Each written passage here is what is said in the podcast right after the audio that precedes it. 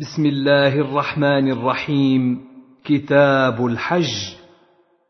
باب ما يباح للمحرم بحج أو عمرة وما لا يباح وبيان تحريم الطيب عليه. حدثنا يحيى بن يحيى قال قرأت على مالك عن نافع عن ابن عمر رضي الله عنهما أن رجلا سأل رسول الله صلى الله عليه وسلم ما يلبس المحرم من الثياب. فقال رسول الله صلى الله عليه وسلم لا تلبس القمص ولا العمائم ولا السراويلات ولا البرانس ولا الخفاف إلا أحد لا يجد النعلين فليلبس الخفين وليقطعهما أسفل من الكعبين ولا تلبسوا من الثياب شيئا مسه الزعفران ولا الورس. وحدثنا يحيى بن يحيى وعمر الناقد وزهير بن حرب كلهم عن ابن عيينة. قال يحيى أخبرنا سفيان بن عيينة عن الزهري عن سالم عن أبيه رضي الله عنه قال سئل النبي صلى الله عليه وسلم ما يلبس المحرم؟ قال لا يلبس المحرم القميص ولا العمامة ولا البرنس ولا السراويل ولا ثوبا مسه ورس ولا زعفران ولا الخفين إلا أن لا يجد نعلين فليقطعهما حتى يكونا أسفل من الكعبين. وحدثنا يحيى بن يحيى قال قرأت على مالك عن عبد الله بن دينار عن ابن عمر رضي الله عنهما أنه قال نهى رسول الله صلى الله عليه وسلم أن يلبس المحرم ثوبا مصبوغا بزعفران أو ورس وقال من لم يجد نعلين فليلبس الخفين وليقطعهما أسفل من الكعبين. حدثنا يحيى بن يحيى وأبو الربيع الزهراني وقتيبة بن سعيد جميعا عن حماد. قال يحيى أخبرنا حماد بن زيد عن عمرو عن جابر بن زيد عن ابن عباس رضي الله عنهما قال سمعت رسول الله صلى الله عليه وسلم وهو يخطب يقول السراويل لمن لم يجد الإزار والخفان لمن لم يجد النعلين يعني المحرم.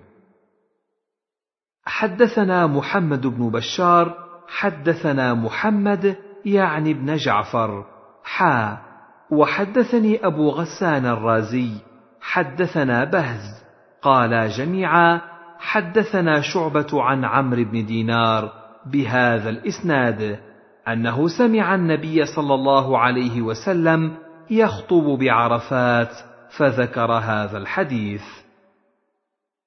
وحدثنا أبو بكر بن أبي شيبة حدثنا سفيان بن عيينة حا وحدثنا يحيى بن يحيى أخبرنا هشيم حا. وحدثنا أبو كريب حدثنا وكيع عن سفيان حا. وحدثنا علي بن خشرم أخبرنا عيسى بن يونس عن ابن جريج حا. وحدثني علي بن حجر حدثنا إسماعيل عن أيوب كل هؤلاء عن عمرو بن دينار بهذا الإسناد ولم يذكر أحد منهم يخطب بعرفات غير شعبة وحده. وحدثنا أحمد بن عبد الله بن يونس حدثنا زهير حدثنا أبو الزبير عن جابر رضي الله عنه قال قال رسول الله صلى الله عليه وسلم من لم يجد نعلين فليلبس خفين ومن لم يجد إزارا فليلبس سراويل. حدثنا شيبان بن فروخ حدثنا همام حدثنا عطاء بن أبي رباح عن صفوان بن يعلى بن أمية عن أبيه رضي الله عنه قال جاء رجل إلى النبي صلى الله عليه وسلم وهو بالجعرانة عليه جبة وعليها خلوق.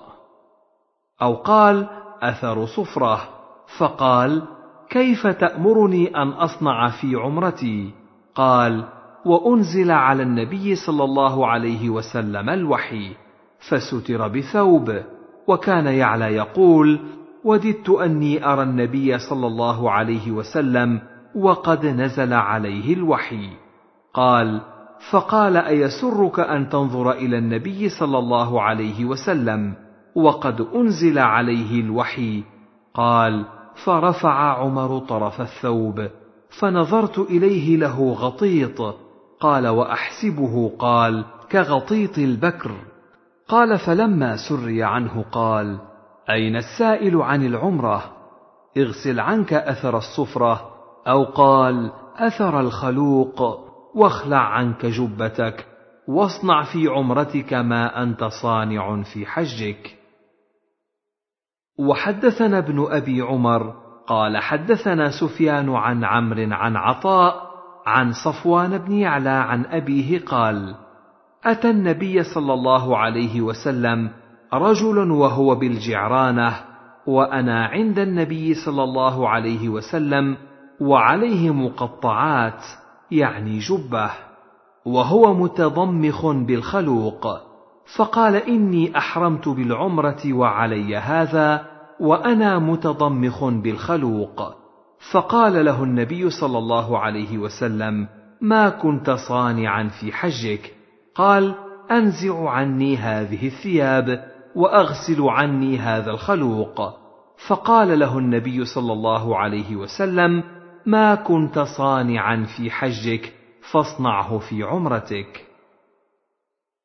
حدثني زهير بن حرب حدثنا إسماعيل بن إبراهيم حا وحدثنا عبد بن حميد أخبرنا محمد بن بكر قال أخبرنا ابن جريج حا وحدثنا علي بن خشرم واللفظ له أخبرنا عيسى عن ابن جريج قال أخبرني عطاء أن صفوان بن يعلى بن أمية أخبره أن يعلى كان يقول لعمر بن الخطاب رضي الله عنه ليتني أرى نبي الله صلى الله عليه وسلم حين ينزل عليه فلما كان النبي صلى الله عليه وسلم بالجعرانة وعلى النبي صلى الله عليه وسلم ثوب قد أظل به عليه معه ناس من أصحابه فيهم عمر إذ جاءه رجل عليه جبة صوف متضمخ بطيب فقال يا رسول الله كيف ترى في رجل أحرم بعمرة في جبة بعدما تضمخ بطيب؟ فنظر إليه النبي صلى الله عليه وسلم ساعة ثم سكت فجاءه الوحي فأشار عمر بيده إلى يعلى بن أمية تعال فجاء يعلى فأدخل رأسه. فإذا النبي صلى الله عليه وسلم محمر الوجه يغط ساعة ثم سري عنه فقال أين الذي سألني عن العمرة آنفا؟ فالتمس الرجل فجيء به فقال النبي صلى الله عليه وسلم أما الطيب الذي بك فاغسله ثلاث مرات وأما الجبة فانزعها ثم اصنع في عمرتك ما تصنع في حجك. وحدثنا عقبة بن مكرم العمي ومحمد بن رافع واللفظ لابن رافع.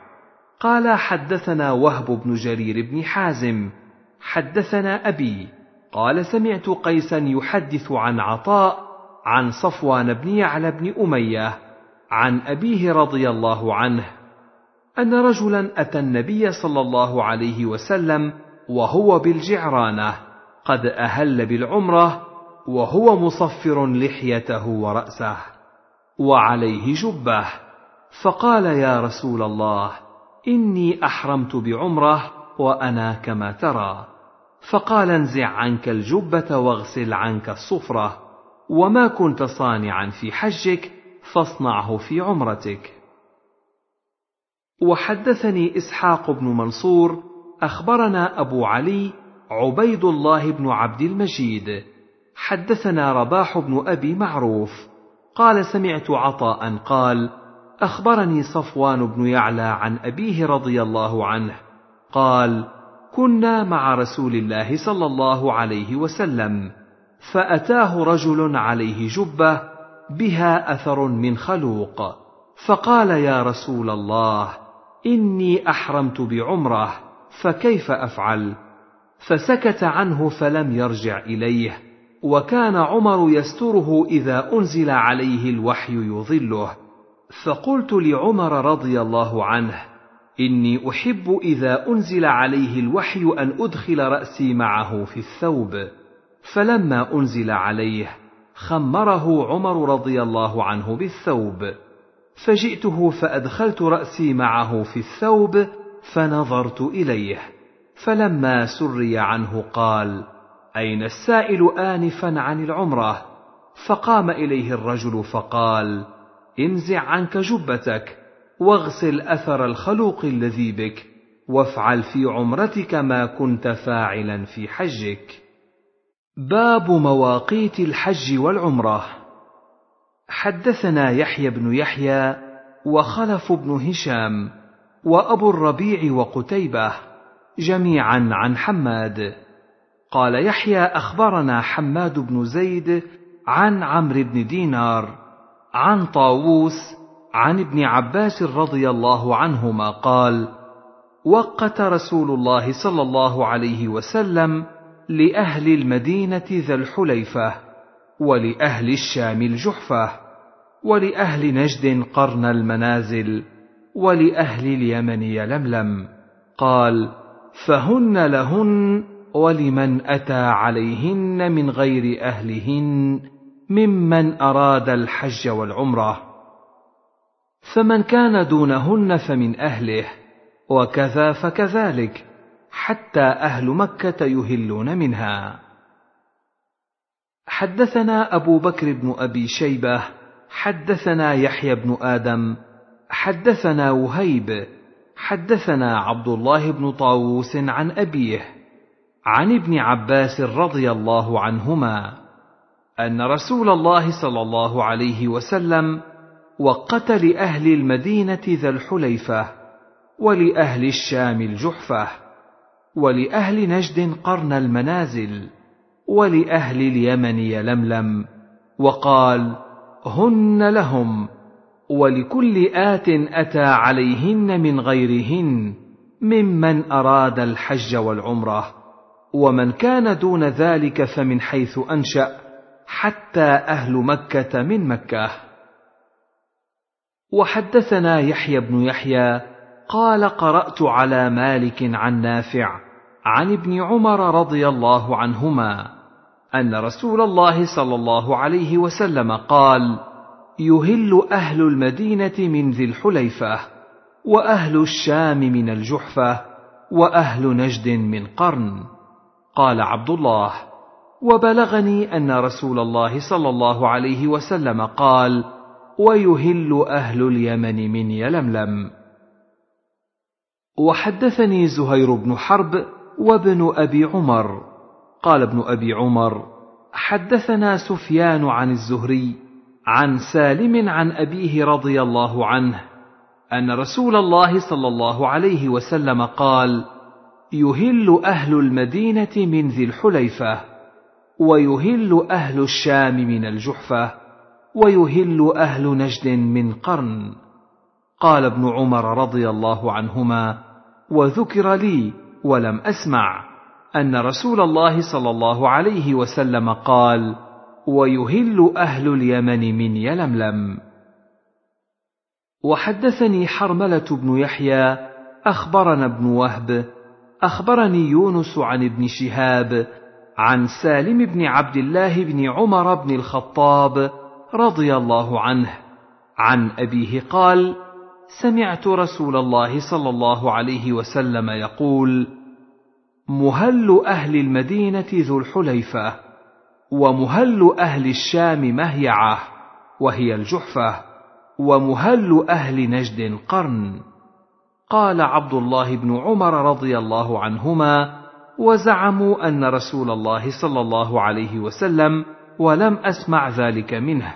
قال ومهل أهل اليمن يلملم. حدثنا يحيى بن يحيى ويحيى بن أيوب وقتيبة بن سعيد وعلي بن حجر.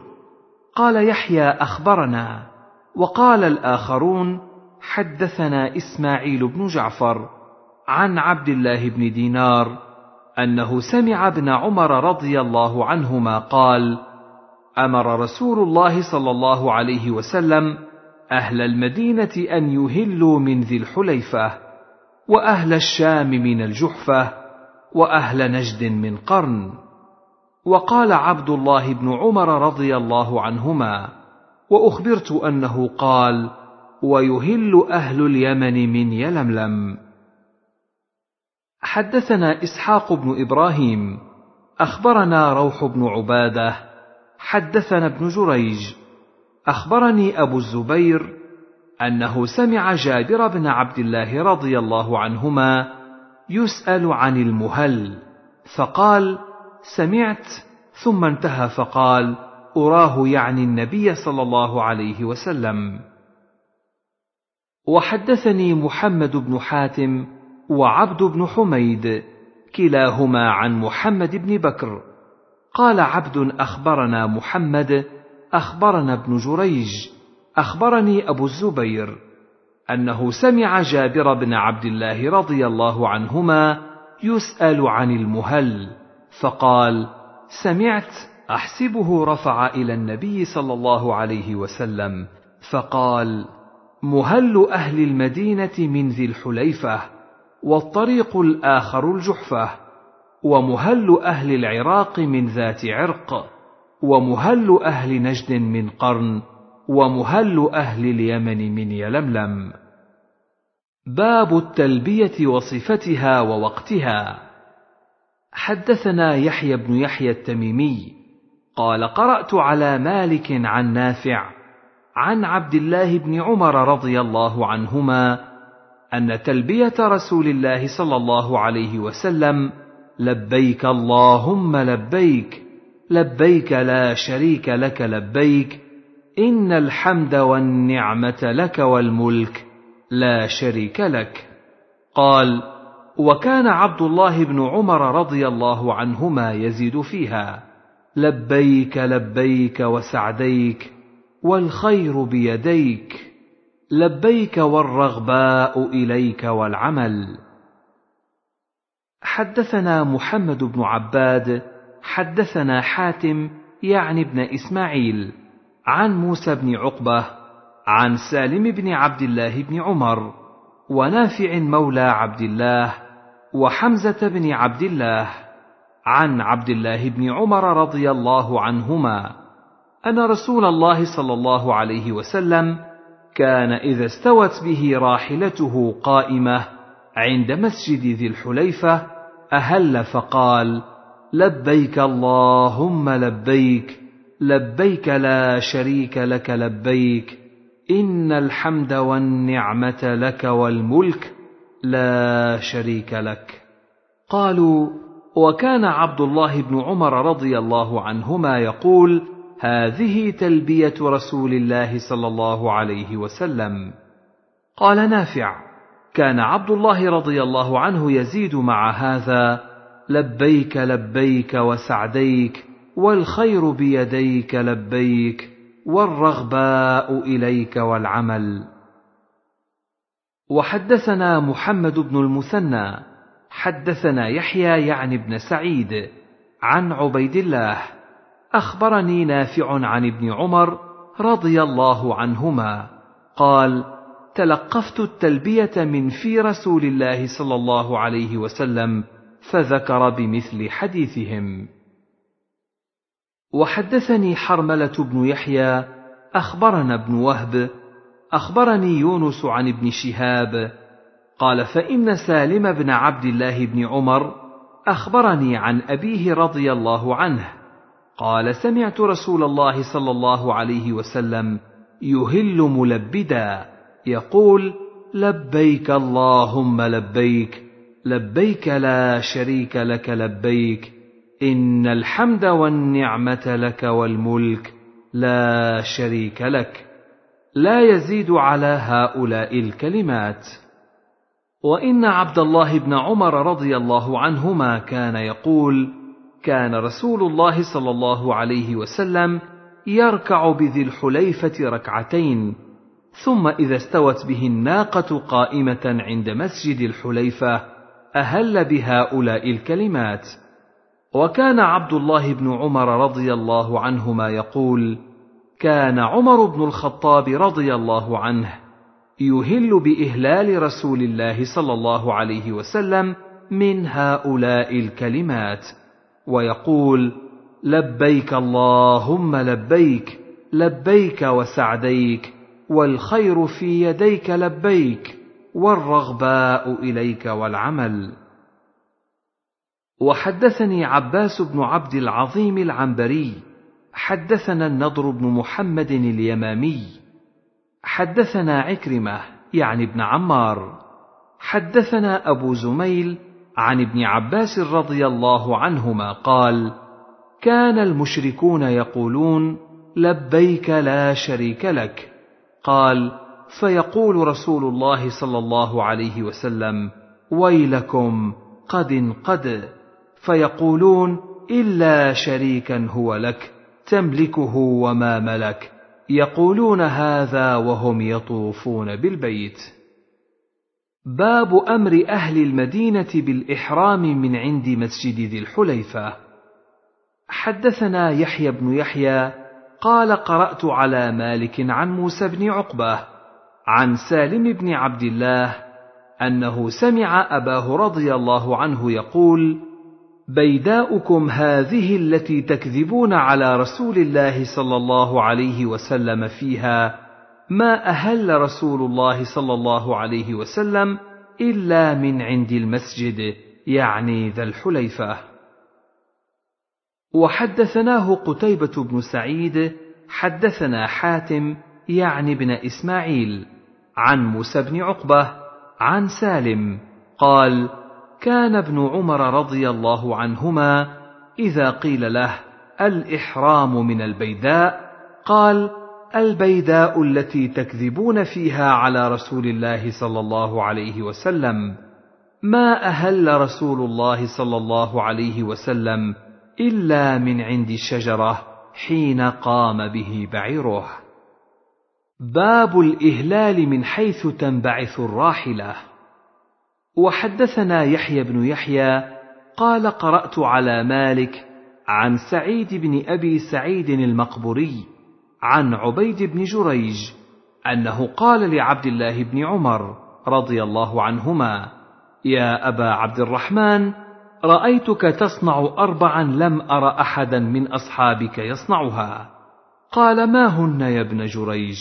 قال رأيتك لا تمس من الأركان إلا اليمانيين ورأيتك تلبس النعال السبتية ورأيتك تصبغ بالصفرة ورأيتك إذا كنت بمكة أهل الناس إذا رأوا الهلال ولم تهلل أنت حتى يكون يوم التروية.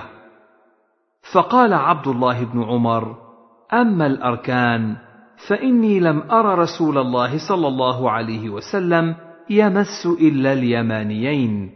وأما النعال السبتية فإني رأيت رسول الله صلى الله عليه وسلم يلبس النعال التي ليس فيها شعر ويتوضأ فيها فأنا أحب أن ألبسها. وأما الصفرة فإني رأيت رسول الله صلى الله عليه وسلم يصبغ بها فأنا أحب أن أصبغ بها. وأما الإهلال فإني لم أر رسول الله صلى الله عليه وسلم يهل حتى تنبعث به راحلته. حدثني هارون بن سعيد الأيلي حدثنا ابن وهب حدثني أبو صخر عن ابن قسيط عن عبيد بن جريج قال حججت مع عبد الله بن عمر بن الخطاب رضي الله عنهما بين حج وعمرة ثنتي عشرة مرة فقلت يا أبا عبد الرحمن لقد رأيت منك أربع خصال وساق الحديث بهذا المعنى إلا في قصة الإهلال فإنه خالف رواية المقبوري فذكره بمعنى سوى ذكره إياه. وحدثنا أبو بكر بن أبي شيبة حدثنا علي بن مسهر عن عبيد الله عن نافع عن ابن عمر رضي الله عنهما قال كان رسول الله صلى الله عليه وسلم إذا وضع رجله في الغرز وانبعثت به راحلته قائمة أهل من ذي الحليفة. وحدثني هارون بن عبد الله حدثنا حجاج بن محمد قال قال ابن جريج أخبرني صالح بن كيسان عن نافع عن ابن عمر رضي الله عنهما أنه كان يخبر أن النبي صلى الله عليه وسلم أهل حين استوت به ناقته قائمة. وحدثني حرملة بن يحيى أخبرنا ابن وهب أخبرني يونس عن ابن شهاب أن سالم بن عبد الله أخبره أن عبد الله بن عمر رضي الله عنهما قال رأيت رسول الله صلى الله عليه وسلم ركب راحلته بذي الحليفة ثم يهل حين تستوي به قائمة. باب الصلاة في مسجد ذي الحليفة. وحدثني حرملة بن يحيى وأحمد بن عيسى. قال أحمد حدثنا. وقال حرملة أخبرنا ابن وهب. أخبرني يونس عن ابن شهاب أن عبيد الله بن عبد الله بن عمر أخبره عن عبد الله بن عمر رضي الله عنهما أنه قال بات رسول الله صلى الله عليه وسلم بذي الحليفة مبدأه وصلى في مسجدها. باب الطيب للمحرم عند الإحرام. حدثنا محمد بن عباد أخبرنا سفيان عن الزهري عن عروة عن عائشة رضي الله عنها قالت طيبت رسول الله صلى الله عليه وسلم لحرمه حين أحرم ولحله قبل أن يطوف بالبيت. وحدثنا عبد الله بن مسلمة بن قعنب حدثنا أفلح بن حميد عن القاسم بن محمد عن عائشة رضي الله عنها زوج النبي صلى الله عليه وسلم. قالت طيبت رسول الله صلى الله عليه وسلم بيدي لحرمه حين أحرم ولحله حين أحل قبل أن يطوف بالبيت. وحدثنا يحيى بن يحيى قال قرأت على مالك عن عبد الرحمن بن القاسم عن أبيه عن عائشة رضي الله عنها أنها قالت كنت أطيب رسول الله صلى الله عليه وسلم لإحرامه قبل أن يحرم ولحله قبل أن يطوف بالبيت.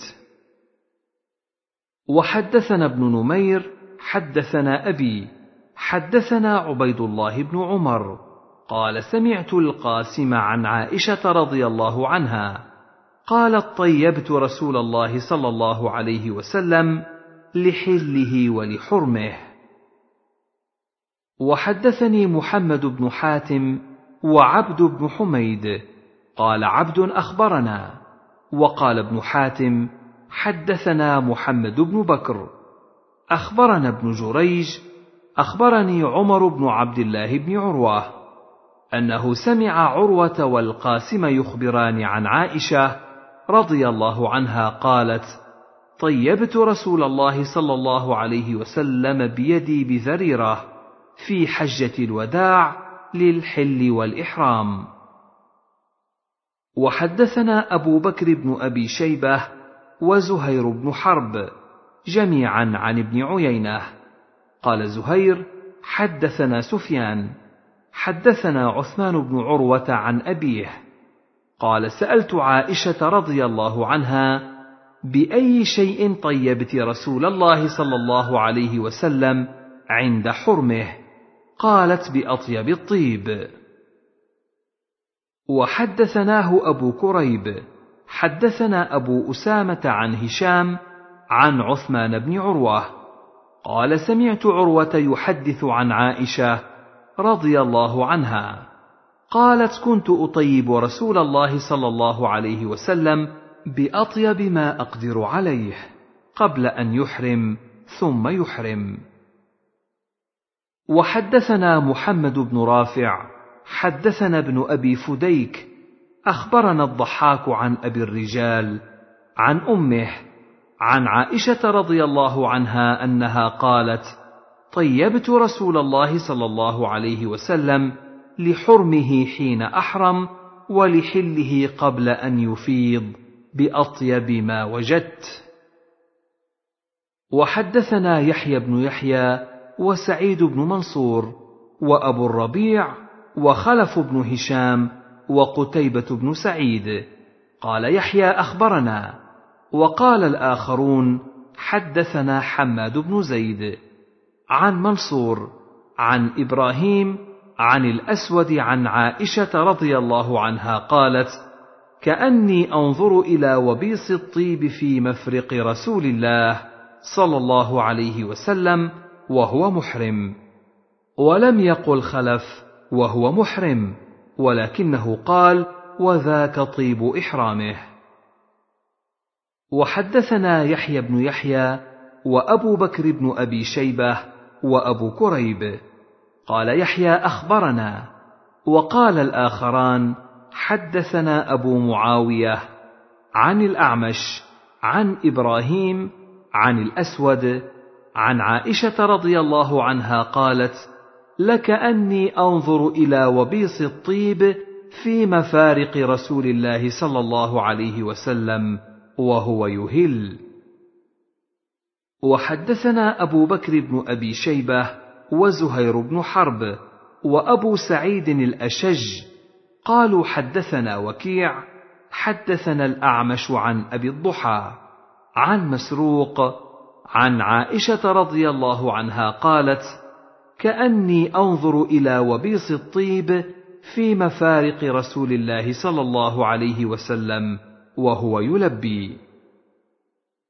حدثنا أحمد بن يونس حدثنا زهير حدثنا الأعمش عن إبراهيم عن الأسود وعن مسلم عن مسروق عن عائشة رضي الله عنها قالت لكأني أنظر بمثل حديث وكيع. وحدثنا محمد بن المثنى وابن بشار. قال حدثنا محمد بن جعفر. حدثنا شعبة عن الحكم. قال سمعت إبراهيم يحدث عن الأسود عن عائشة رضي الله عنها أنها قالت كأنما أنظر إلى وبيص الطيب في مفارق رسول الله صلى الله عليه وسلم وهو محرم. وحدثنا ابن نمير حدثنا أبي حدثنا مالك بن مغول عن عبد الرحمن بن الأسود عن أبيه عن عائشة رضي الله عنها قالت إن كنت لأنظر إلى وبيص الطيب في مفارق رسول الله صلى الله عليه وسلم وهو محرم. وحدثني محمد بن حاتم حدثني إسحاق بن منصور وهو السلولي. حدثنا إبراهيم بن يوسف وهو ابن إسحاق بن أبي إسحاق السبيعي. عن أبيه عن أبي إسحاق سمع ابن الأسود يذكر عن أبيه عن عائشة رضي الله عنها. قالت كان رسول الله صلى الله عليه وسلم إذا أراد أن يحرم يتطيب بأطيب ما يجد ثم أرى وبيص الدهن في رأسه ولحيته بعد ذلك. حدثنا قتيبة بن سعيد حدثنا عبد الواحد عن الحسن بن عبيد الله حدثنا إبراهيم عن الأسود قال قالت عائشة رضي الله عنها كأني أنظر إلى وبيص المسك في مفرق رسول الله صلى الله عليه وسلم وهو محرم. وحدثناه إسحاق بن إبراهيم أخبرنا الضحاك بن مخلد أبو عاصم حدثنا سفيان عن الحسن بن عبيد الله بهذا الإسناد مثله. وحدثني أحمد بن منيع ويعقوب الدورقي قال حدثنا هشيم أخبرنا منصور عن عبد الرحمن بن القاسم عن أبيه عن عائشة رضي الله عنها قالت كنت أطيب النبي صلى الله عليه وسلم قبل أن يحرم ويوم النحر قبل أن يطوف بالبيت بطيب فيه مسك. حدثنا سعيد بن منصور وأبو كامل جميعا عن أبي عوانة قال سعيد حدثنا أبو عوانة عن إبراهيم بن محمد بن المنتشر عن أبيه قال سألت عبد الله بن عمر رضي الله عنهما عن الرجل يتطيب ثم يصبح محرما فقال ما أحب أن أصبح محرما أنضخ طيبا لأن أطلي بقطران أحب إلي من أن أفعل ذلك فدخلت على عائشة رضي الله عنها فأخبرتها أن ابن عمر قال ما أحب أن أصبح محرما أنضخ طيبا لأن أطلي بقطران أحب إلي من أن أفعل ذلك. فقالت عائشة أنا طيبت رسول الله صلى الله عليه وسلم عند إحرامه ثم طاف في نسائه ثم أصبح محرما. حدثنا يحيى بن حبيب الحارثي حدثنا خالد يعني بن الحارث حدثنا شعبة عن إبراهيم بن محمد بن المنتشر قال سمعت أبي يحدث عن عائشة رضي الله عنها أنها قالت كنت أطيب رسول الله صلى الله عليه وسلم ثم يطوف على نسائه ثم يصبح محرما ينضخ طيبا. وحدثنا أبو كريب حدثنا وكيع عن مسعر وسفيان عن إبراهيم بن محمد بن المنتشر عن أبيه. قال سمعت ابن عمر رضي الله عنهما يقول لأن أصبح مطليا بقطران أحب إلي من أن أصبح محرما انضخ طيبا. قال فدخلت على عائشة رضي الله عنها فأخبرتها بقوله فقالت طيبت رسول الله صلى الله عليه وسلم فطاف في نسائه ثم أصبح محرما. باب تحريم الصيد للمحرم. حدثنا يحيى بن يحيى قال قرأت على مالك عن ابن شهاب عن عبيد الله بن عبد الله عن ابن عباس عن الصعب بن جثامة الليثي أنه أهدى لرسول الله صلى الله عليه وسلم حمارا وحشيا وهو بالأبواء أو بودان فرده عليه رسول الله صلى الله عليه وسلم. قال فلما أن رأى رسول الله صلى الله عليه وسلم ما في وجهي قال إنا لم نرده عليك إلا أنا حرم. حدثنا يحيى بن يحيى ومحمد بن رمح وقتيبة جميعا عن الليث بن سعد حا. وحدثنا عبد بن حميد أخبرنا عبد الرزاق أخبرنا معمر حا.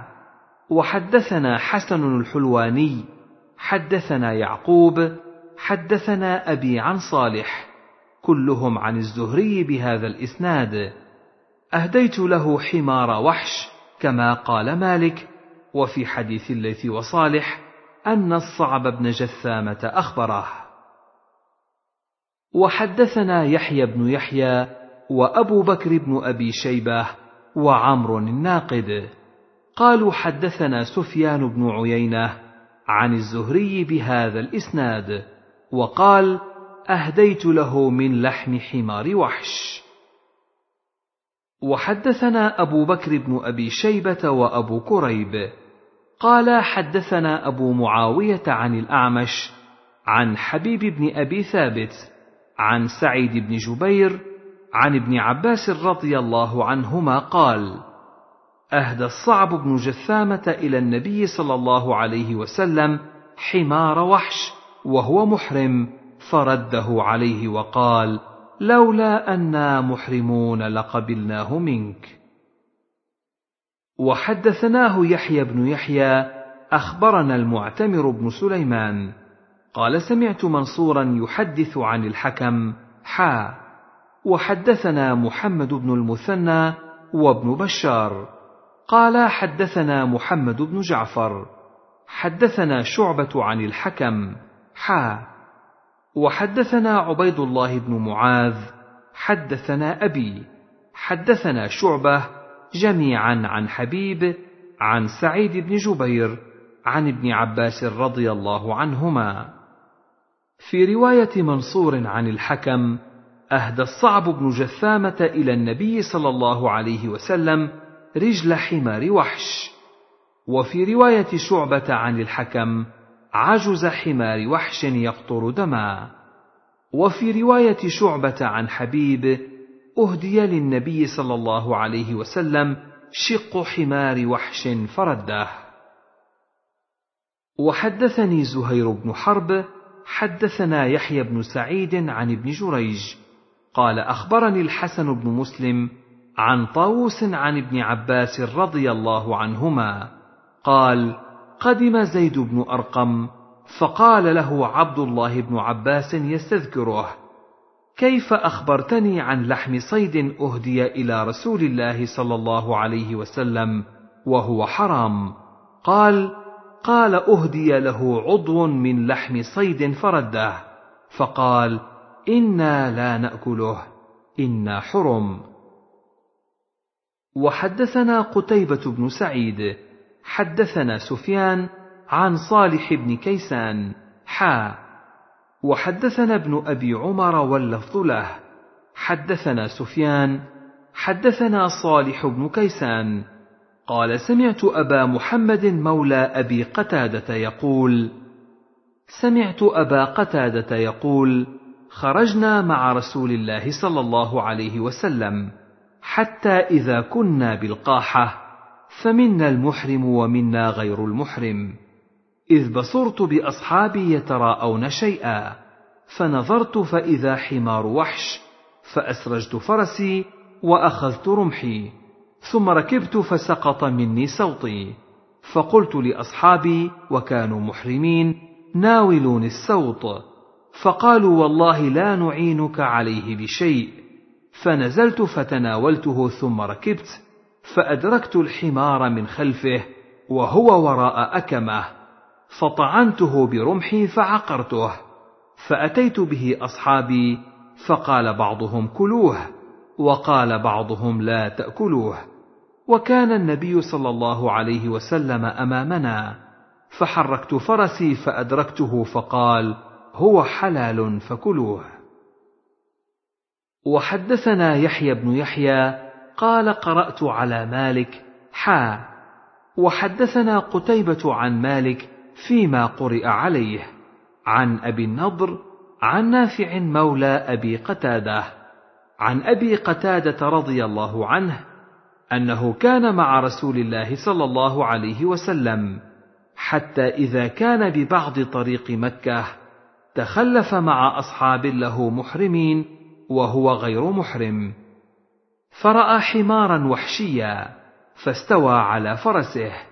فسأل أصحابه أن يناولوه سوطه فأبوا عليه فسألهم رمحه فأبوا عليه فأخذه ثم شد على الحمار فقتله فأكل منه بعض أصحاب النبي صلى الله عليه وسلم وأبى بعضهم فأدركوا رسول الله صلى الله عليه وسلم فسألوه عن ذلك فقال إنما هي طعمة أطعمكموها الله.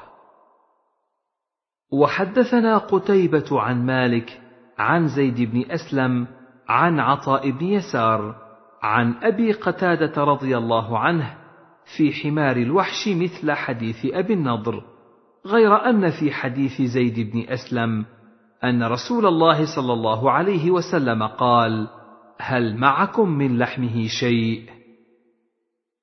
وحدثنا صالح بن مسمار السلمي حدثنا معاذ بن هشام حدثني أبي عن يحيى بن أبي كثير حدثني عبد الله بن أبي قتادة قال انطلق أبي مع رسول الله صلى الله عليه وسلم عام الحديبية فأحرم أصحابه ولم يحرم وحدث رسول الله صلى الله عليه وسلم أن عدوا بغيقه فانطلق رسول الله صلى الله عليه وسلم قال فبينما أنا مع أصحابه يضحك بعضهم إلى بعض إذ نظرت فإذا أنا بحمار وحش فحملت عليه فطعنته فأثبته فاستعنتهم فأبوا أن يعينوني فأكلنا من لحمه وخشينا أن نقتطع فانطلقت أطلب رسول الله صلى الله عليه وسلم أرفع فرسي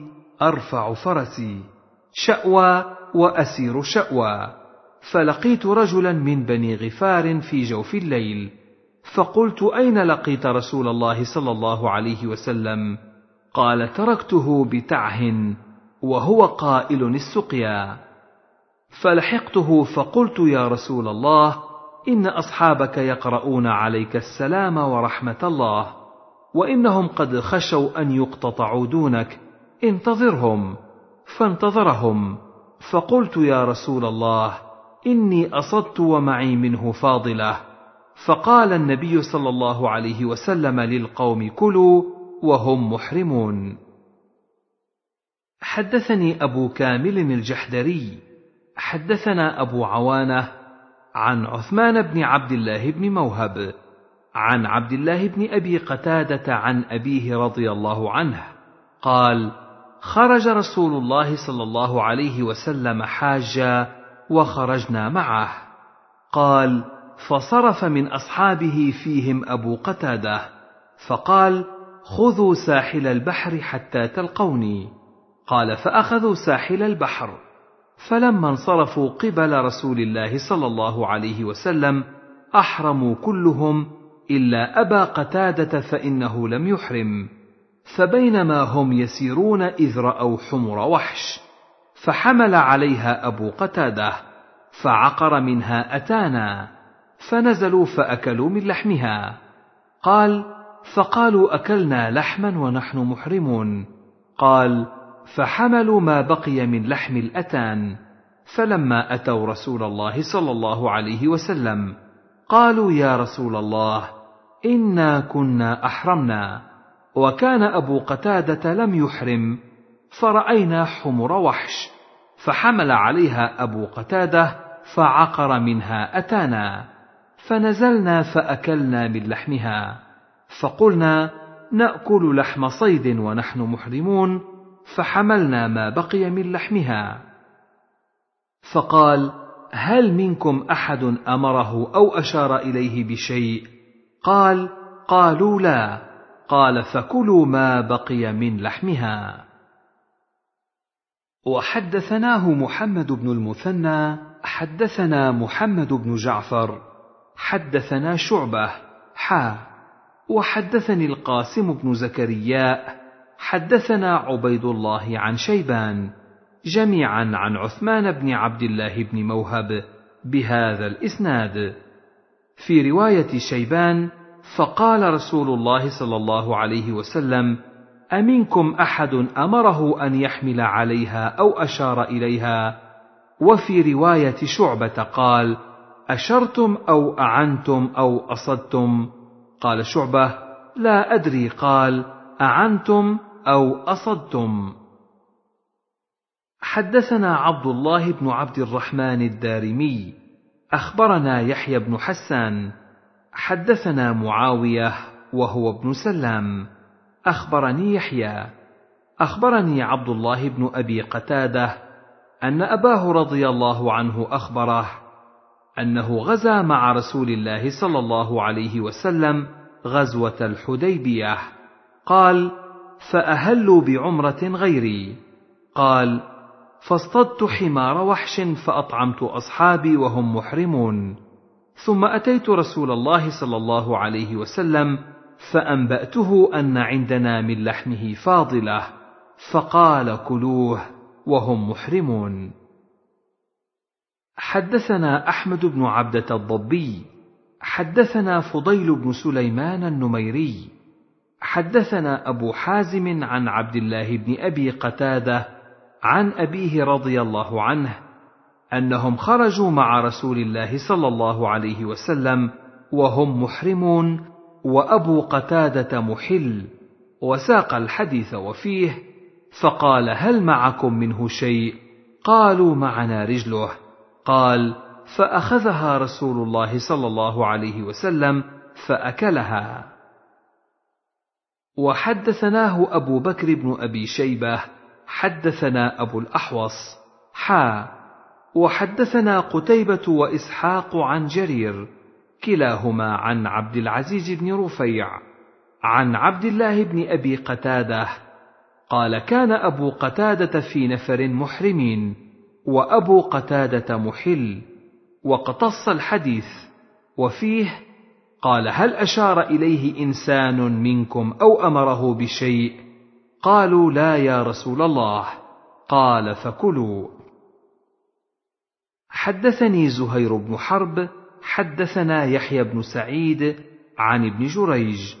أخبرني محمد بن المنكدر عن معاذ بن عبد الرحمن بن عثمان التيمي عن أبيه قال كنا مع طلحة بن عبيد الله ونحن حرم فأهدي له طير وطلحة راقد فمنا من أكل ومنا من تورع فلما استيقظ طلحة وفق من أكله وقال أكلناه مع رسول الله صلى الله عليه وسلم. باب ما يندب للمحرم وغيره قتله من الدواب في الحل والحرم. حدثنا هارون بن سعيد الأيلي وأحمد بن عيسى. قال أخبرنا ابن وهب أخبرني مخرمة بن بكير عن أبيه. قال سمعت عبيد الله بن مقسم يقول سمعت القاسم بن محمد يقول سمعت عائشة زوج النبي صلى الله عليه وسلم تقول سمعت رسول الله صلى الله عليه وسلم يقول أربع كلهن فاسق يقتلن في الحل والحرم الحدأة والغراب والفأرة والكلب العقور. وحدثنا أبو بكر بن أبي شيبة حدثنا غندر عن شعبة حا. وحدثنا ابن المثنى وابن بشار قال حدثنا محمد بن جعفر حدثنا شعبة قال سمعت قتادة يحدث عن سعيد بن المسيب عن عائشة رضي الله عنها عن النبي صلى الله عليه وسلم أنه قال خمس فواسق يقتلن في الحل والحرم الحية والغراب الأبقع والفأرة والكلب العقور والحديا. وحدثنا أبو الربيع الزهراني حدثنا حماد وهو ابن زيد حدثنا هشام بن عروة عن أبيه عن عائشة رضي الله عنها. قالت قال رسول الله صلى الله عليه وسلم خمس فواسق يقتلن في الحرم العقرب والفأرة والحديا والغراب والكلب العقور. وحدثناه أبو بكر بن أبي شيبة وأبو كريب. قال حدثنا ابن نمير حدثنا هشام بهذا الإسناد. وحدثنا عبيد الله بن عمر القواريري حدثنا يزيد بن زريع حدثنا معمر عن الزهري عن عروة عن عائشة رضي الله عنها قالت قال رسول الله صلى الله عليه وسلم خمس فواسق يقتلن في الحرم الفأرة والعقرب والغراب والحديا والكلب العقور. وحدثناه عبد بن حميد أخبرنا عبد الرزاق. أخبرنا معمر عن الزهري بهذا الإسناد. قالت أمر رسول الله صلى الله عليه وسلم بقتل خمس فواسق في الحل والحرم ثم ذكر بمثل حديث يزيد بن زريع. وحدثني أبو الطاهر وحرملة. قال أخبرنا ابن وهب أخبرني يونس عن ابن شهاب عن عروة بن الزبير عن عائشة رضي الله عنها قالت قال رسول الله صلى الله عليه وسلم خمس من الدواب كلها فواسق تقتل في الحرم الغراب والحدأة والكلب العقور والعقرب والفأرة. وحدثني زهير بن حرب وابن أبي عمر جميعا عن ابن عيينة. قال زهير حدثنا سفيان بن عيينة عن الزهري عن سالم عن أبيه رضي الله عنه عن النبي صلى الله عليه وسلم قال خمس لا جناح على من قتلهن في الحرم والإحرام الفأرة والعقرب والغراب والحدأة والكلب العقور. وقال ابن أبي عمر في روايته في الحرم والإحرام. حدثني حرملة بن يحيى أخبرنا ابن وهب أخبرني يونس عن ابن شهاب أخبرني سالم بن عبد الله أن عبد الله بن عمر رضي الله عنهما قال قالت حفصة زوج النبي صلى الله عليه وسلم. قال رسول الله صلى الله عليه وسلم خمس من الدواب كلها فاسق. لا حرج على من قتلهن العقرب والغراب والحدأة والفأرة والكلب العقور. حدثنا أحمد بن يونس حدثنا زهير حدثنا زيد بن جبير أن رجلا سأل ابن عمر ما يقتل المحرم من الدواب؟ فقال أخبرتني إحدى نسوة رسول الله صلى الله عليه وسلم أنه أمر أو أمر أن يقتل الفأرة والعقرب والحداه والكلب العقور والغراب. حدثنا شيبان بن فروخ حدثنا أبو عوانة عن زيد بن جبير قال سأل رجل ابن عمر ما يقتل الرجل من الدواب وهو محرم؟ قال حدثتني إحدى نسوة النبي صلى الله عليه وسلم أنه كان يأمر بقتل الكلب العقور والفأرة والعقرب والحديا والغراب والحية. قال وفي الصلاة أيضا. وحدثنا يحيى بن يحيى قال قرأت على مالك عن نافع عن ابن عمر رضي الله عنهما أن رسول الله صلى الله عليه وسلم قال خمس من الدواب ليس على المحرم في قتلهن جناح الغراب والحدأة والعقرب والفأرة والكلب العقور. وحدثنا هارون بن عبد الله حدثنا محمد بن بكر حدثنا ابن جريج.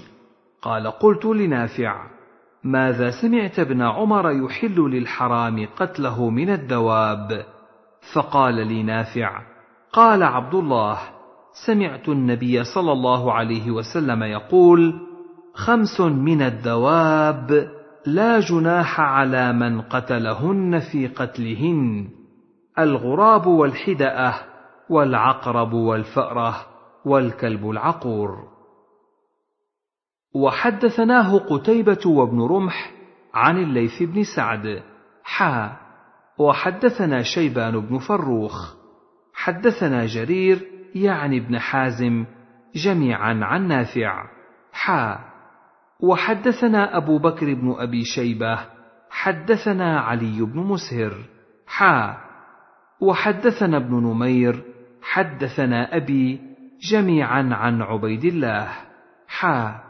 وحدثني أبو كامل حدثنا حماد حدثنا أيوب حا وحدثنا ابن المثنى حدثنا يزيد بن هارون أخبرنا يحيى بن سعيد كل هؤلاء عن نافع عن ابن عمر رضي الله عنهما عن النبي صلى الله عليه وسلم بمثل حديث مالك وابن جريج. ولم يقل أحد منهم عن نافع عن ابن عمر رضي الله عنهما سمعت النبي صلى الله عليه وسلم إلا ابن جريج وحده وقد تابع ابن جريج على ذلك ابن إسحاق. وحدثنيه فضل بن سهل حدثنا يزيد بن هارون. أخبرنا محمد بن إسحاق عن نافع وعبيد الله بن عبد الله عن ابن عمر رضي الله عنهما. قال سمعت النبي صلى الله عليه وسلم يقول خمس لا جناح في قتل ما قتل منهن في الحرم فذكر بمثله. وحدثنا يحيى بن يحيى ويحيى بن أيوب وقتيبة وابن حجر. قال يحيى بن يحيى أخبرنا. وقال الآخرون حدثنا إسماعيل بن جعفر عن عبد الله بن دينار. أنه سمع عبد الله بن عمر رضي الله عنهما يقول قال رسول الله صلى الله عليه وسلم خمس من قتلهن وهو حرام فلا جناح عليه فيهن العقرب والفأرة والكلب العقور والغراب والحديا واللفظ ليحيى بن يحيى. باب جواز حلق الرأس للمحرم إذا كان به أذى. ووجوب الفدية لحلقه وبيان قدرها. وحدثني عبيد الله بن عمر القواريري حدثنا حماد يعني بن زيد عن أيوب حا. وحدثني أبو الربيع حدثنا حماد حدثنا أيوب. قال سمعت مجاهدا يحدث عن عبد الرحمن بن أبي ليلى عن كعب بن عجرة رضي الله عنه. قال أتى علي رسول الله صلى الله عليه وسلم زمن الحديبية وأنا أوقد تحت قال القواريري قدر لي وقال أبو الربيع برمة لي والقمل يتناثر على وجهي فقال أيؤذيك هوام رأسك؟ قال قلت نعم. قال فاحلق وصم ثلاثة أيام أو أطعم ستة مساكين أو انسك نسيكه. قال أيوب فلا أدري بأي ذلك بدأ. حدثني علي بن حجر السعدي وزهير بن حرب ويعقوب بن إبراهيم جميعا عن ابن علية عن أيوب في هذا الإسناد بمثله. وحدثنا محمد بن المثنى حدثنا ابن أبي عدي عن ابن عون عن مجاهد عن عبد الرحمن بن أبي ليلى عن كعب بن عجرة رضي الله عنه قال في أنزلت هذه الآية فمن كان منكم مريضا أو به أذى من رأسه ففدية من صيام أو صدقة أو نسك. قال فأتيته فقال ادنه فدنوت فقال ادنه فدنوت. فقال صلى الله عليه وسلم أيؤذيك هوامك؟ قال ابن عون وأظنه قال نعم. قال فأمرني بفدية من صيام أو صدقة أو نسك ما تيسر. وحدثنا ابن نمير حدثنا أبي حدثنا سيف قال سمعت مجاهدا يقول حدثني عبد الرحمن بن أبي ليلى. حدثني كعب بن عجرة رضي الله عنه أن رسول الله صلى الله عليه وسلم وقف عليه ورأسه يتهافت قملا. فقال أيؤذيك هوامك؟ قلت نعم. قال فاحلق رأسك. قال ففي نزلت هذه الآية فمن كان منكم مريضا أو به أذى من رأسه ففدية من صيام أو صدقة أو نسك.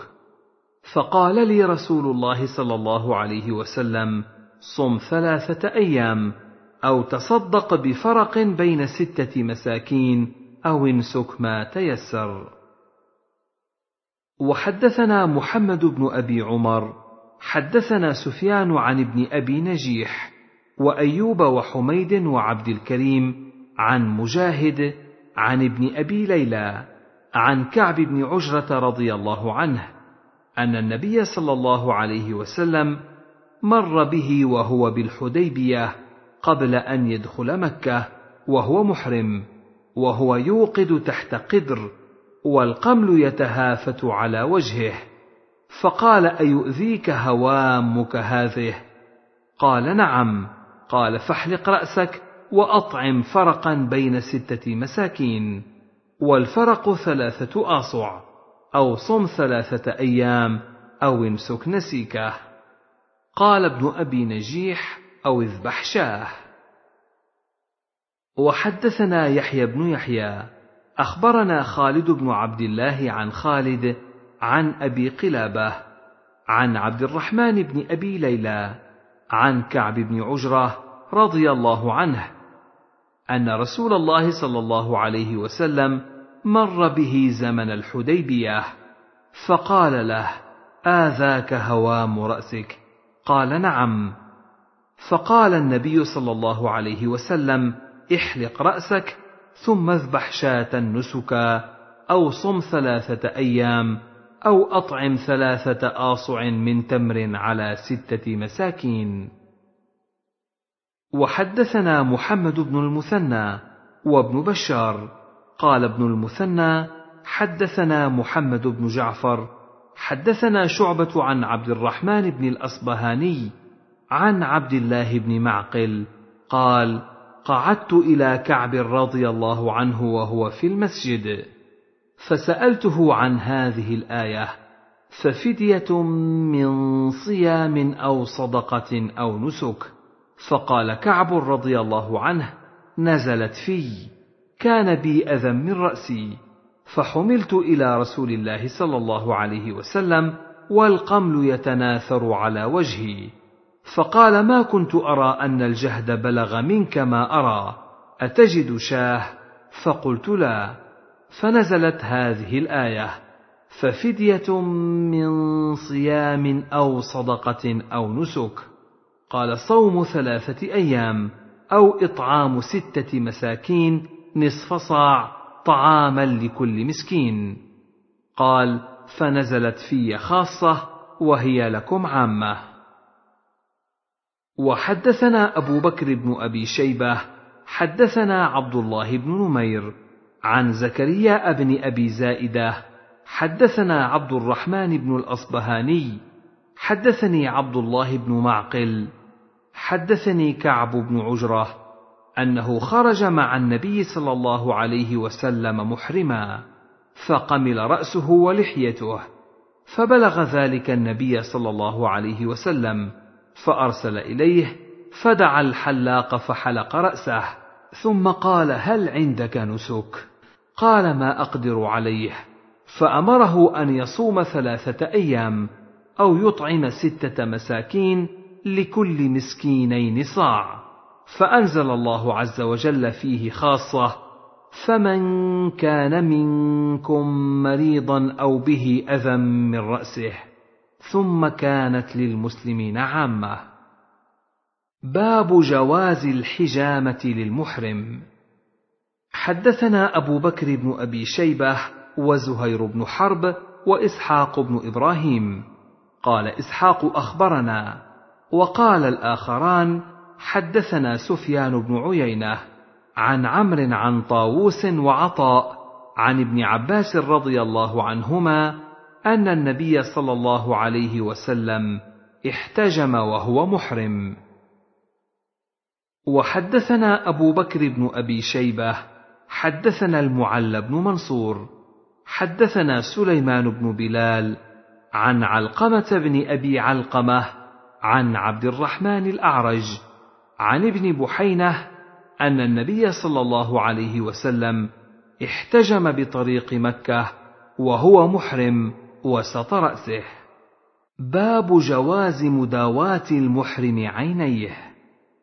حدثنا أبو بكر بن أبي شيبة وعمر الناقد وزهير بن حرب جميعا عن ابن عيينة. قال أبو بكر حدثنا سفيان بن عيينة حدثنا أيوب بن موسى عن نبيه بن وهب قال خرجنا مع ابان بن عثمان حتى إذا كنا بملل اشتكى عمر بن عبيد الله عينيه فلما كنا بالروحاء اشتد وجعه فأرسل إلى أبان بن عثمان يسأله فأرسل إليه أن اضمدهما بالصبر. فإن عثمان رضي الله عنه حدث عن رسول الله صلى الله عليه وسلم في الرجل إذا اشتكى عينيه وهو محرم ضمدهما بالصبر. وحدثنا إسحاق بن إبراهيم الحنظلي حدثنا عبد الصمد بن عبد الوارث حدثنا أبي حدثنا أيوب بن موسى حدثني نبيه بن وهب أن عمر بن عبيد الله بن معمر رمدت عينه فأراد أن يكحلها فنهاه أبان بن عثمان وأمره أن يضمدها بالصبر. وحدث عن عثمان بن عفان عن النبي صلى الله عليه وسلم أنه فعل ذلك. باب جواز غسل المحرم بدنه ورأسه. وحدثنا أبو بكر بن أبي شيبة وعمر الناقد وزهير بن حرب وقتيبة بن سعيد. قالوا حدثنا سفيان بن عيينة عن زيد بن أسلم. حا. وحدثنا قتيبة بن سعيد وهذا حديثه عن مالك بن أنس فيما قرئ عليه. عن زيد بن أسلم عن إبراهيم بن عبد الله بن حنين.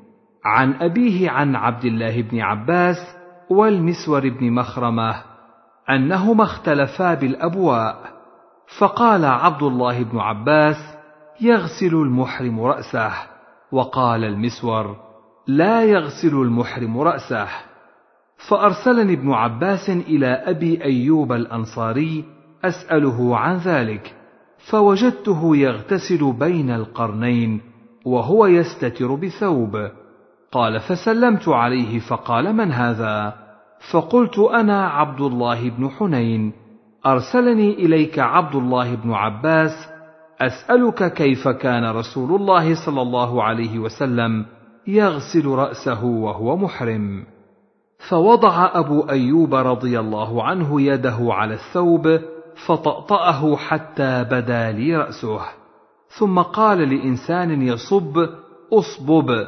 فصب على رأسه ثم حرك رأسه بيديه فأقبل بهما وأدبر ثم قال هكذا رأيته صلى الله عليه وسلم يفعل. وحدثناه إسحاق بن إبراهيم وعلي بن خشرم. قالا أخبرنا عيسى بن يونس. حدثنا ابن جريج أخبرني زيد بن أسلم بهذا الإسناد. وقال فأمر أبو أيوب بيديه على رأسه جميعا على جميع رأسه فأقبل بهما وأدبر. فقال المسور لابن عباس لا أماريك أبدا. باب ما يفعل بالمحرم إذا مات. حدثنا أبو بكر بن أبي شيبة حدثنا سفيان بن عيينة عن عمرو عن سعيد بن جبير عن ابن عباس رضي الله عنهما عن النبي صلى الله عليه وسلم خر رجل من بعيره فوقص فمات فقال اغسلوه بماء وسدر وكفنوه في ثوبيه ولا تخمروا رأسه فإن الله يبعثه يوم القيامة ملبيا. وحدثنا أبو الربيع الزهراني حدثنا حماد عن عمرو بن دينار وأيوب عن سعيد بن جبير عن ابن عباس رضي الله عنهما. قال بينما رجل واقف مع رسول الله صلى الله عليه وسلم بعرفة إذ وقع من راحلته. قال أيوب فأوقصته أو قال فأقعصته وقال عمرو فوقصته فذكر ذلك للنبي صلى الله عليه وسلم فقال اغسلوه بماء وسدر وكفنوه في ثوبين ولا تحنطوه ولا تخمروا رأسه فإن الله يبعثه يوم القيامة ملبيا. وقال عمرو فإن الله يبعثه يوم القيامة يلبي. وحدثنيه عمرو الناقد حدثنا إسماعيل بن إبراهيم عن أيوب قال نبئت عن سعيد بن جبير عن ابن عباس رضي الله عنهما أن رجلا كان واقفا مع النبي صلى الله عليه وسلم وهو محرم فذكر نحو ما ذكر حماد عن أيوب. وحدثنا علي بن خشرم أخبرنا عيسى يعني ابن يونس عن ابن جريج أخبرني عمرو بن دينار عن سعيد بن جبير عن ابن عباس رضي الله عنهما قال أقبل رجل حراما مع النبي صلى الله عليه وسلم فخر من بعيره فوقص وقصا فمات. فقال رسول الله صلى الله عليه وسلم اغسلوه بماء وسدر وألبسوه ثوبيه ولا تخمروا رأسه. فإنه يأتي يوم القيامة يلبي. وحدثناه عبد بن حميد أخبرنا محمد بن بكر البرساني أخبرنا ابن جريج أخبرني عمرو بن دينار أن سعيد بن جبير أخبره عن ابن عباس رضي الله عنهما قال أقبل رجل حرام مع رسول الله صلى الله عليه وسلم بمثله. غير أنه قال فإنه يبعث يوم القيامة ملبيا. وزاد لم يسم سعيد بن جبير حيث خر. وحدثنا أبو كريب حدثنا وكيع عن سفيان عن عمرو بن دينار عن سعيد بن جبير عن ابن عباس رضي الله عنهما أن رجلا أوقصته راحلته وهو محرم فمات. فقال رسول الله صلى الله عليه وسلم اغسلوه بماء وسدر وكفنوه في ثوبيه ولا تخمروا رأسه ولا وجهه فإنه يبعث يوم القيامة ملبيا. وحدثنا محمد بن الصباح حدثنا هشيم أخبرنا أبو بشر حدثنا سعيد بن جبير عن ابن عباس رضي الله عنهما. حا وحدثنا يحيى بن يحيى واللفظ له. أخبرنا هشيم عن أبي بشر عن سعيد بن جبير عن ابن عباس رضي الله عنهما أن رجلا كان مع رسول الله صلى الله عليه وسلم محرما فوقصته ناقته فمات. فقال رسول الله صلى الله عليه وسلم اغسلوه بماء وسدر وكفنوه في ثوبيه ولا تمسوه بطيب ولا تخمروا رأسه فإنه يبعث يوم القيامة ملبيا. وحدثني أبو كامل فضيل بن حسين الجحدري حدثنا أبو عوانة عن أبي بشر عن سعيد بن جبير عن ابن عباس رضي الله عنهما أن رجلا وقصه بعيره وهو محرم مع رسول الله صلى الله عليه وسلم فأمر به رسول الله صلى الله عليه وسلم أن يغسل بماء وسدر ولا يمس طيبا ولا يخمر رأسه فإنه يبعث يوم القيامة ملبدا.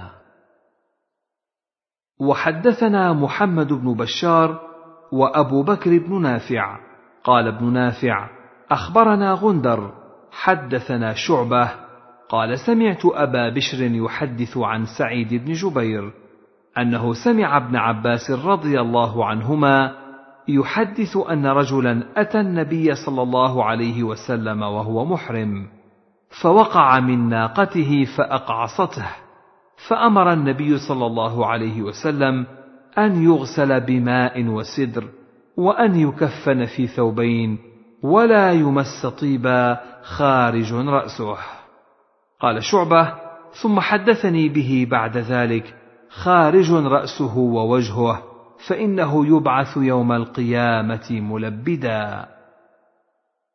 حدثنا هارون بن عبد الله حدثنا الأسود بن عامر عن زهير عن أبي الزبير. قال سمعت سعيد بن جبير يقول قال ابن عباس رضي الله عنهما وقصت رجلا راحلته وهو مع رسول الله صلى الله عليه وسلم فأمرهم رسول الله صلى الله عليه وسلم أن يغسلوه بماء وسدر وأن يكشفوا وجهه. حسبته قال ورأسه فإنه يبعث يوم القيامة وهو يهل.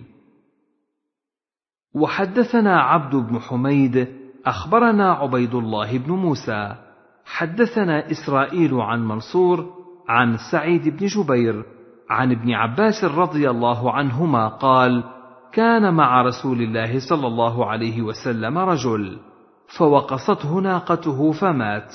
فقال النبي صلى الله عليه وسلم اغسلوه ولا تقربوه طيبا ولا تغطوا وجهه فإنه يبعث يلبي. باب جواز اشتراط المحرم التحلل بعذر المرض ونحوه. حدثنا أبو كريب محمد بن العلاء الهمداني. حدثنا أبو أسامة عن هشام عن أبيه عن عائشة رضي الله عنها.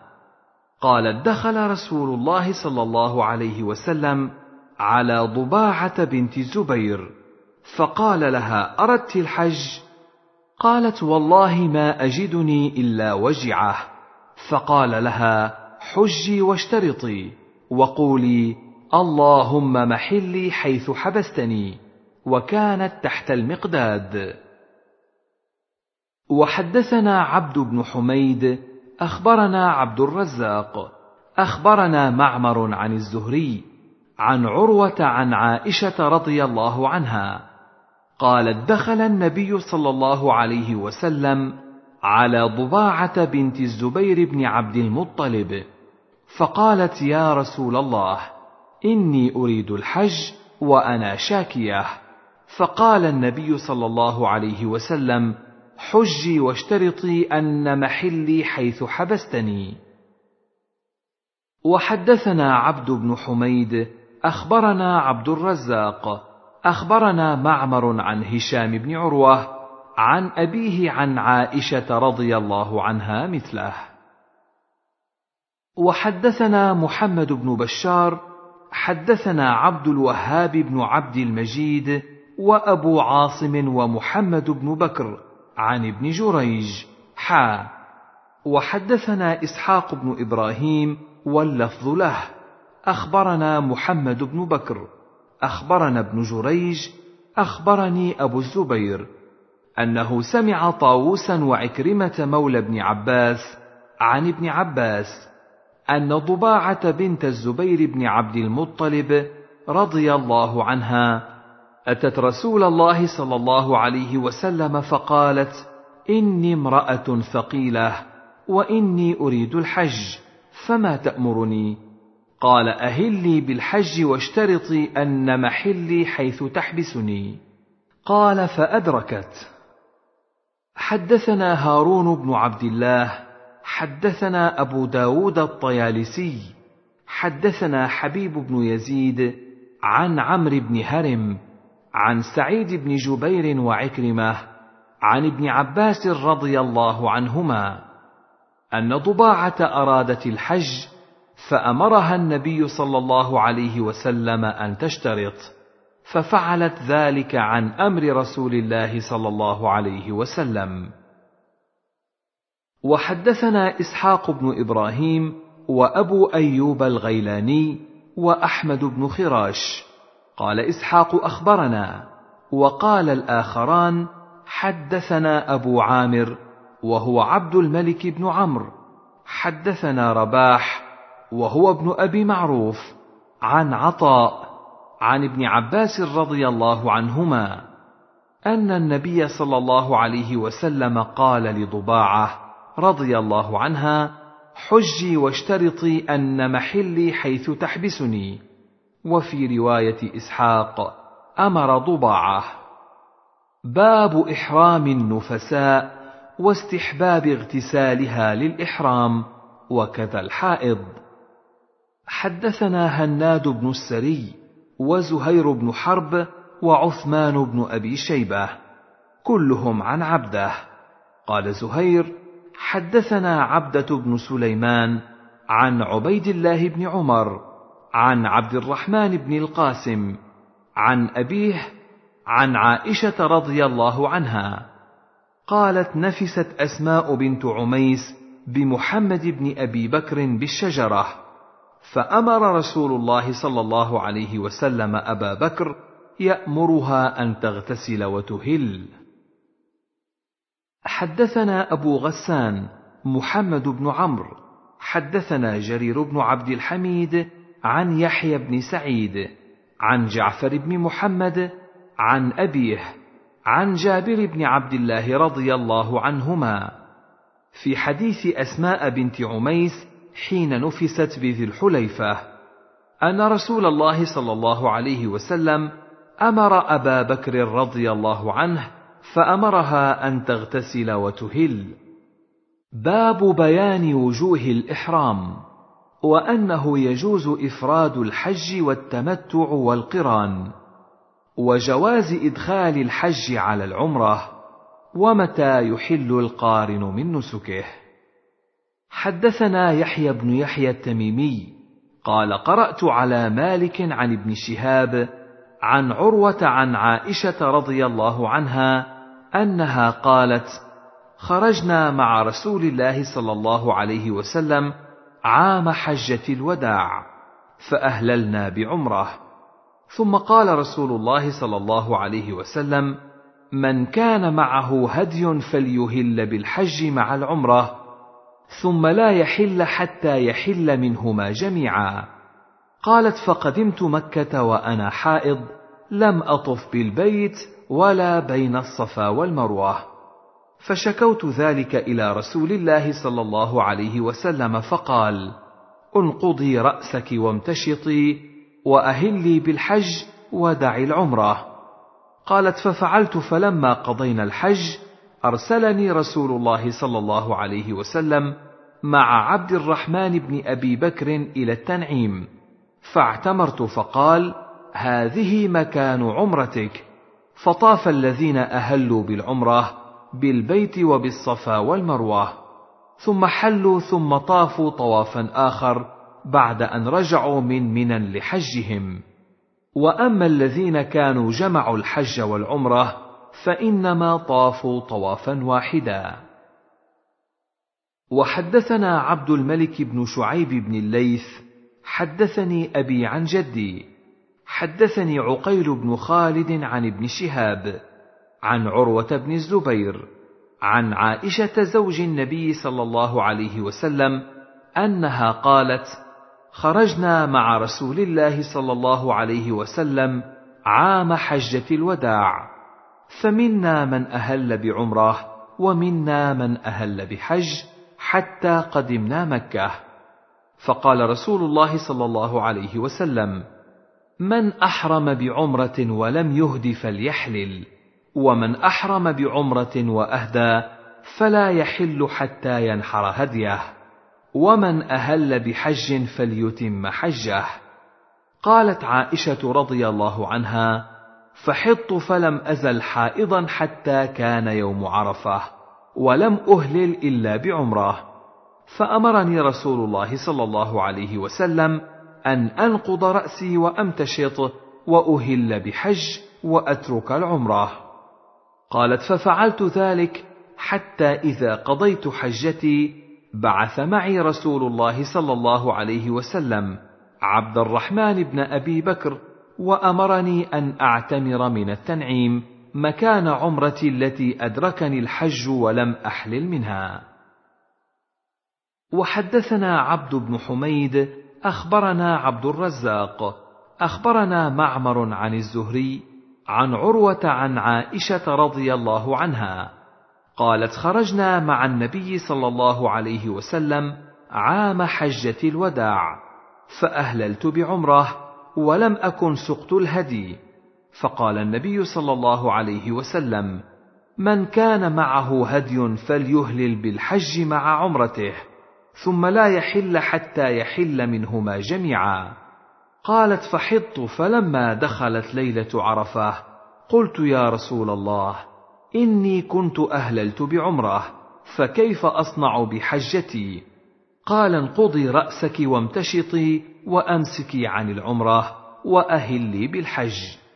قالت فلما قضيت حجتي أمر عبد الرحمن بن أبي بكر فأردفني فأعمرني من التنعيم مكان عمرتي التي أمسكت عنها.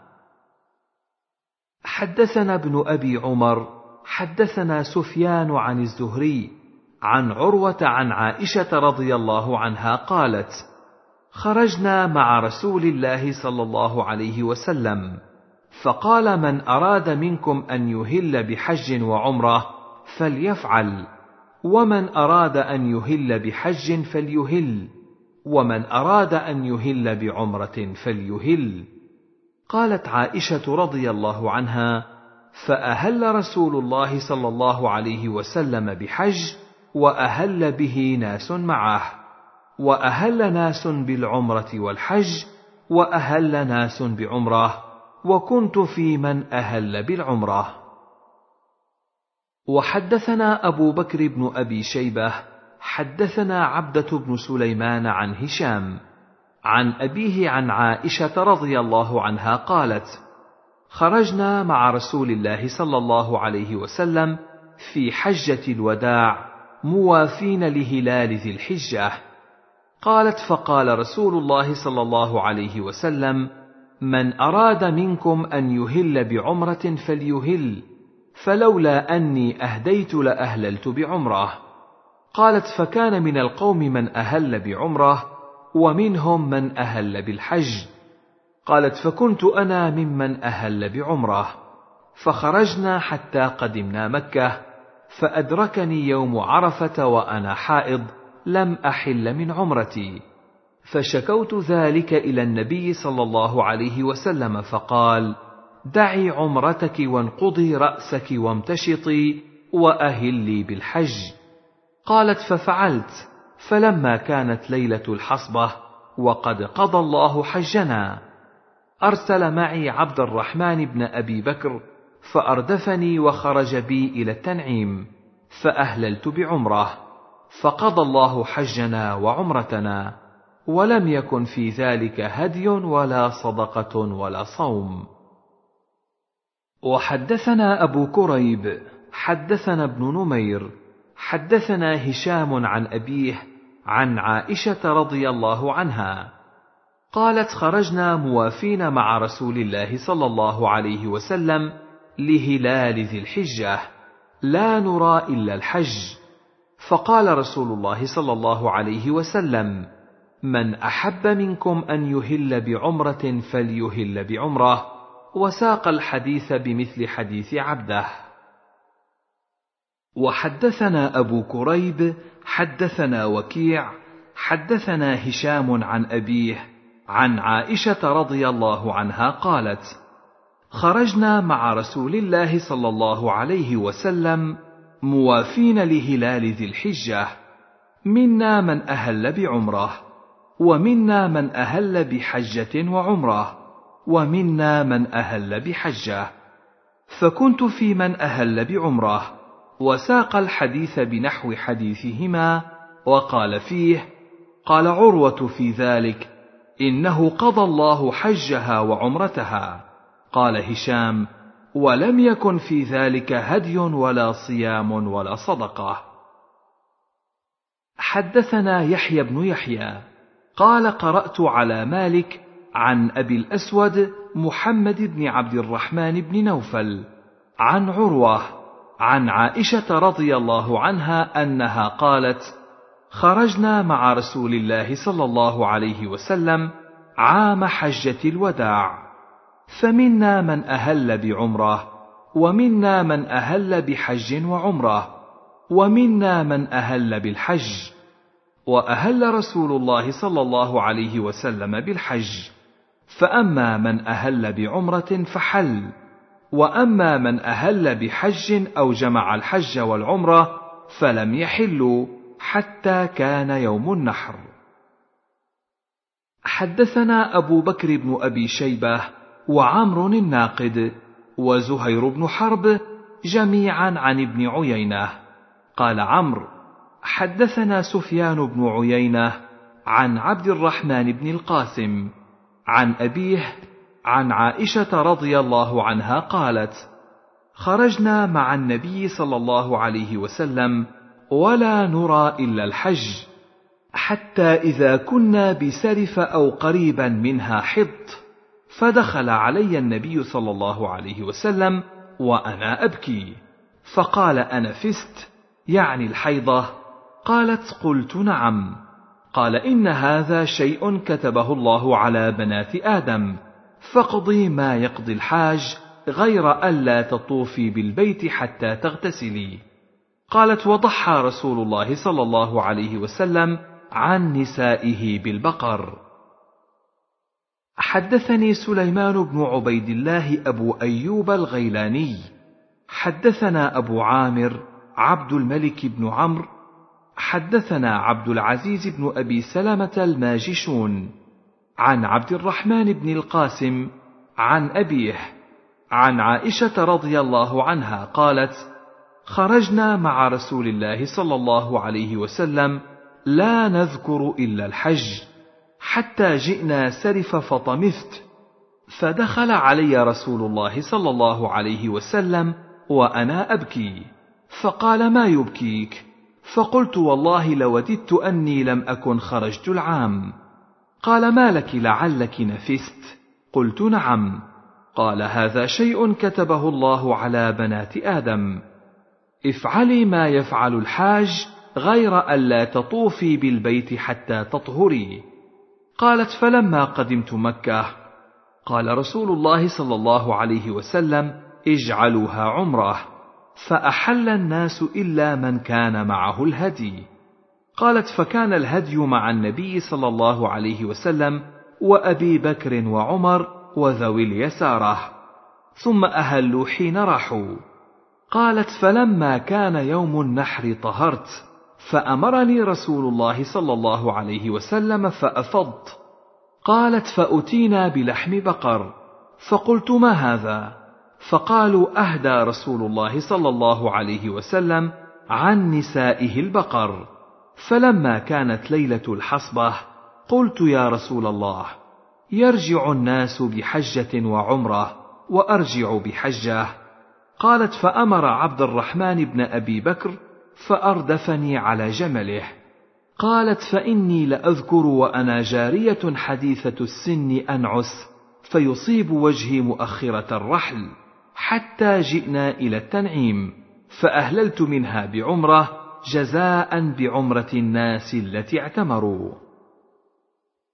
وحدثني أبو أيوب الغيلاني حدثنا بهز حدثنا حماد عن عبد الرحمن عن أبيه عن عائشة رضي الله عنها قالت لبينا بالحج حتى إذا كنا بسرف حض فدخل علي رسول الله صلى الله عليه وسلم وأنا أبكي. وساق الحديث بنحو حديث الماجشون غير أن حمادا ليس في حديثه فكان الهدي مع النبي صلى الله عليه وسلم وأبي بكر وعمر وذوي اليسارة. ثم أهلوا حين راحوا. ولا قولها وأنا جارية حديثة السن انعس فيصيب وجهي مؤخرة الرحل. حدثنا إسماعيل بن أبي أويس حدثني خالي مالك بن أنس حا. وحدثنا يحيى بن يحيى قال قرأت على مالك عن عبد الرحمن بن القاسم عن أبيه عن عائشة رضي الله عنها أن رسول الله صلى الله عليه وسلم أفرد الحج. وحدثنا محمد بن عبد الله بن نمير. حدثنا إسحاق بن سليمان عن أفلح بن حميد. عن القاسم عن عائشة رضي الله عنها قالت خرجنا مع رسول الله صلى الله عليه وسلم مهلين بالحج في أشهر الحج. وفي حرم الحج وليالي الحج. حتى نزلنا بسرف فخرج إلى أصحابه فقال من لم يكن معه منكم هدي فأحب أن يجعلها عمرة فليفعل ومن كان معه هدي فلا. فمنهم الآخذ بها والتارك لها ممن لم يكن معه هدي. فأما رسول الله صلى الله عليه وسلم فكان معه الهدي. ومع رجال من أصحابه لهم قوة فدخل علي رسول الله صلى الله عليه وسلم وأنا أبكي. فقال ما يبكيك؟ قلت سمعت كلامك مع أصحابك فسمعت بالعمرة فمنعت العمرة. قال وما لك؟ قلت لا أصلي. قال فلا يضرك فكوني في حجك فعسى الله أن يرزقكيها وإنما أنت من بنات آدم كتب الله عليك ما كتب عليهن. قالت فخرجت في حجتي حتى نزلت منا فتطهرت ثم طفنا بالبيت ونزل رسول الله صلى الله عليه وسلم المحصب.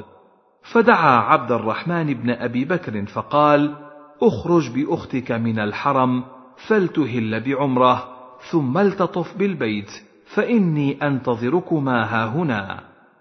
قالت فخرجنا فأهللت ثم طفت بالبيت وبالصفا والمروة.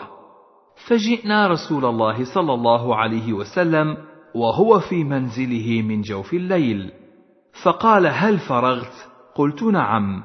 فآذن في أصحابه بالرحيل. فخرج فمر بالبيت فطاف به قبل صلاة الصبح ثم خرج إلى المدينة.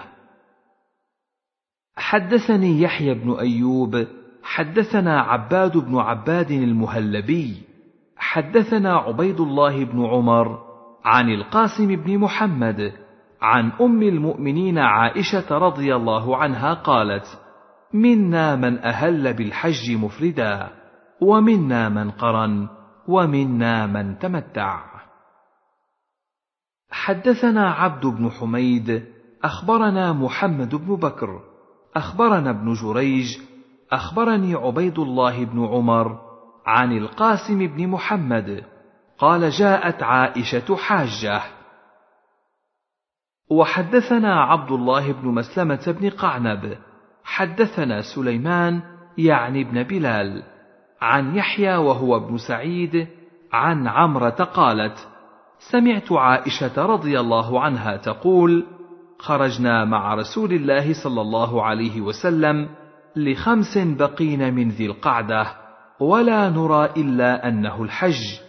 حتى إذا دنونا من مكة أمر رسول الله صلى الله عليه وسلم من لم يكن معه هدي إذا طاف بالبيت وبين الصفا والمروة أن يحل. قالت عائشة رضي الله عنها فدخل علينا يوم النحر بلحم بقر فقلت ما هذا؟ فقيل ذبح رسول الله صلى الله عليه وسلم عن أزواجه. قال يحيى فذكرت هذا الحديث للقاسم بن محمد فقال أتتك والله بالحديث على وجهه. وحدثنا محمد بن المثنى حدثنا عبد الوهاب. قال سمعت يحيى بن سعيد يقول أخبرتني عمرة أنها سمعت عائشة رضي الله عنها حا وحدثناه ابن أبي عمر حدثنا سفيان عن يحيى بهذا الإسناد مثله. وحدثنا أبو بكر بن أبي شيبة حدثنا ابن علية عن ابن عون عن إبراهيم عن الأسود عن أم المؤمنين. حا وعن القاسم عن أم المؤمنين قالت قلت يا رسول الله يصدر الناس بنسكين. وأصدر بنسك واحد. قال انتظري فإذا طهرت فاخرجي إلى التنعيم فأهلي منه. ثم القينا عند كذا وكذا. قال أظنه قال غدا ولكنها على قدر نصبك أو قال نفقتك. وحدثنا ابن المثنى حدثنا ابن أبي عدي عن ابن عون عن القاسم وإبراهيم. قال لا أعرف حديث أحدهما من الآخر. أن أم المؤمنين رضي الله عنها قالت يا رسول الله يصدر الناس بنسكين فذكر الحديث. حدثنا زهير بن حرب وإسحاق بن إبراهيم. قال زهير حدثنا وقال إسحاق أخبرنا جرير عن منصور عن إبراهيم عن الأسود عن عائشة رضي الله عنها قالت خرجنا مع رسول الله صلى الله عليه وسلم ولا نرى إلا أنه الحج. فلما قدمنا مكة تطوفنا بالبيت. فأمر رسول الله صلى الله عليه وسلم من لم يكن ساق الهدي أن يحل. قالت فحل من لم يكن ساق الهدي ونساؤه لم يسقن الهدي فأحللن. قالت عائشة فحضت فلم أطف بالبيت. فلما كانت ليلة الحصبة قالت قلت يا رسول الله يرجع الناس بعمرة وحجة وأرجع أنا بحجة. قال أوما كنت طفت ليالي قدمنا مكة؟ قالت قلت لا. قال فاذهبي مع أخيك إلى التنعيم فأهلي بعمرة ثم موعدك مكان كذا وكذا. قالت صفية ما أراني إلا حابستكم. قال عقرى حلقا اوما كنت طفت يوم النحر. قالت بلى. قال لا بأس انفري. قالت عائشة فلقيني رسول الله صلى الله عليه وسلم وهو مصعد من مكة وأنا منهبطة عليها أو أنا مصعدة وهو منهبط منها. وقال إسحاق متهبطة ومتهبط. وحدثناه سويد بن سعيد عن علي بن مسهر عن الأعمش عن إبراهيم عن الأسود عن عائشة رضي الله عنها قالت خرجنا مع رسول الله صلى الله عليه وسلم نلبي لا نذكر حجا ولا عمرة وساق الحديث بمعنى حديث منصور. حدثنا أبو بكر بن أبي شيبة ومحمد بن المثنى وابن بشار. جميعا عن غندر. قال ابن المثنى حدثنا محمد بن جعفر حدثنا شعبة عن الحكم عن علي بن الحسين عن ذكوان مولى عائشة عن عائشة رضي الله عنها أنها قالت قدم رسول الله صلى الله عليه وسلم لأربع مضين من ذي الحجة أو خمس فدخل علي وهو غضبان. فقلت من أغضبك يا رسول الله؟ أدخله الله النار. قال أوما شعرت أني أمرت الناس بأمر فإذا هم يترددون؟ قال الحكم كأنهم يترددون أحسب. ولو أني استقبلت من أمري ما استدبرت ما سقت الهدي معي حتى أشتريه ثم احل كما حلوا. وحدثناه عبيد الله بن معاذ حدثنا أبي حدثنا شعبة عن الحكم سمع علي بن الحسين عن ذكوان عن عائشة رضي الله عنها قالت قدم النبي صلى الله عليه وسلم لأربع أو خمس مضين من ذي الحجة بمثل حديث غندر ولم يذكر الشك من الحكم في قوله يترددون.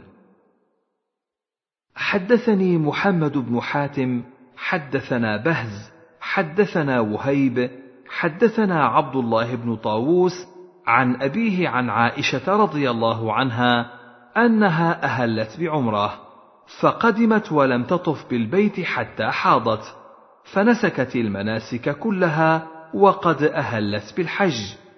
فقال لها النبي صلى الله عليه وسلم يوم النفر يسعك طوافك لحجك وعمرتك. فأبت فبعث بها مع عبد الرحمن إلى التنعيم فاعتمرت بعد الحج. وحدثني حسن بن علي الحلواني حدثنا زيد بن الحباب حدثني إبراهيم بن نافع حدثني عبد الله بن أبي نجيح عن مجاهد عن عائشة رضي الله عنها أنها حاضت بسرف فتطهرت بعرفة. فقال لها رسول الله صلى الله عليه وسلم يجزئ عنك طوافك بالصفا والمروة عن حجك وعمرتك. وحدثنا يحيى بن حبيب الحارثي حدثنا خالد بن الحارث حدثنا قرة حدثنا عبد الحميد بن جبير بن شيبة حدثتنا صفية بنت شيبة. قالت قالت عائشة رضي الله عنها يا رسول الله أيرجع الناس بأجرين وأرجع بأجر؟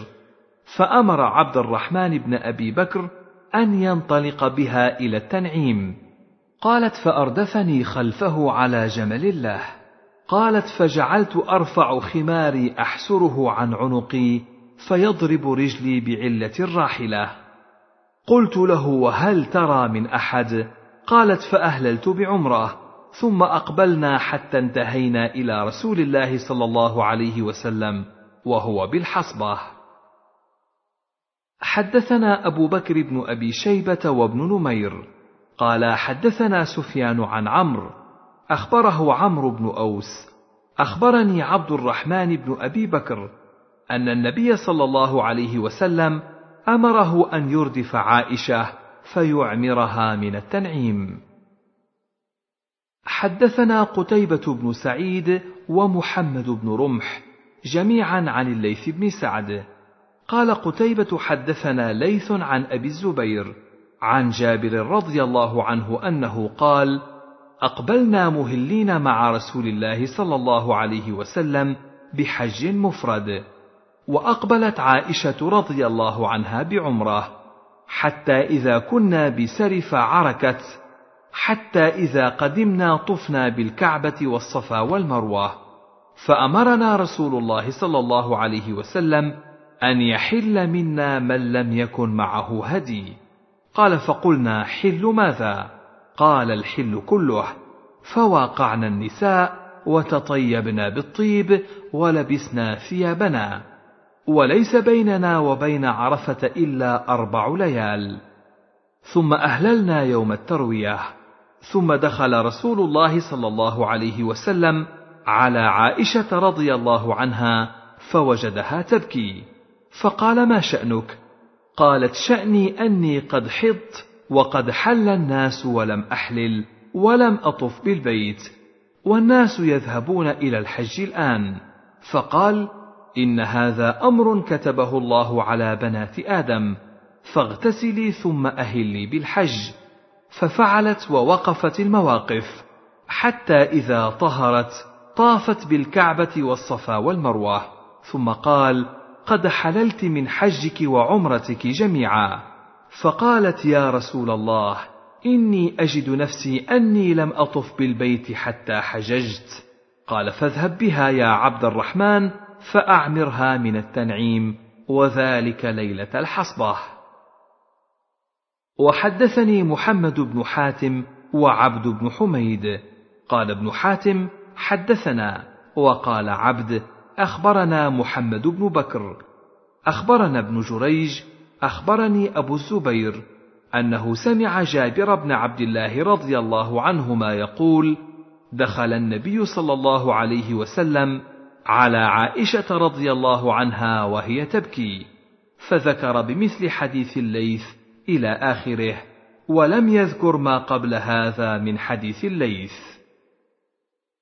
وحدثني أبو غسان المسمعي حدثنا معاذ يعني ابن هشام حدثني أبي عن مطر عن أبي الزبير عن جابر بن عبد الله أن عائشة رضي الله عنها في حجة النبي صلى الله عليه وسلم أهلت بعمرة وساق الحديث بمعنى حديث الليث وزاد في الحديث قال وكان رسول الله صلى الله عليه وسلم رجلا سهلا إذا هويت الشيء تابعها عليه فأرسلها مع عبد الرحمن بن أبي بكر فأهلت بعمرة من التنعيم. قال مطر قال أبو الزبير فكانت عائشة إذا حجت صنعت كما صنعت مع نبي الله صلى الله عليه وسلم. حدثنا أحمد بن يونس حدثنا زهير حدثنا أبو الزبير عن جابر رضي الله عنه حا وحدثنا يحيى بن يحيى واللفظ له. أخبرنا أبو خيثمة عن أبي الزبير عن جابر رضي الله عنه قال خرجنا مع رسول الله صلى الله عليه وسلم مهلين بالحج معنا النساء والولدان. فلما قدمنا مكة طفنا بالبيت وبالصفا والمروة. فقال لنا رسول الله صلى الله عليه وسلم من لم يكن معه هدي فليحلل. قال قلنا أي الحل؟ قال الحل كله. قال فأتينا النساء ولبسنا الثياب ومسسنا الطيب. فلما كان يوم التروية أهللنا بالحج وكفانا الطواف الأول بين الصفا والمروة فأمرنا رسول الله صلى الله عليه وسلم أن نشترك في الإبل والبقر كل سبعة منا في بدنه. وحدثني محمد بن حاتم حدثنا يحيى بن سعيد عن ابن جريج أخبرني أبو الزبير عن جابر بن عبد الله رضي الله عنهما قال أمرنا النبي صلى الله عليه وسلم لما أحللنا أن نحرم إذا توجهنا إلى منى. قال فأهللنا من الأبطح. وحدثني محمد بن حاتم حدثنا يحيى بن سعيد عن ابن جريج حا. وحدثنا عبد بن حميد أخبرنا محمد بن بكر أخبرنا ابن جريج قال أخبرني أبو الزبير أنه سمع جابر بن عبد الله رضي الله عنه يقول لم يطف النبي صلى الله عليه وسلم ولا أصحابه بين الصفا والمروة إلا طوافا واحدا. زاد في حديث محمد بن بكر طوافه الأول. وحدثني محمد بن حاتم حدثنا يحيى بن سعيد عن ابن جريج أخبرني عطاء قال سمعت جابر بن عبد الله رضي الله عنهما في ناس معي. قال أهللنا أصحاب محمد صلى الله عليه وسلم بالحج خالصا وحده. قال عطاء. قال جابر. فقدم النبي صلى الله عليه وسلم صبح رابعة مضت من ذي الحجة فأمرنا أن نحل. قال عطاء. قال حلوا وأصيبوا النساء. قال عطاء. ولم يعزم عليهم ولكن أحلهن لهم. فقلنا لما لم يكن بيننا وبين عرفة إلا خمس أمرنا أن نفضي إلى نسائنا فنأتي عرفة تقطر مذاكيرنا المني. قال يقول جابر بيده كأني أنظر إلى قوله بيده يحركها. قال فقام النبي صلى الله عليه وسلم فينا. فقال قد علمتم أني أتقاكم لله وأصدقكم وأبركم ولولا هدي لحللت كما تحلون. ولو استقبلت من أمري ما استدبرت لم أسق الهدي فحلوا. فحللنا وسمعنا وأطعنا. قال عطاء قال جابر فقدم علي من سعايته فقال بما أهللت؟ قال بما أهل به النبي صلى الله عليه وسلم. فقال له رسول الله صلى الله عليه وسلم فاهد وامكث حراما. قال وأهدى له علي هديا. فقال سراقة بن مالك بن جعشم يا رسول الله ألعامنا هذا أم لأبد؟ فقال لأبد. حدثنا ابن نمير حدثني أبي حدثنا عبد الملك بن أبي سليمان عن عطاء عن جابر بن عبد الله رضي الله عنهما قال أهللنا مع رسول الله صلى الله عليه وسلم بالحج فلما قدمنا مكة أمرنا أن نحل ونجعلها عمرة فكبر ذلك علينا وضاقت به صدورنا فبلغ ذلك النبي صلى الله عليه وسلم فما ندري أشيء بلغه من السماء أم شيء من قبل الناس.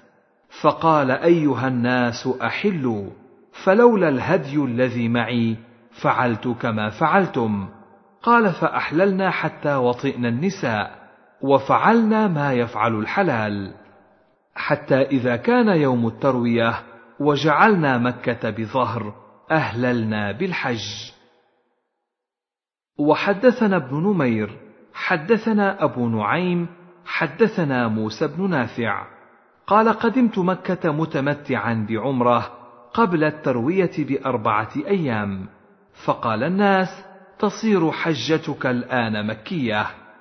فدخلت على عطاء بن أبي رباح فاستفتيته فقال عطاء حدثني جابر بن عبد الله الأنصاري رضي الله عنهما أنه حج مع رسول الله صلى الله عليه وسلم عام ساق الهدي معه. وقد أهلوا بالحج مفردا.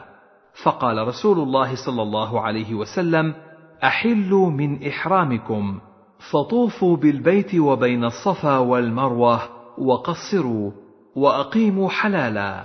حتى إذا كان يوم التروية فأهلوا بالحج واجعلوا التي قدمتم بها متعة. قالوا كيف نجعلها متعة؟ وقد سمينا الحج. قال افعلوا ما آمركم به فإني لولا أني سقت الهدي لفعلت مثل الذي أمرتكم به ولكن لا يحل مني حرام حتى يبلغ الهدي محله ففعلوا.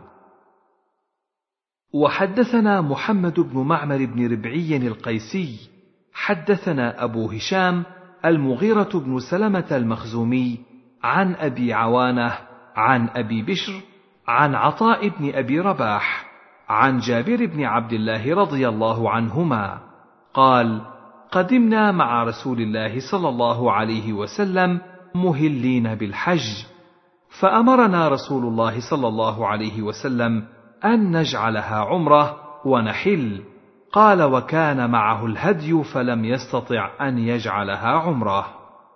باب في المتعة بالحج والعمرة. حدثنا محمد بن المثنى وابن بشار. قال ابن المثنى حدثنا محمد بن جعفر حدثنا شعبة. قال سمعت قتادة يحدث عن أبي نضرة. قال كان ابن عباس يأمر بالمتعة وكان ابن الزبير ينهى عنها. قال فذكرت ذلك لجابر بن عبد الله فقال على يدي دار الحديث. تمتعنا مع رسول الله صلى الله عليه وسلم.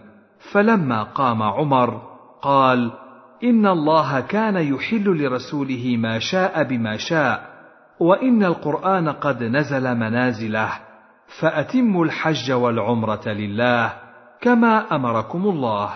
وابت نكاح هذه النساء فلن أوتى برجل نكح امرأة إلى أجل إلا رجمته بالحجارة. وحدثنيه زهير بن حرب حدثنا عفان حدثنا همام حدثنا قتادة بهذا الإسناد وقال في الحديث فافصلوا حجكم من عمرتكم فإنه أتم لحجكم وأتم لعمرتكم. وحدثنا خلف بن هشام وأبو الربيع وقتيبة جميعا عن حماد. قال خلف حدثنا حماد بن زيد عن أيوب قال سمعت مجاهدا يحدث عن جابر بن عبد الله رضي الله عنهما قال قدمنا مع رسول الله صلى الله عليه وسلم ونحن نقول لبيك بالحج فأمرنا رسول الله صلى الله عليه وسلم أن نجعلها عمرة. باب حجة النبي صلى الله عليه وسلم. حدثنا أبو بكر بن أبي شيبة وإسحاق بن إبراهيم جميعا عن حاتم. قال أبو بكر حدثنا حاتم بن إسماعيل المدني عن جعفر بن محمد عن أبيه. قال دخلنا على جابر بن عبد الله فسأل عن القوم حتى انتهى إلي فقلت أنا محمد بن علي بن حسين. فأهوى بيده إلى رأسي فنزع زر الأعلى ثم نزع زر الأسفل ثم وضع كفه بين ثديي وأنا يومئذ غلام شاب. فقال مرحبا بك يا ابن أخي سل عما شئت. فسألته وهو أعمى وحضر وقت الصلاة فقام في نساجة ملتحفا بها كلما وضعها على منكبه رجع طرفاها إليه من صغرها ورداؤه إلى جنبه على المشجب فصلى بنا. فقلت أخبرني عن حجة رسول الله صلى الله عليه وسلم. فقال بيده فعقد تسعة فقال إن رسول الله صلى الله عليه وسلم مكث تسع سنين لم يحج ثم أذن في الناس في العاشرة. أن رسول الله صلى الله عليه وسلم حاج فقدم المدينة بشر كثير كلهم يلتمس أن يأتم برسول الله صلى الله عليه وسلم ويعمل مثل عمله. فخرجنا معه حتى أتينا ذا الحليفة فولدت أسماء بنت عميس محمد بن أبي بكر فأرسلت إلى رسول الله صلى الله عليه وسلم كيف أصنع؟ قال اغتسلي واستثفري بثوب وأحرمي. فصلى رسول الله صلى الله عليه وسلم في المسجد ثم ركب القصواء حتى إذا استوت به ناقته على البيداء نظرت إلى مد بصري بين يديه من راكب وماش وعن يمينه مثل ذلك وعن يساره مثل ذلك ومن خلفه مثل ذلك. ورسول الله صلى الله عليه وسلم بين أظهرنا وعليه ينزل القرآن وهو يعرف تأويله. وما عمل به من شيء عملنا به فأهل بالتوحيد.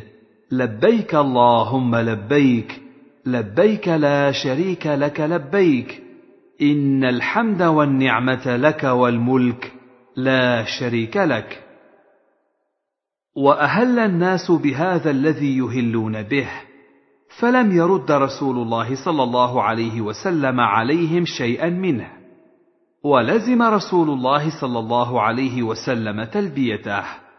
قال جابر رضي الله عنه لسنا ننوي إلا الحج لسنا نعرف العمرة. حتى إذا أتينا البيت معه استلم الركن فرمل ثلاثا ومشى اربعا. ثم نفذ إلى مقام إبراهيم عليه السلام فقرأ واتخذوا من مقام إبراهيم مصلى. فجعل المقام بينه وبين البيت. فكان أبي يقول ولا أعلمه ذكره إلا عن النبي صلى الله عليه وسلم. كان يقرأ في الركعتين قل هو الله أحد وقل يا أيها الكافرون.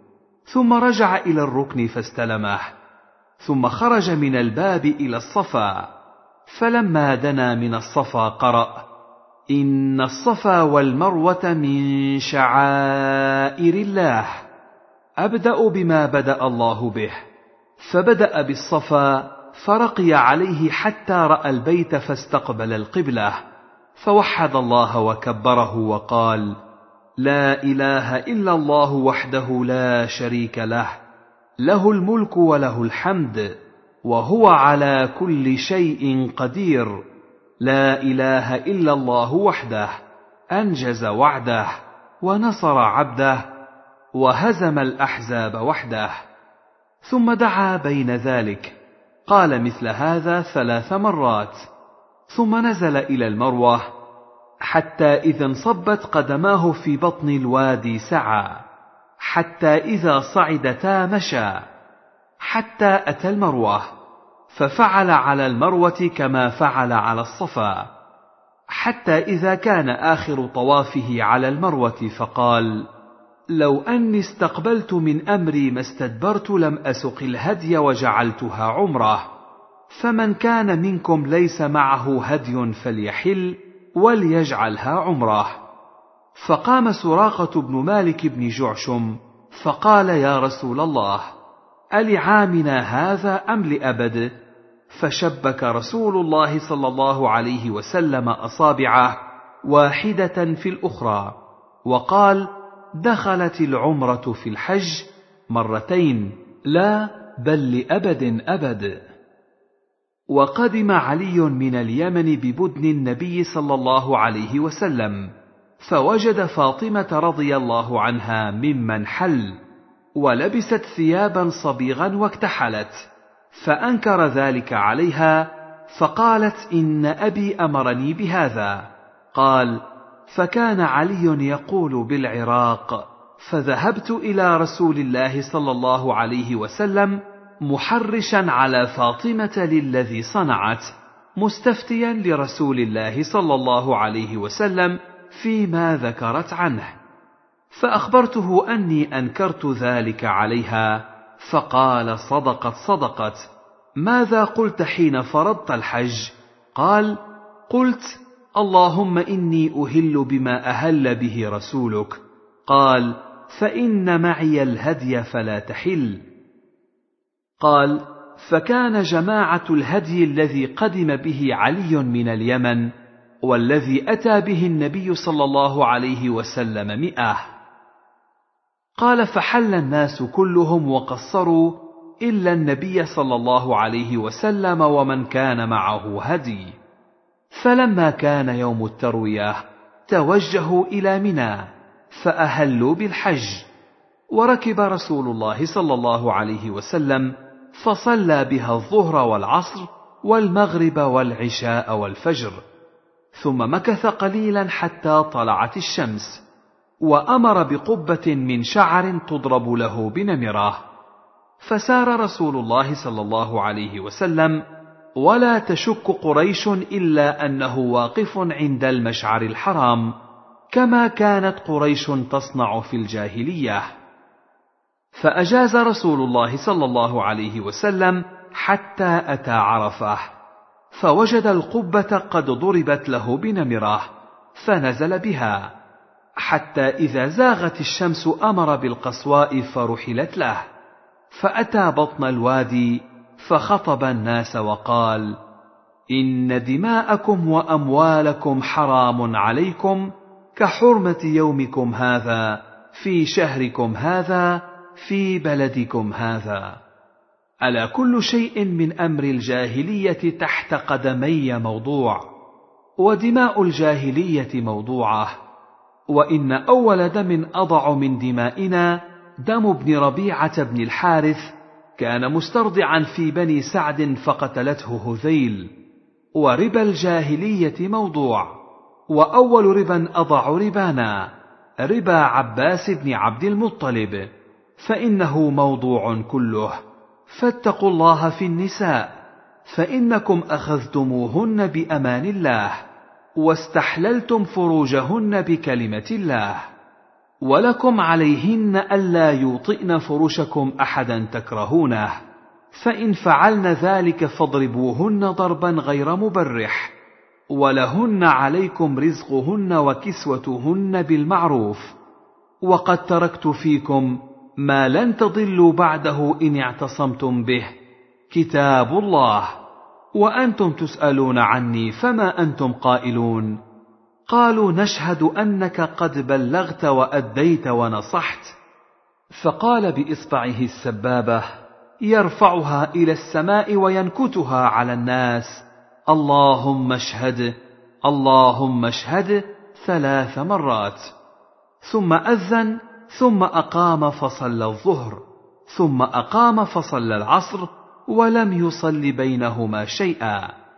ثم ركب رسول الله صلى الله عليه وسلم حتى أتى الموقف فجعل بطن ناقته القسواء إلى الصخرات وجعل حبل المشاة بين يديه واستقبل القبلة فلم يزل واقفا حتى غربت الشمس وذهبت الصفرة قليلا حتى غاب القرص وأردف أسامة خلفه ودفع رسول الله صلى الله عليه وسلم وقد شنق للقصوى الزمام حتى إن رأسها ليصيب مورك رحله ويقول بيده اليمنى أيها الناس السكينة السكينة كلما أتى حبلا من الحبال أرخى لها قليلا حتى تصعد. حتى أتى المزدلفة فصلى بها المغرب والعشاء بأذان واحد وإقامتين ولم يسبح بينهما شيئا. ثم اضطجع رسول الله صلى الله عليه وسلم حتى طلع الفجر وصلى الفجر حين تبين له الصبح بأذان وإقامة.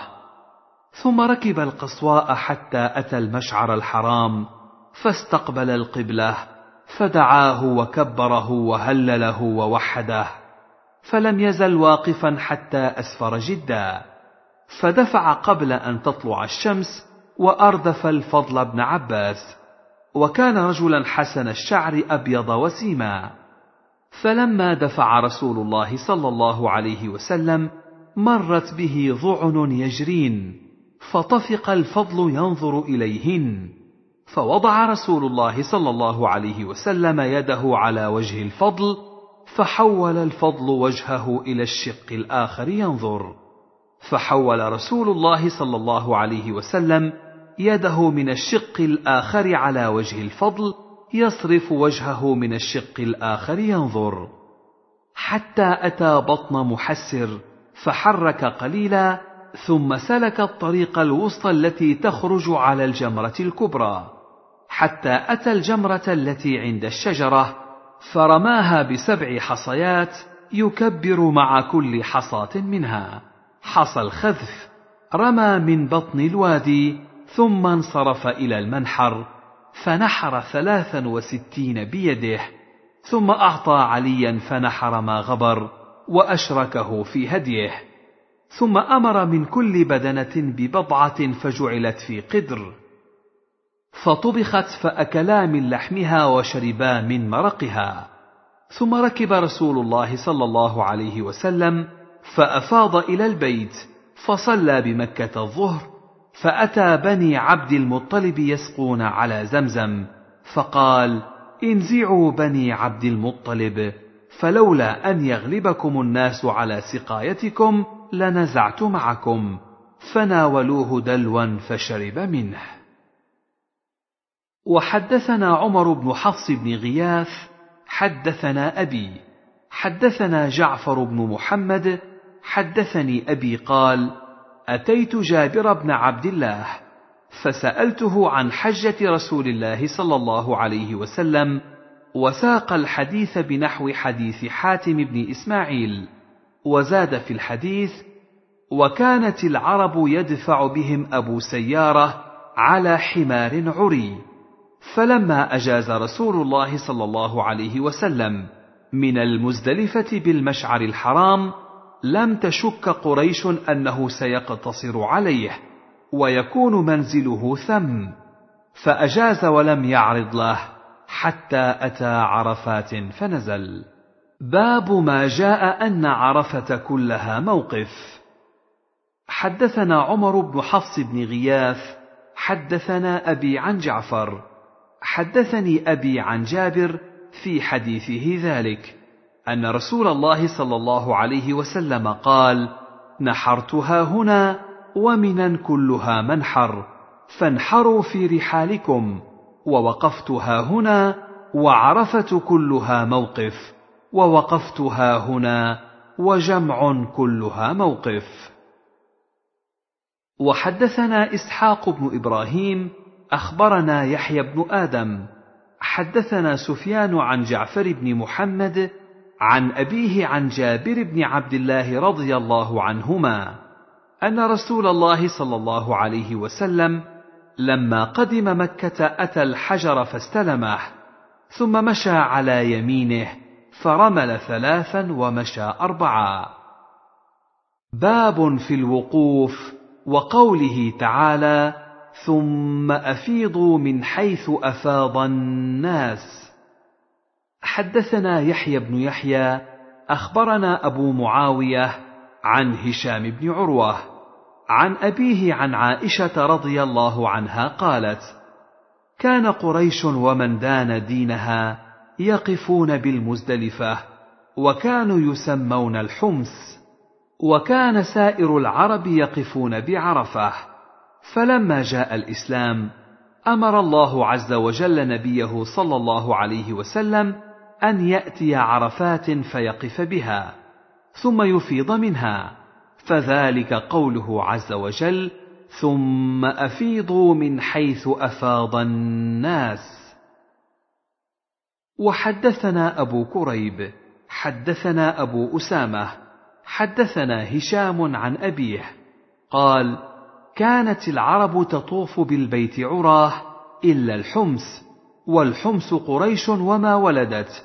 كانوا يطوفون عراة إلا أن تعطيهم الحمس ثيابا. فيعطي الرجال الرجال والنساء النساء. وكانت الحمس لا يخرجون من المزدلفة.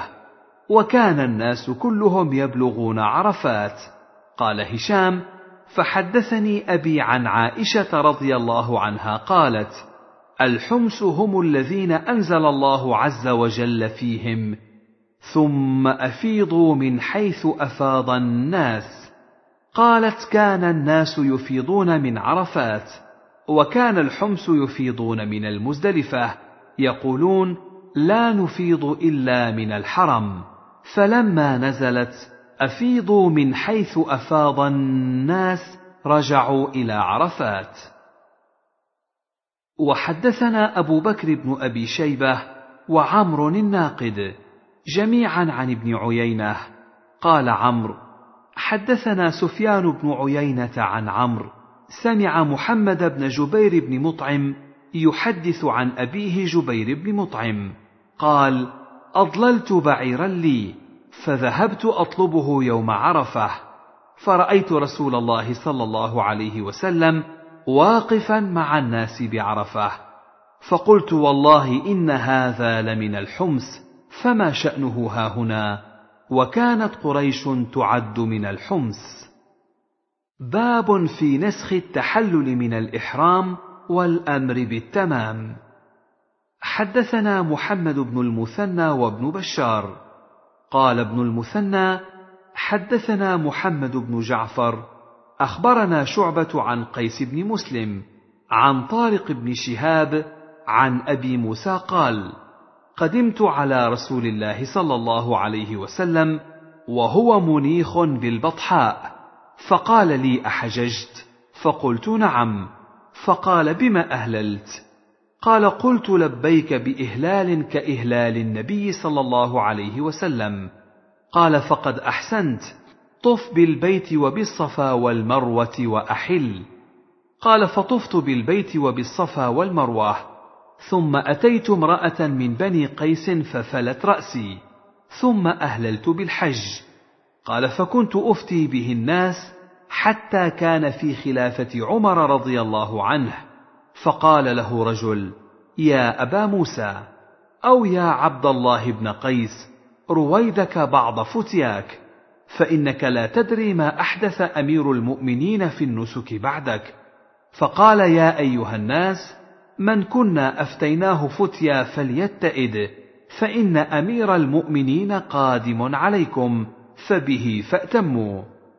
قال فقدم عمر رضي الله عنه فذكرت ذلك له فقال إن نأخذ بكتاب الله فإن كتاب الله يأمر بالتمام وإن تأخذ بسنة رسول الله صلى الله عليه وسلم فإن رسول الله صلى الله عليه وسلم لم يحل حتى بلغ الهدي محله. وحدثناه عبيد الله بن معاذ حدثنا أبي حدثنا شعبة في هذا الإسناد نحوه. وحدثنا محمد بن المثنى حدثنا عبد الرحمن يعني ابن مهدي. حدثنا سفيان عن قيس عن طارق بن شهاب عن أبي موسى رضي الله عنه. قال قدمت على رسول الله صلى الله عليه وسلم وهو منيخ بالبطحاء فقال بم أهللت؟ قال قلت أهللت بإهلال النبي صلى الله عليه وسلم. قال هل سقت من هدي؟ قلت لا. قال فطف بالبيت وبالصفا والمروة ثم حل. فطفت بالبيت وبالصفا والمروة. ثم أتيت امرأة من قومي فمشطتني وغسلت رأسي. فكنت أفتي الناس بذلك في إمارة أبي بكر وإمارة عمر. فإني لقائم بالموسم إذ جاءني رجل فقال إنك لا تدري ما أحدث أمير المؤمنين في شأن النسك. فقلت أيها الناس من كنا أفتيناه بشيء فليتئد فهذا أمير المؤمنين قادم عليكم فبه فأتموا. فلما قدم قلت يا أمير المؤمنين ما هذا الذي أحدثت في شأن النسك؟ قال إن نأخذ بكتاب الله فإن الله عز وجل قال واتموا الحج والعمرة لله وإن نأخذ بسنة نبينا عليه الصلاة والسلام فإن النبي صلى الله عليه وسلم لم يحل حتى نحر الهدي. وحدثني إسحاق بن منصور وعبد بن حميد قال أخبرنا جعفر بن عون أخبرنا أبو عميس عن قيس بن مسلم عن طارق بن شهاب عن أبي موسى رضي الله عنه قال كان رسول الله صلى الله عليه وسلم بعثني إلى اليمن قال فوافقته في العام الذي حج فيه فقال لي رسول الله صلى الله عليه وسلم يا أبا موسى كيف قلت حين أحرمت؟ قال قلت لبيك اهلالا كإهلال النبي صلى الله عليه وسلم فقال هل سقت هديا؟ فقلت لا. قال فانطلق فطف بالبيت وبين الصفا والمروة ثم أحل ثم ساق الحديث بمثل حديث شعبة وسفيان. وحدثنا محمد بن المثنى وابن بشار. قال ابن المثنى حدثنا محمد بن جعفر. حدثنا شعبة عن الحكم عن عمارة بن عمير عن إبراهيم بن أبي موسى عن أبي موسى أنه كان يفتي بالمتعة فقال له رجل رويدك ببعض فتياك فإنك لا تدري ما أحدث أمير المؤمنين في النسك بعد حتى لقيه بعد. فسأله فقال عمر قد علمت أن النبي صلى الله عليه وسلم قد فعله وأصحابه ولكن كرهت أن يظلوا معرسين بهن في الأراك ثم يروحون في الحج تقطر رؤوسهم. باب جواز التمتع. حدثنا محمد بن المثنى وابن بشار. قال ابن المثنى حدثنا محمد بن جعفر حدثنا شعبة عن قتادة.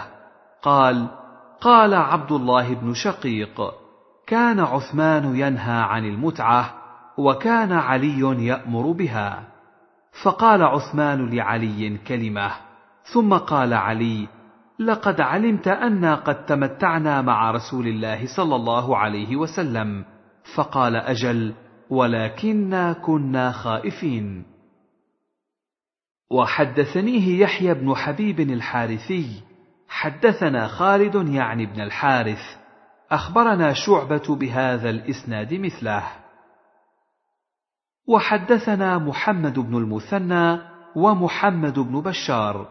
قال حدثنا محمد بن جعفر. حدثنا شعبة عن عمرو بن مره عن سعيد بن المسيب. قال اجتمع علي وعثمان رضي الله عنهما بعسفان فكان عثمان ينهى عن المتعة أو العمرة فقال علي ما تريد إلى أمر فعله رسول الله صلى الله عليه وسلم تنهى عنه. فقال عثمان دعنا منك. فقال إني لا أستطيع أن أدعك. فلما أن رأى علي ذلك أهل بهما جميعا. وحدثنا سعيد بن منصور وأبو بكر بن أبي شيبة وأبو كريب. قالوا حدثنا أبو معاوية عن الأعمش عن إبراهيم التيمي عن أبيه عن أبي ذر رضي الله عنه قال كانت المتعة في الحج لأصحاب محمد صلى الله عليه وسلم خاصة. وحدثنا أبو بكر بن أبي شيبة حدثنا عبد الرحمن بن مهدي عن سفيان عن عياش العامري عن إبراهيم التيمي عن أبيه عن أبي ذر رضي الله عنه قال كانت لنا رخصة يعني المتعة في الحج. وحدثنا قتيبة بن سعيد حدثنا جرير عن فضيل عن زبيد عن إبراهيم التيمي عن أبيه قال قال أبو ذر رضي الله عنه لا تصلح المتعتان إلا لنا خاصة يعني متعة النساء ومتعة الحج. حدثنا قتيبة حدثنا جرير عن بيان عن عبد الرحمن بن أبي الشعثاء قال أتيت إبراهيم النخعي وإبراهيم التيمي فقلت إني أهم أن أجمع العمرة والحج العام. فقال إبراهيم النخعي لكن أبوك لم يكن ليهم بذلك. قال قتيبة حدثنا جرير عن بيان عن إبراهيم التيمي عن أبيه أنه مر بأبي ذر رضي الله عنه بالربذة فذكر له ذلك فقال إنما كانت لنا خاصة دونكم. وحدثنا سعيد بن منصور وابن أبي عمر جميعا عن الفزاري. قال سعيد حدثنا مروان بن معاوية. أخبرنا سليمان التيمي عن غنيم بن قيس قال سألت سعد بن أبي وقاص رضي الله عنه عن المتعة فقال فعلناها وهذا يومئذ كافر بالعرش يعني بيوت مكة. وحدثناه أبو بكر بن أبي شيبة حدثنا يحيى بن سعيد عن سليمان التيمي بهذا الإسناد. وقال في روايته يعني معاوية. وحدثني عمرو الناقد حدثنا أبو أحمد الزبيري حدثنا سفيان حا. وحدثني محمد بن أبي خلف حدثنا روح بن عبادة حدثنا شعبة جميعا عن سليمان التيمي بهذا الإسناد مثل حديثهما. وفي حديث سفيان المتعة في الحج. وحدثنا زهير بن حرب حدثنا إسماعيل بن إبراهيم حدثنا الجريري عن أبي العلاء عن مطرف قال قال لي عمران بن حسين إني لأحدثك بالحديث اليوم ينفعك الله به بعد اليوم. واعلم أن رسول الله صلى الله عليه وسلم قد أعمر طائفة من أهله في العشر فلم تنزل آية تنسخ ذلك ولم ينه عنه حتى مضى لوجهه ارتأى كل امرئ بعد ما شاء أن يرتئي. وحدثناه إسحاق بن إبراهيم ومحمد بن حاتم كلاهما عن وكيع. حدثنا سفيان عن الجريري في هذا الإسناد. وقال ابن حاتم في روايته ارتأى رجل برأيه ما شاء يعني عمر. وحدثني عبيد الله بن معاذ حدثنا أبي حدثنا شعبة عن حميد بن هلال عن مطرف قال قال لي عمران بن حسين أحدثك حديثا عسى الله أن ينفعك به. إن رسول الله صلى الله عليه وسلم جمع بين حجة وعمرة ثم لم ينه عنه حتى مات ولم ينزل فيه قرآن يحرمه. وقد كان يسلم علي حتى اكتويت فتركت ثم تركت الكي فعاد. حدثناه محمد بن المثنى وابن بشار. قال حدثنا محمد بن جعفر.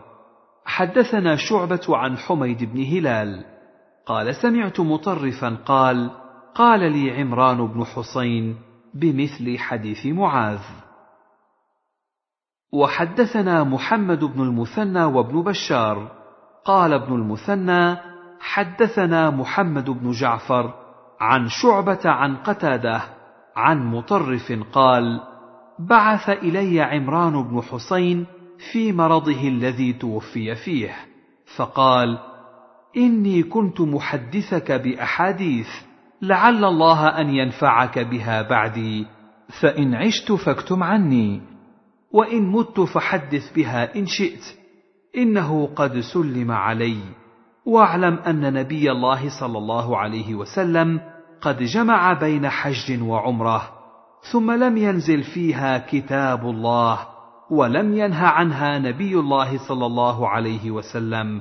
قال رجل فيها برأيه ما شاء.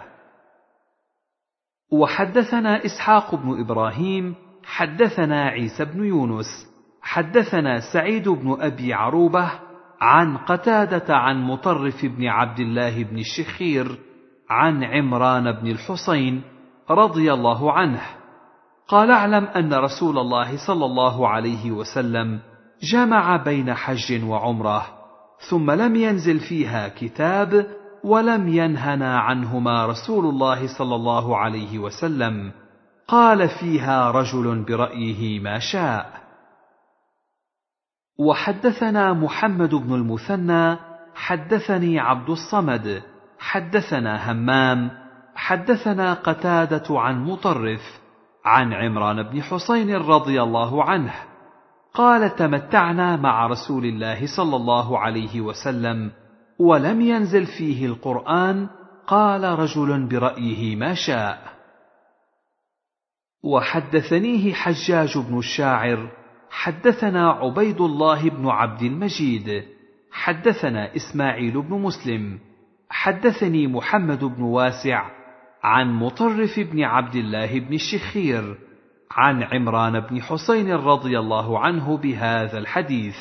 قال تمتع نبي الله صلى الله عليه وسلم وتمتعنا معه. حدثنا حامد بن عمر البكراوي ومحمد بن أبي بكر المقدمي. قال حدثنا بشر بن المفضل. حدثنا عمران بن مسلم عن أبي رجاء قال قال عمران بن حسين نزلت آية المتعة في كتاب الله يعني متعة الحج وأمرنا بها رسول الله صلى الله عليه وسلم. ثم لم تنزل آية تنسخ آية متعة الحج ولم ينهى عنها رسول الله صلى الله عليه وسلم. حتى مات قال رجل برأيه بعد ما شاء. وحدثنيه محمد بن حاتم حدثنا يحيى بن سعيد عن عمران القصير. حدثنا أبو رجاء عن عمران بن حسين بمثله غير أنه قال وفعلناها مع رسول الله صلى الله عليه وسلم ولم يقل وأمرنا بها. باب وجوب الدم على المتمتع وأنه إذا عدمه لزمه صوم ثلاثة أيام في الحج وسبعة إذا رجع إلى أهله. حدثنا عبد الملك بن شعيب بن الليث حدثني أبي عن جدي حدثني عقيل بن خالد عن ابن شهاب عن سالم بن عبد الله أن عبد الله بن عمر رضي الله عنهما قال تمتع رسول الله صلى الله عليه وسلم في حجة الوداع بالعمرة إلى الحج وأهدى فساق معه الهدي من ذي الحليفة. وبدأ رسول الله صلى الله عليه وسلم فأهل بالعمرة ثم أهل بالحج. وتمتع الناس مع رسول الله صلى الله عليه وسلم بالعمرة إلى الحج. فكان من الناس من أهدى فساق الهدي ومنهم من لم يهد. فلما قدم رسول الله صلى الله عليه وسلم مكة قال للناس من كان منكم أهدى فإنه لا يحل من شيء حرم منه حتى يقضي حجه ومن لم يكن منكم أهدى فليطف بالبيت وبالصفا والمروة وليقصر وليحلل. ثم ليهل بالحج وليهد فمن لم يجد هديا فليصم ثلاثة أيام في الحج وسبعة إذا رجع إلى أهله. وطاف رسول الله صلى الله عليه وسلم حين قدم مكة. فاستلم الركن أول شيء ثم خب ثلاثة أطواف من السبع ومشى أربعة أطواف. ثم ركع حين قضى طوافه بالبيت عند المقام ركعتين ثم سلم فانصرف. فأتى الصفا فطاف بالصفا والمروة سبعة أطواف ثم لم يحلل من شيء حرم منه حتى قضى حجه ونحر هديه يوم النحر وأفاض. فطاف بالبيت ثم حل من كل شيء حرم منه وفعل مثل ما فعل رسول الله صلى الله عليه وسلم من أهدى وساق الهدي من الناس.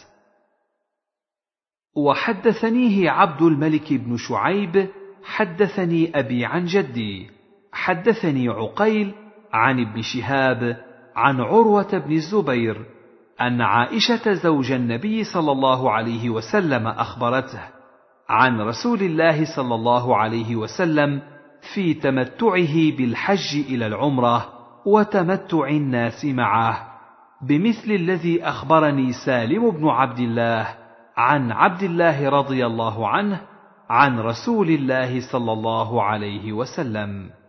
باب بيان أن القارن لا يتحلل إلا في وقت تحلل الحاج المفرد. حدثنا يحيى بن يحيى قال قرأت على مالك عن نافع عن عبد الله بن عمر أن حفصة رضي الله عنها زوج النبي صلى الله عليه وسلم قالت يا رسول الله ما شأن الناس حلوا ولم تحلل أنت من عمرتك؟ قال إني لبت رأسي وقلدت هدي فلا أحل حتى أنحر. وحدثناه ابن نمير حدثنا خالد بن مخلد عن مالك عن نافع عن ابن عمر عن حفصة رضي الله عنهم قالت قلت يا رسول الله ما لك لم تحل بنحوه.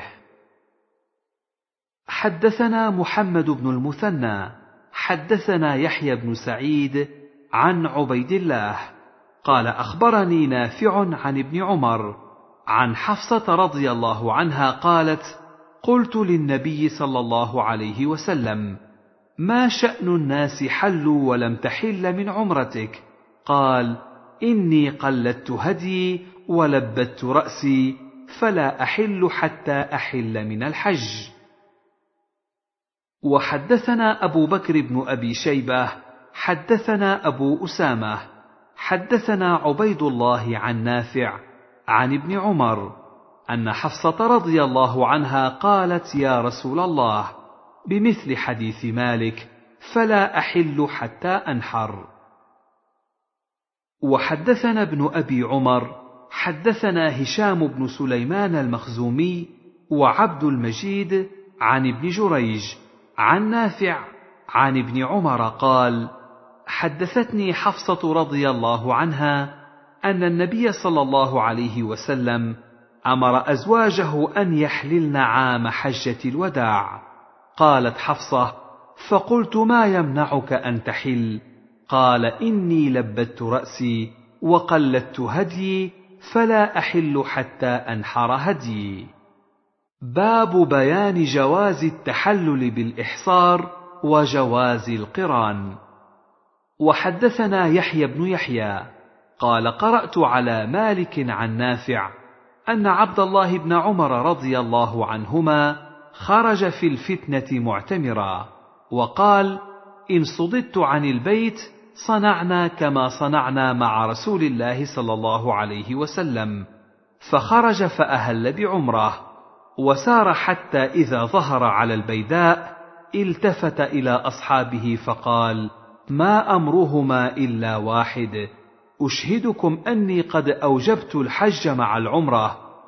فخرج حتى إذا جاء البيت طاف به سبعا وبين الصفا والمروة سبعا لم يزد عليه ورأى أنه مجزئ عنه وأهدى. وحدثنا محمد بن المثنى حدثنا يحيى وهو القطان. عن عبيد الله حدثني نافع أن عبد الله بن عبد الله وسالم بن عبد الله كلما عبد الله حين نزل الحجاج لقتال ابن الزبير قالا لا يضرك ألا تحج العام. فإنا نخشى أن يكون بين الناس قتال يحال بينك وبين البيت. قال فإن حيل بيني وبينه فعلت كما فعل رسول الله صلى الله عليه وسلم وأنا معه. حين حالت كفار قريش بينه وبين البيت أشهدكم أني قد أوجبت عمره. فانطلق حتى أتى ذا الحليفة فلبى بالعمرة ثم قال إن خلي سبيلي قضيت عمرتي وإن حيل بيني وبينه فعلت كما فعل رسول الله صلى الله عليه وسلم وأنا معه. ثم تلا لقد كان لكم في رسول الله أسوة حسنة. ثم سار حتى إذا كان بظهر البيداء قال ما أمرهما إلا واحد. إن حيل بيني وبين العمرة حيل بيني وبين الحج. أشهدكم أني قد أوجبت حجة مع عمرة. فانطلق حتى ابتاع بقديد هديا. ثم طاف لهما طوافا واحدا بالبيت وبين الصفا والمروة. ثم لم يحل منهما حتى حل منهما بحجة يوم النحر. وحدثناه ابن نمير. حدثنا أبي حدثنا عبيد الله عن نافع قال أراد ابن عمر الحج حين نزل الحجاج بابن الزبير واقتص الحديث بمثل هذه القصة وقال في آخر الحديث وكان يقول من جمع بين الحج والعمرة كفاه طواف واحد ولم يحل حتى يحل منهما جميعا. وحدثنا محمد بن رمح أخبرنا الليث حا. وحدثنا قتيبة واللفظ له. حدثنا ليث عن نافع. أن ابن عمر أراد الحج عام نزل الحجاج بابن الزبير فقيل له إن الناس كائن بينهم قتال وإنا نخاف أن يصدوك. فقال لقد كان لكم في رسول الله أسوة حسنة. أصنع كما صنع رسول الله صلى الله عليه وسلم. إني أشهدكم أني قد أوجبت عمرة. ثم خرج حتى إذا كان بظاهر البيداء قال ما شأن الحج والعمرة إلا واحد. اشهدوا. قال ابن رمح أشهدكم أني قد أوجبت حجا مع عمرتي. وأهدى هديا اشتراه بقديد.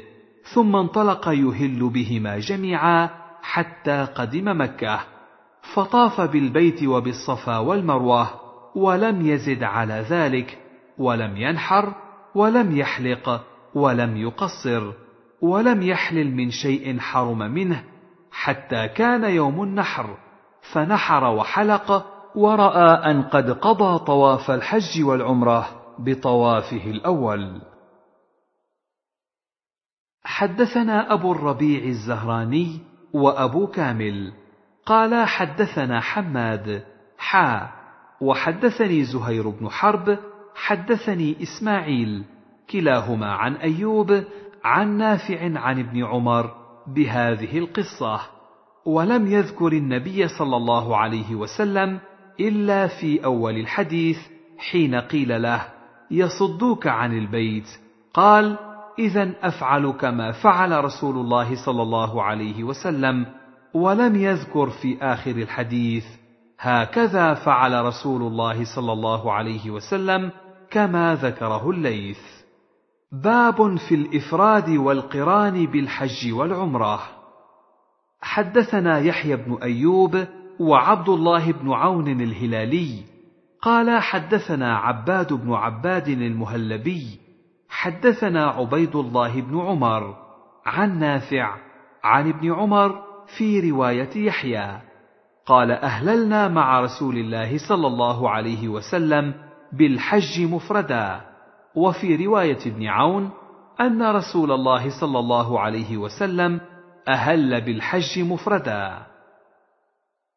وحدثنا سريج بن يونس حدثنا هشيم حدثنا حميد عن بكر عن أنس رضي الله عنه قال سمعت النبي صلى الله عليه وسلم يلبي بالحج والعمرة جميعا.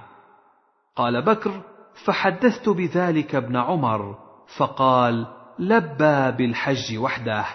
فلقيت انسا فحدثته بقول ابن عمر فقال أنس ما تعدوننا إلا صبيانا. سمعت رسول الله صلى الله عليه وسلم يقول لبيك عمرة وحجا. وحدثني أمية بن بسطام العيشي. حدثنا يزيد يعني ابن زريع. حدثنا حبيب بن الشهيد عن بكر بن عبد الله. حدثنا أنس رضي الله عنه أنه رأى النبي صلى الله عليه وسلم جمع بينهما بين الحج والعمرة. قال فسألت ابن عمر فقال أهللنا بالحج. فرجعت إلى أنس فأخبرته ما قال ابن عمر فقال كأنما كنا صبيانا. باب ما يلزم من أحرم بالحج ثم قدم مكة من الطواف والسعي. حدثنا يحيى بن يحيى. أخبرنا عبثر عن إسماعيل بن أبي خالد عن وبره قال كنت جالسا عند ابن عمر. فجاءه رجل فقال أيصلح لي أن أطوف بالبيت قبل أن آتي الموقف؟ فقال نعم. فقال فإن ابن عباس يقول لا تطف بالبيت حتى تأتي الموقف. فقال ابن عمر فقد حج رسول الله صلى الله عليه وسلم فطاف بالبيت قبل أن يأتي الموقف فبقول رسول الله صلى الله عليه وسلم أحق أن تأخذ أو بقول ابن عباس إن كنت صادقا. وحدثنا قتيبة بن سعيد حدثنا جرير عن بيان عن وبرة قال سأل رجل ابن عمر رضي الله عنهما أطوف بالبيت وقد أحرمت بالحج؟ فقال وما يمنعك؟ قال إني رأيت ابن فلان يكرهه وأنت أحب إلينا منه. رأيناه قد فتنته الدنيا فقال وأينا أو وأيكم لم تفتنه الدنيا؟ ثم قال رأينا رسول الله صلى الله عليه وسلم أحرم بالحج وطاف بالبيت وسعى بين الصفا والمروة فسنة الله وسنة رسوله صلى الله عليه وسلم أحق أن تتبع من سنة فلان إن كنت صادقا. حدثني زهير بن حرب حدثنا سفيان بن عيينة عن عمرو بن دينار. قال سألنا ابن عمر عن رجل قدم بعمرة فطاف بالبيت ولم يطف بين الصفا والمروة. أيأتي امرأته؟ فقال قدم رسول الله صلى الله عليه وسلم فطاف بالبيت سبعا وصلى خلف المقام ركعتين وبين الصفا والمروة سبعا. وقد كان لكم في رسول الله أسوة حسنة. حدثنا يحيى بن يحيى وأبو الربيع الزهراني عن حماد بن زيد حا. وحدثنا عبد بن حميد أخبرنا محمد بن بكر أخبرنا ابن جريج جميعا عن عمرو بن دينار عن ابن عمر رضي الله عنهما عن النبي صلى الله عليه وسلم نحو حديث ابن عيينة. باب ما يلزم من طاف بالبيت وسعى من البقاء على الإحرام وترك التحلل. حدثني هارون بن سعيد الأيلي. حدثنا ابن وهب. أخبرني عمرو وهو ابن الحارث. عن محمد بن عبد الرحمن. أن رجلا من أهل العراق قال له سلي عروة بن الزبير عن رجل يهل بالحج فإذا طاف بالبيت أيحل أم لا؟ فإن قال لك لا يحل فقل له إن رجلا يقول ذلك. قال فسألته فقال لا يحل من أهل بالحج إلا بالحج. قلت فإن رجلا كان يقول ذلك. قال بئس ما قال. فتصداني الرجل فسألني فحدثته فقال فقل له فإن رجلا كان يخبر أن رسول الله صلى الله عليه وسلم قد فعل ذلك وما شأن أسماء والزبير قد فعل ذلك. قال فجئته فذكرت له ذلك فقال من هذا؟ فقلت لا أدري. قال فما باله لا يأتيني بنفسه يسألني أظنه عراقيا. قلت لا أدري.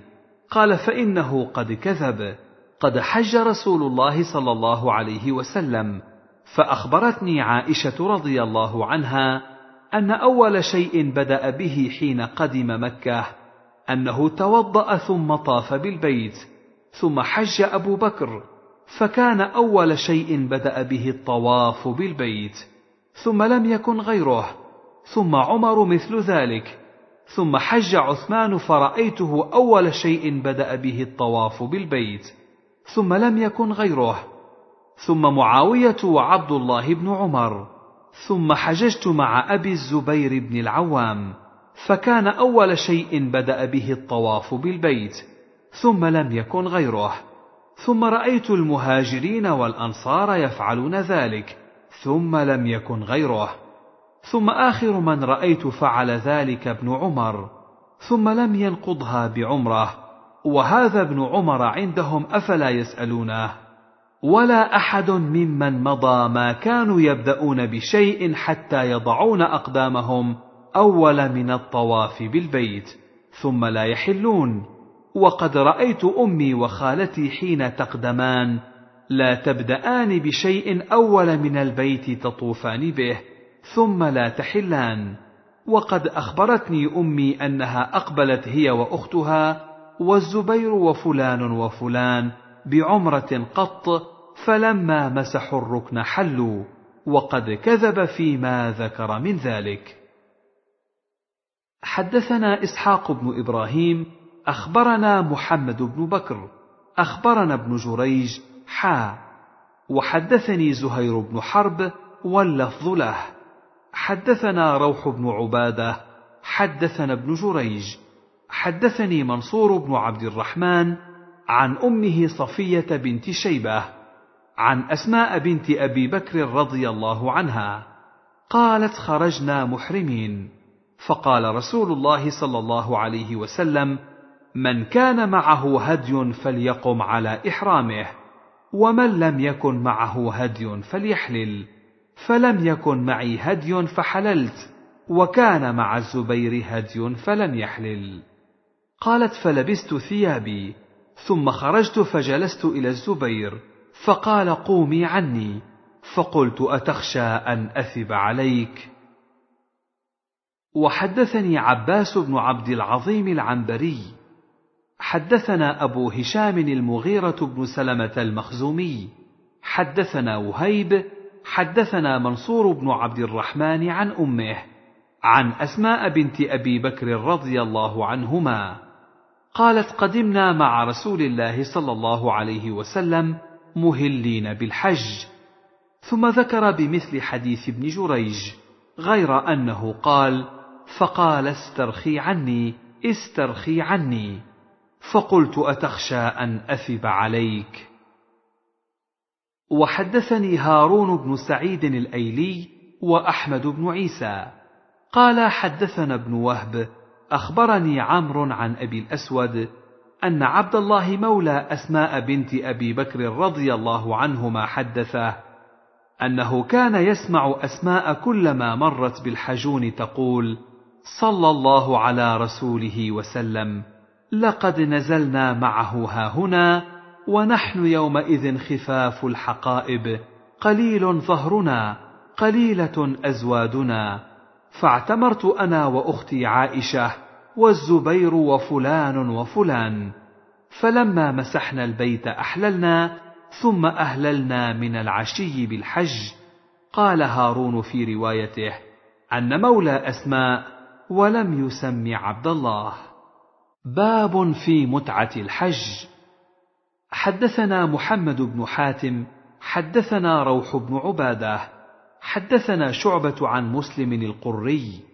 قال سألت ابن عباس رضي الله عنهما عن متعة الحج فرخص فيها وكان ابن الزبير ينهى عنها.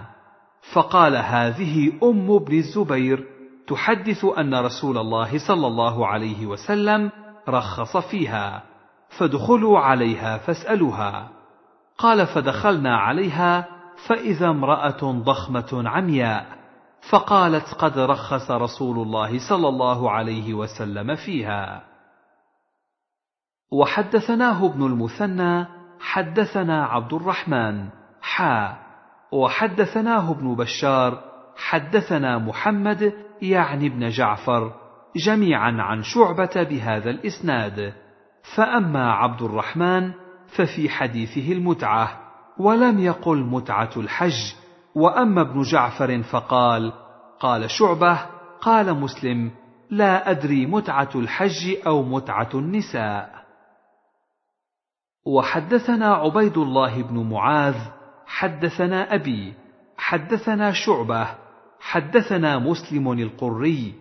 سمع ابن عباس رضي الله عنهما يقول أهل النبي صلى الله عليه وسلم بعمرة وأهل أصحابه بحج. فلم يحل النبي صلى الله عليه وسلم ولا من ساق الهدي من أصحابه وحل بقيتهم. فكان طلحة بن عبيد الله في من ساق الهدي فلم يحل. وحدثناه محمد بن بشار حدثنا محمد يعني ابن جعفر حدثنا شعبة بهذا الإسناد غير أنه قال وكان ممن لم يكن معه الهدي طلحة بن عبيد الله ورجل آخر فأحلا. باب جواز العمرة في أشهر الحج.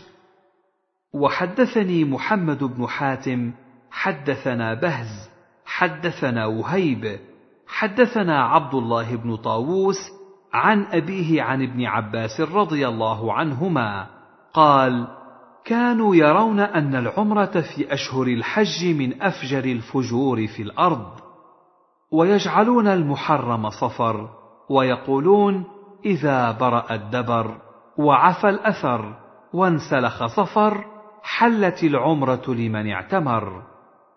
فقدم النبي صلى الله عليه وسلم وأصحابه صبيحة رابعة مهلين بالحج فأمرهم أن يجعلوها عمرة. فتعاظم ذلك عندهم. فقالوا يا رسول الله أي الحل؟ قال الحل كله. حدثنا نصر بن علي الجهضمي. حدثنا أبي. حدثنا شعبة عن أيوب عن أبي العالية البراء أنه سمع ابن عباس رضي الله عنهما يقول أهل رسول الله صلى الله عليه وسلم بالحج فقدم لأربع مضين من ذي الحجة فصلى الصبح وقال لما صلى الصبح من شاء أن يجعلها عمرة فليجعلها عمرة. وحدثناه إبراهيم بن دينار حدثنا روح حا. وحدثنا أبو داود المباركي حدثنا أبو شهاب حا. وحدثنا محمد بن المثنى حدثنا يحيى بن كثير كلهم عن شعبة في هذا الإسناد. أما روح ويحيى بن كثير فقالا كما قال نصر أهل رسول الله صلى الله عليه وسلم بالحج وأما أبو شهاب ففي روايته خرجنا مع رسول الله صلى الله عليه وسلم نهل بالحج وفي حديثهم جميعا فصلى الصبح بالبطحاء خلا الجهضمي فإنه لم يقله. وحدثنا هارون بن عبد الله حدثنا محمد بن الفضل السدوسي حدثنا وهيب أخبرنا أيوب عن أبي العالية البراء عن ابن عباس رضي الله عنهما قال قدم النبي صلى الله عليه وسلم وأصحابه لأربع خلون من العشر وهم يلبون بالحج. فأمرهم أن يجعلوها عمرة. وحدثنا عبد بن حميد أخبرنا عبد الرزاق أخبرنا معمر عن أيوب عن أبي العالية عن ابن عباس رضي الله عنهما قال صلى رسول الله صلى الله عليه وسلم الصبح بذي طوى وقدم لأربع مضين من ذي الحجة وأمر أصحابه أن يحولوا إحرامهم بعمرة إلا من كان معه الهدي. وحدثنا محمد بن المثنى وابن بشار. قال حدثنا محمد بن جعفر. حدثنا شعبة. حا. وحدثنا عبيد الله بن معاذ واللفظ له. حدثنا أبي. حدثنا شعبة عن الحكم عن مجاهد. عن ابن عباس رضي الله عنهما قال قال رسول الله صلى الله عليه وسلم هذه عمرة استمتعنا بها فمن لم يكن عنده الهدي فليحل الحل كله فإن العمرة قد دخلت في الحج إلى يوم القيامة. حدثنا محمد بن المثنى وابن بشار قال حدثنا محمد بن جعفر حدثنا شعبة قال سمعت أبا جمرة الضبعي قال تمتعت فنهاني ناس عن ذلك. فأتيت ابن عباس فسألته عن ذلك فأمرني بها. قال ثم انطلقت إلى البيت فنمت فأتاني آت في منامي فقال عمرة متقبلة وحج مبرور. قال فأتيت ابن عباس فأخبرته بالذي رأيت فقال الله أكبر الله أكبر سنة أبي القاسم صلى الله عليه وسلم. باب تقليد الهدي وإشعاره عند الإحرام. حدثنا محمد بن المثنى وابن بشار جميعا عن ابن أبي عدي. قال ابن المثنى حدثنا ابن أبي عدي عن شعبة عن قتادة عن أبي حسان عن ابن عباس رضي الله عنهما. قال صلى رسول الله صلى الله عليه وسلم الظهر بذي الحليفة ثم دعا بناقته فأشعرها في صفحة سنامها الأيمن وسلت الدم وقلدها نعلين ثم ركب راحلته فلما استوت به على البيداء أهل بالحج. حدثنا محمد بن المثنى حدثنا معاذ بن هشام حدثني أبي عن قتادة في هذا الإسناد بمعنى حديث شعبة غير أنه قال إن نبي الله صلى الله عليه وسلم لما أتى ذا الحليفة ولم يقل صلى بها الظهر حدثنا محمد بن المثنى وابن بشار قال ابن المثنى حدثنا محمد بن جعفر قال حدثنا شعبة عن قتادة. قال سمعت أبا حسان الأعرج قال قال رجل من بني الهجيم لابن عباس ما هذه الفتية التي قد تشغفت أو تشغبت بالناس؟ أن من طاف بالبيت فقد حل. فقال سنة نبيكم صلى الله عليه وسلم وإن رغمتم. وحدثني أحمد بن سعيد الدارمي. حدثنا أحمد بن إسحاق حدثنا همام بن يحيى عن قتادة عن أبي حسان قال قيل لابن عباس إن هذا الأمر قد تفشغ بالناس. من طاف بالبيت فقد حل الطواف عمرة. فقال سنة نبيكم صلى الله عليه وسلم وإن رغمتم. وحدثنا إسحاق بن إبراهيم أخبرني محمد بن بكر أخبرنا ابن جريج أخبرني عطاء قال كان ابن عباس يقول لا يطوف بالبيت حاج ولا غير حاج إلا حل. قلت لعطاء من أين يقول ذلك؟ قال من قول الله تعالى ثم محلها إلى البيت العتيق. قال قلت فإن ذلك بعد المعرف. فقال كان ابن عباس يقول هو بعد المعرف وقبله وكان يأخذ ذلك من أمر النبي صلى الله عليه وسلم حين أمرهم أن يحلوا في حجة الوداع. باب التقصير في العمرة. حدثنا عمرو الناقد حدثنا سفيان بن عيينة عن هشام بن حجير عن طاووس قال قال ابن عباس قال لي معاوية أعلمت أني قصرت من رأس رسول الله صلى الله عليه وسلم عند المروة بمشقص فقلت له لا أعلم هذا إلا حجة عليك. وحدثني محمد بن حاتم حدثنا يحيى بن سعيد عن ابن جريج حدثني الحسن بن مسلم عن طاووس عن ابن عباس. أن معاوية بن أبي سفيان اخبره قال قصرت عن رسول الله صلى الله عليه وسلم بمشقص وهو على المروة أو رأيته يقصر عنه بمشقص وهو على المروة. حدثني عبيد الله بن عمر القواريري حدثنا عبد الأعلى بن عبد الأعلى حدثنا داود عن أبي نضرة عن أبي سعيد قال خرجنا مع رسول الله صلى الله عليه وسلم نصرخ بالحج صراخا.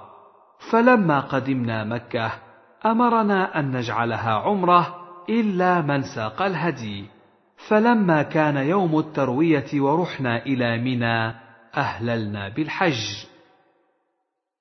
وحدثنا حجاج بن الشاعر حدثنا معل بن أسد حدثنا وهيب بن خالد عن داود عن أبي نضرة عن جابر وعن أبي سعيد الخدري رضي الله عنهما قالا قدمنا مع النبي صلى الله عليه وسلم ونحن نصرخ بالحج صراخا.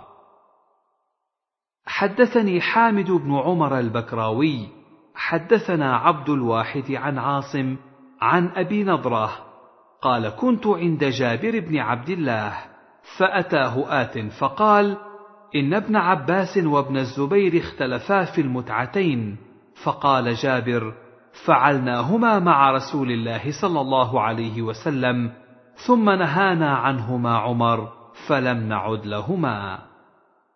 باب إهلال النبي صلى الله عليه وسلم وهديه. حدثني محمد بن حاتم حدثنا ابن مهدي حدثني سليم بن حيان عن مروان الأصفر الأصغر عن أنس رضي الله عنه أن عليا قدم من اليمن فقال له النبي صلى الله عليه وسلم بما أهللت؟ فقال أهللت بإهلال النبي صلى الله عليه وسلم. قال لولا أن معي الهدي لأحللت. وحدثنيه حجاج بن الشاعر حدثنا عبد الصمد. حا وحدثني عبد الله بن هاشم حدثنا بهز قال حدثنا سليم بن حيان بهذا الإسناد مثله غير أن في رواية بهز لحللت. حدثنا يحيى بن يحيى أخبرنا هشيم عن يحيى بن أبي إسحاق وعبد العزيز بن صهيب وحميد أنهم سمعوا أنسا رضي الله عنه قال سمعت رسول الله صلى الله عليه وسلم أهل بهما جميعا. لبيك عمرة وحجا لبيك عمرة وحجا. وحدثنيه علي بن حجر أخبرنا إسماعيل بن إبراهيم عن يحيى بن أبي إسحاق وحميد الطويل. قال يحيى سمعت أنسا يقول سمعت النبي صلى الله عليه وسلم يقول لبيك عمرة وحجا. وقال حميد قال أنس سمعت رسول الله صلى الله عليه وسلم يقول لبيك بعمرة وحج. وحدثنا سعيد بن منصور وعمر الناقد وزهير بن حرب جميعا عن ابن عيينة. قال سعيد حدثنا سفيان بن عيينة. حدثني الزهري عن حنظلة الأسلمي قال سمعت أبا هريرة رضي الله عنه يحدث عن النبي صلى الله عليه وسلم قال والذي نفسي بيده ليهلن ابن مريم بفج الروحاء حاجا أو معتمرا أو ليثنينهما. وحدثناه قتيبة بن سعيد حدثنا ليث عن ابن شهاب بهذا الإسناد مثله. قال والذي نفس محمد بيده. وحدثنيه حرملة بن يحيى أخبرنا ابن وهب أخبرني يونس عن ابن شهاب عن حنظلة بن علي الأسلمي أنه سمع أبا هريرة رضي الله عنه يقول: قال رسول الله صلى الله عليه وسلم والذي نفسي بيده. بمثل حديثهما. باب بيان عدد عمر النبي صلى الله عليه وسلم وزمانهن. حدثنا هداب بن خالد حدثنا همام حدثنا قتادة أن أنس رضي الله عنه أخبره أن رسول الله صلى الله عليه وسلم اعتمر أربع عمر كلهن في ذي القعدة إلا التي مع حجته عمرة من الحديبية أو زمن الحديبية في ذي القعدة وعمرة من العام المقبل في ذي القعدة وعمرة من جعرانة حيث قسم غنائم حنين في ذي القعدة وعمرة مع حجته. حدثنا محمد بن المثنى حدثني عبد الصمد حدثنا همام حدثنا قتادة. قال سألت انسا كم حج رسول الله صلى الله عليه وسلم؟ قال حجة واحدة واعتمر أربع عمر. ثم ذكر بمثل حديث هداب. وحدثني زهير بن حرب حدثنا الحسن بن موسى. أخبرنا زهير عن أبي إسحاق. قال سألت زيد بن أرقم كم غزوت مع رسول الله صلى الله عليه وسلم؟ قال سبع عشرة. قال وحدثني زيد بن أرقم أن رسول الله صلى الله عليه وسلم غزا تسع عشرة وأنه حج بعدما هاجر حجة واحدة حجة الوداع. قال أبو إسحاق وبمكة أخرى. وحدثنا هارون بن عبد الله أخبرنا محمد بن بكر البرساني أخبرنا ابن جريج قال سمعت عطاء يخبر قال أخبرني عروة بن الزبير قال كنت أنا وابن عمر مستندين إلى حجرة عائشة وإنا لنسمع ضربها بالسواك تستن. قال فقلت يا أبا عبد الرحمن أعتمر النبي صلى الله عليه وسلم في رجب؟ قال نعم. فقلت لعائشة أي أمتاه ألا تسمعين ما يقول أبو عبد الرحمن؟ قالت وما يقول؟ قلت يقول اعتمر النبي صلى الله عليه وسلم في رجب. فقالت يغفر الله لأبي عبد الرحمن لعمري ما اعتمر في رجب وما اعتمر من عمرة إلا وإنه لمعه. قال وابن عمر يسمع فما قال لا ولا نعم سكت. وحدثنا إسحاق بن إبراهيم أخبرنا جرير عن منصور عن مجاهد قال دخلت أنا وعروة بن الزبير المسجد فإذا عبد الله بن عمر جالس إلى حجرة عائشة والناس يصلون الضحى في المسجد فسألناه عن صلاتهم فقال بدعة فقال له عروة يا أبا عبد الرحمن كم اعتمر رسول الله صلى الله عليه وسلم؟ فقال أربع عمر إحداهن في رجب فكرهنا أن نكذبه ونرد عليه وسمعنا استنان عائشة في الحجرة فقال عروة ألا تسمعين يا أم المؤمنين إلى ما يقول أبو عبد الرحمن؟ فقالت وما يقول؟ قال يقول اعتمر النبي صلى الله عليه وسلم أربع عمر إحداهن في رجب. فقالت يرحم الله أبا عبد الرحمن ما اعتمر رسول الله صلى الله عليه وسلم إلا وهو معه وما اعتمر في رجب قط. باب فضل العمرة في رمضان. وحدثني محمد بن حاتم بن ميمون حدثنا يحيى بن سعيد عن ابن جريج قال أخبرني عطاء قال سمعت ابن عباس يحدثنا قال قال رسول الله صلى الله عليه وسلم لامرأة من الأنصار سماها ابن عباس فنسيت اسمها. ما منعك أن تحجي معنا؟ قالت لم يكن لنا إلا ناضحان. فحج أبو ولدها وابنها على ناضح وترك لنا ناضحا ننضح عليه. قال فإذا جاء رمضان فاعتمري فإن عمرة فيه تعدل حجة.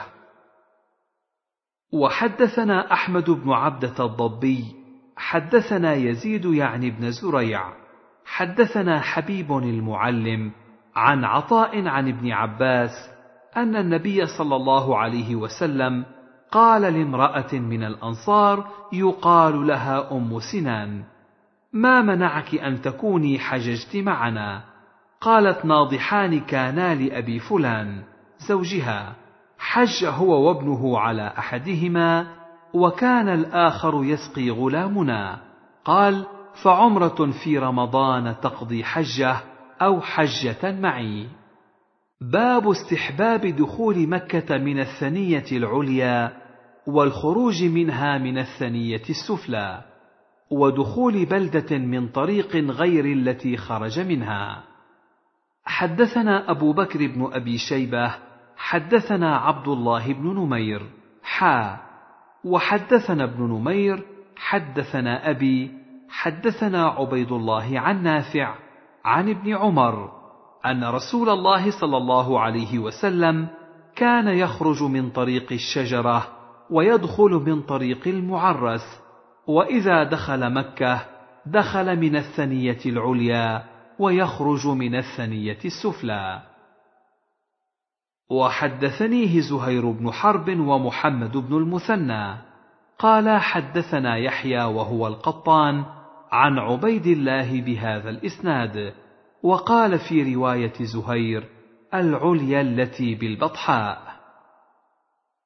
حدثنا محمد بن المثنى وابن أبي عمر جميعا عن ابن عيينة. قال ابن المثنى حدثنا سفيان عن هشام بن عروة عن أبيه عن عائشة أن النبي صلى الله عليه وسلم لما جاء إلى مكة دخلها من أعلاها وخرج من أسفلها. وحدثنا أبو كريب حدثنا أبو أسامة عن هشام عن أبيه عن عائشة أن رسول الله صلى الله عليه وسلم دخل عام الفتح من كداء من أعلى مكة. قال هشام فكان أبي يدخل منهما كليهما وكان أبي أكثر ما يدخل من كداء. باب استحباب المبيت بذي طوى عند إرادة دخول مكة والاغتسال لدخولها ودخولها نهارا. حدثني زهير بن حرب وعبيد الله بن سعيد قال حدثنا يحيى وهو القطان عن عبيد الله. أخبرني نافع عن ابن عمر أن رسول الله صلى الله عليه وسلم بات بذي طوى حتى أصبح ثم دخل مكة. قال وكان عبد الله يفعل ذلك. وفي رواية ابن سعيد حتى صلى الصبح. قال يحيى أو قال حتى أصبح. وحدثنا أبو الربيع الزهراني حدثنا حماد حدثنا أيوب عن نافع أن ابن عمر كان لا يقدم مكة إلا بات بذي طوى حتى يصبح ويغتسل ثم يدخل مكة نهارا ويذكر عن النبي صلى الله عليه وسلم أنه فعله. وحدثنا محمد بن إسحاق المسيبي حدثني أنس يعني ابن عياض عن موسى بن عقبة عن نافع أن عبد الله حدثه أن رسول الله صلى الله عليه وسلم كان ينزل بذي طوى ويبيت به حتى يصلي الصبح حين يقدم مكة. ومصلى رسول الله صلى الله عليه وسلم ذلك على أكمة غليظة ليس في المسجد الذي بني ثم ولكن أسفل من ذلك على أكمة غليظة. حدثنا محمد بن إسحاق المسيبي. حدثني أنس يعني ابن عياض عن موسى بن عقبة عن نافع أن عبد الله أخبره أن رسول الله صلى الله عليه وسلم استقبل فرضتي الجبل الذي بينه وبين الجبل الطويل نحو الكعبة. يجعل المسجد الذي بني ثم يسار المسجد الذي بطرف الأكمة. ومصلى رسول الله صلى الله عليه وسلم أسفل منه على الأكمة السوداء. يدع من الأكمة عشرة أذرع أو نحوها. ثم يصلي مستقبل الفرضتين من الجبل الطويل الذي بينك وبين الكعبة. صلى الله عليه وسلم. باب استحباب الرمل في الطواف والعمرة وفي الطواف الأول من الحج. حدثنا أبو بكر بن أبي شيبة حدثنا عبد الله بن نمير حا. وحدثنا ابن نمير حدثنا أبي. حدثنا عبيد الله عن نافع عن ابن عمر أن رسول الله صلى الله عليه وسلم كان إذا طاف بالبيت الطواف الأول خب ثلاثا ومشى أربعا وكان يسعى ببطن المسيل إذا طاف بين الصفا والمروة وكان ابن عمر يفعل ذلك. وحدثنا محمد بن عباد حدثنا حاتم يعني ابن إسماعيل عن موسى بن عقبة عن نافع عن ابن عمر أن رسول الله صلى الله عليه وسلم كان إذا طاف في الحج والعمرة أول ما يقدم فإنه يسعى ثلاثة أطواف بالبيت ثم يمشي أربعة ثم يصلي سجدتين ثم يطوف بين الصفا والمروة. وحدثني أبو الطاهر وحرملة بن يحيى قال حرملة أخبرنا ابن وهب أخبرني يونس عن ابن شهاب أن سالم بن عبد الله أخبره أن عبد الله بن عمر قال رأيت رسول الله صلى الله عليه وسلم حين يقدم مكة إذا استلم الركن الأسود أول ما يطوف حين يقدم يخب ثلاثة أطواف من السبع. وحدثنا عبد الله بن عمر بن أبان الجعفي حدثنا ابن المبارك أخبرنا عبيد الله عن نافع عن ابن عمر رضي الله عنهما. قال رمل رسول الله صلى الله عليه وسلم من الحجر إلى الحجر ثلاثا ومشى أربعا. وحدثنا أبو كامل الجحدري حدثنا سليم بن أخضر حدثنا عبيد الله بن عمر عن نافع. أن ابن عمر رمل من الحجر إلى الحجر وذكر أن رسول الله صلى الله عليه وسلم فعله. وحدثنا عبد الله بن مسلمة بن قعنب حدثنا مالك حا وحدثنا يحيى بن يحيى واللفظ له. قال قرأت على مالك عن جعفر بن محمد عن أبيه. عن جابر بن عبد الله رضي الله عنهما أنه قال رأيت رسول الله صلى الله عليه وسلم رمل من الحجر الأسود حتى انتهى إليه ثلاثة أطواف. وحدثني أبو الطاهر أخبرنا عبد الله بن وهب أخبرني مالك وابن جريج عن جعفر بن محمد عن أبيه عن جابر بن عبد الله أن رسول الله صلى الله عليه وسلم رمل الثلاثة أطواف من الحجر إلى الحجر. حدثنا أبو كامل فضيل بن حسين الجحدري حدثنا عبد الواحد بن زياد حدثنا الجريري عن أبي الطفيل قال قلت لابن عباس أرأيت هذا الرمل بالبيت ثلاثة أطواف؟ ومشي أربعة أطواف أسنة هو؟ فإن قومك يزعمون أنه سنة. قال فقال صدقوا وكذبوا. قال قلت ما قولك صدقوا وكذبوا؟ قال إن رسول الله صلى الله عليه وسلم قدم مكة. فقال المشركون إن محمدا وأصحابه لا يستطيعون أن يطوفوا بالبيت من الهزل. وكانوا يحسدونه.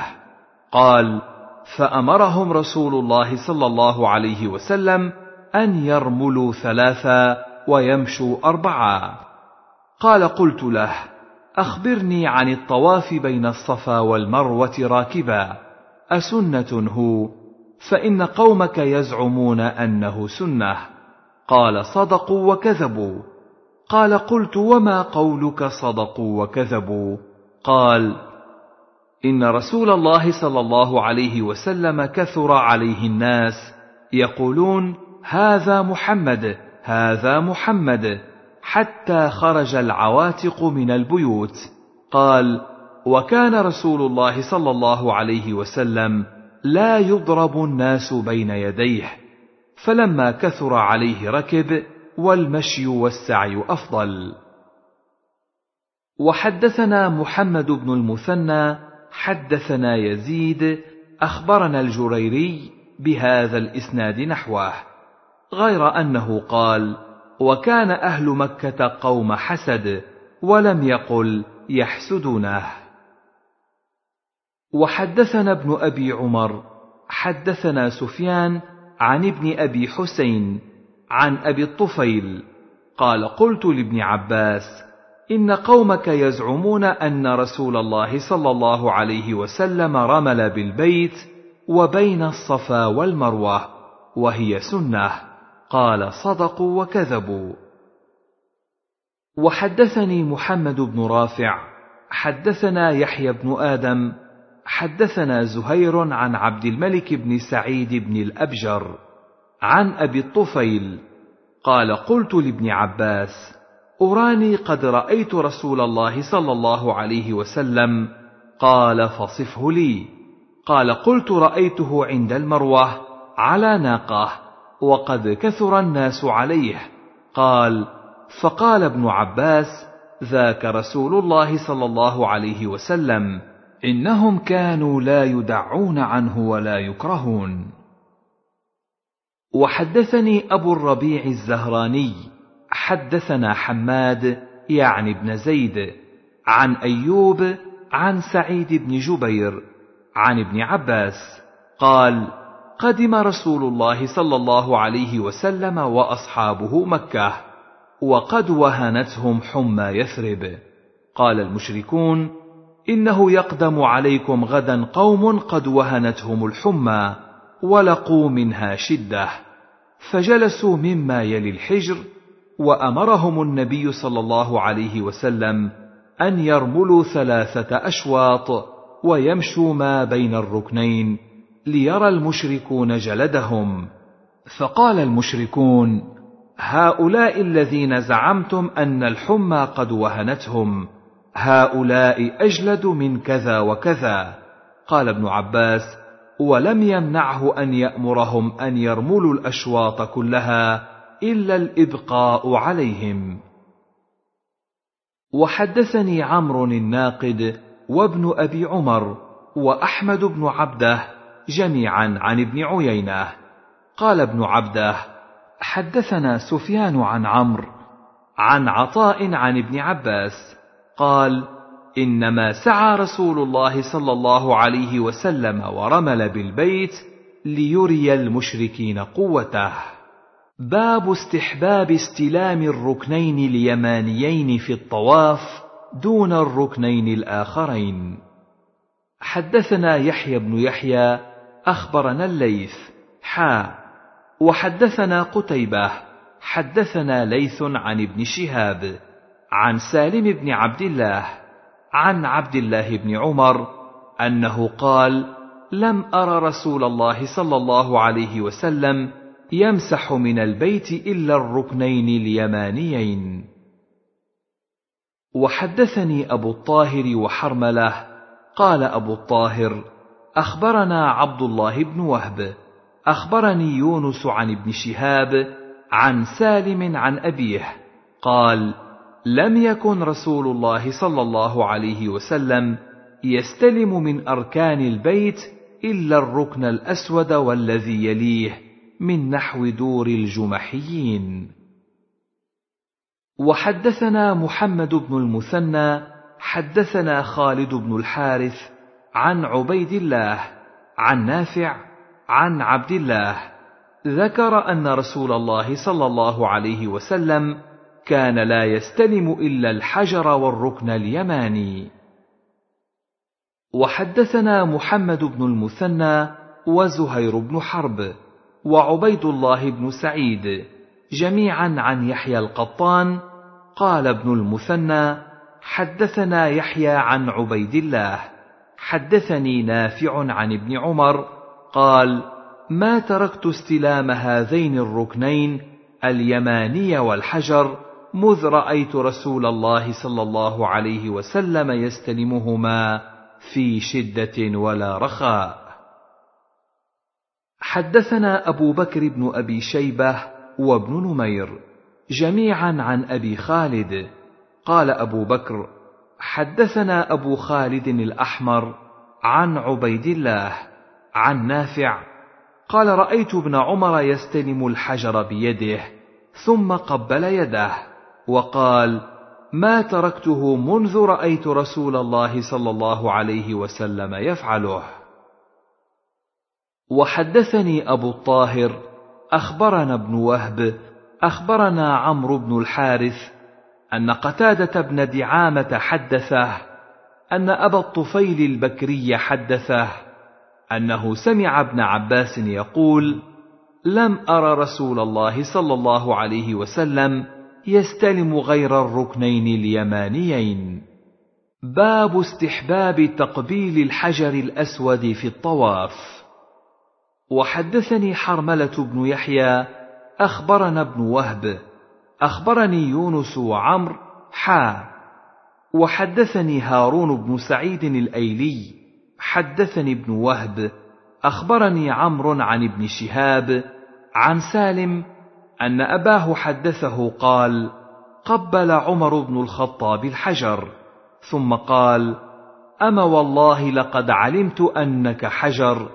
ولولا أني رأيت رسول الله صلى الله عليه وسلم يقبلك ما قبلتك. زاد هارون في روايته قال عمرو وحدثني بمثلها زيد بن أسلم عن أبيه أسلم. وحدثنا محمد بن أبي بكر المقدمي حدثنا حماد بن زيد عن أيوب عن نافع عن ابن عمر.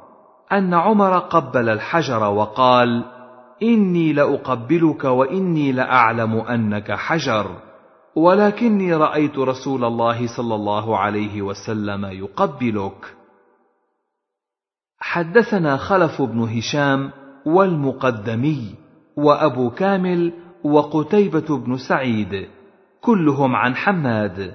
قال خلف حدثنا حماد بن زيد عن عاصم الأحول عن عبد الله بن سرجس قال رأيت الأصلع يعني عمر بن الخطاب يقبل الحجر ويقول والله إني لأقبلك وإني أعلم أنك حجر وأنك لا تضر ولا تنفع ولولا أني رأيت رسول الله صلى الله عليه وسلم قبلك ما قبلتك.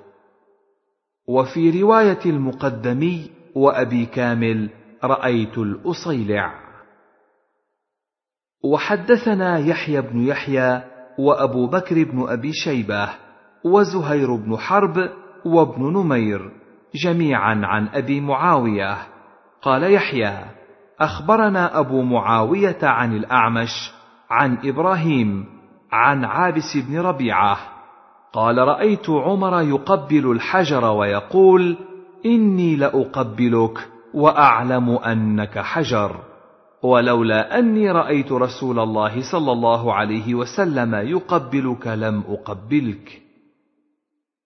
وحدثنا أبو بكر بن أبي شيبة وزهير بن حرب جميعا عن وكيع. قال أبو بكر حدثنا وكيع عن سفيان عن إبراهيم بن عبد الأعلى عن سويد بن غفلة قال رأيت عمر قبل الحجر والتزمه وقال رأيت رسول الله صلى الله عليه وسلم بك حفيا. وحدثنيه محمد بن المثنى حدثنا عبد الرحمن عن سفيان بهذا الإسناد قال ولكني رأيت أبا القاسم صلى الله عليه وسلم بك حفيا ولم يقل والتزمه. باب جواز الطواف على بعير وغيره واستلام الحجر بمحجن ونحوه للراكب.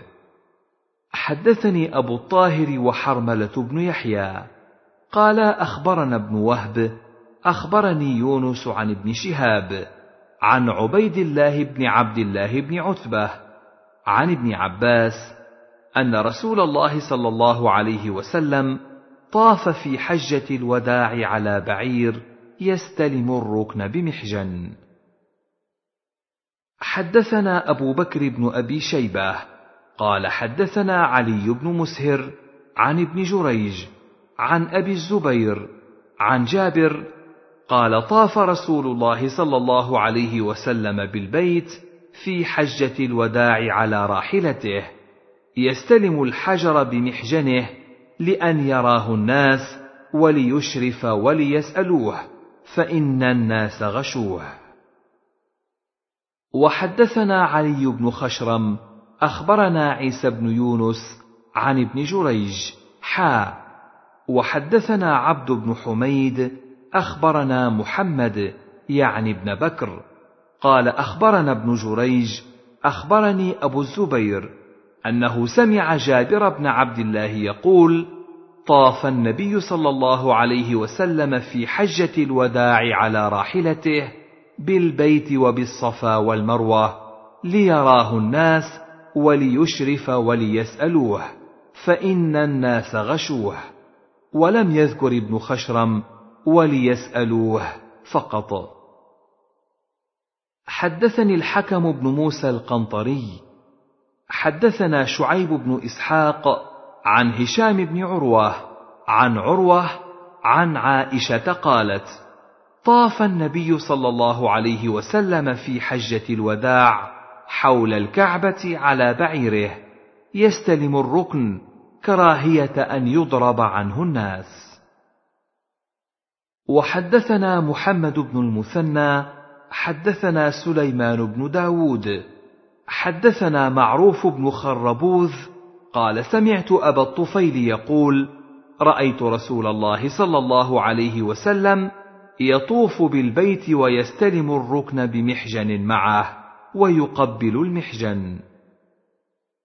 حدثنا يحيى بن يحيى قال قرأت على مالك عن محمد بن عبد الرحمن بن نوفل عن عروة عن زينب بنت أبي سلمة عن أم سلمة أنها قالت شكوت إلى رسول الله صلى الله عليه وسلم أني أشتكي.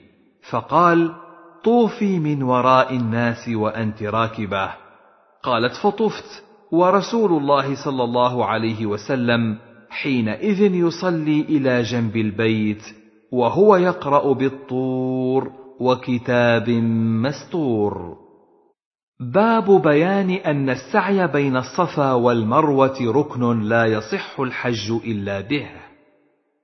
حدثنا يحيى بن يحيى حدثنا أبو معاوية عن هشام بن عروة عن أبيه عن عائشة قال قلت لها إني لأظن رجلا لو لم يطف بين الصفا والمروة ما ضره قالت لم قلت لأن الله تعالى يقول إن الصفا والمروة من شعائر الله إلى آخر الآية. فقالت ما أتم الله حج امرئ ولا عمرته لم يطف بين الصفا والمروة. ولو كان كما تقول لكان فلا جناح عليه ألا يطوف بهما. وهل تدري فيما كان ذاك؟ إنما كان ذاك أن الأنصار كانوا يهلون في الجاهلية لصنمين على شط البحر يقال لهما إساف ونائلة ثم يجيئون فيطوفون بين الصفا والمروة ثم يحلقون فلما جاء الإسلام كرهوا أن يطوفوا بينهما للذي كانوا يصنعون في الجاهلية قالت فأنزل الله عز وجل إن الصفا والمروة من شعائر الله إلى آخرها قالت فطافوا.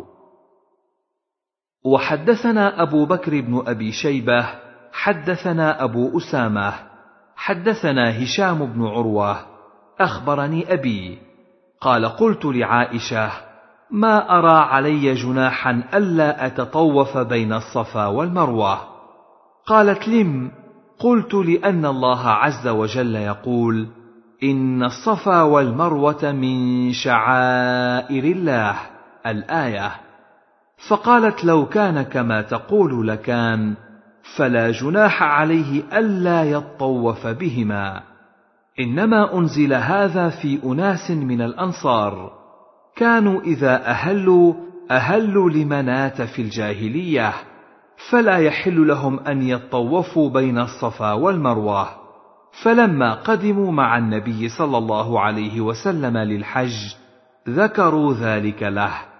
فأنزل الله تعالى هذه الآية فلعمري ما أتم الله حج من لم يطف بين الصفا والمروة.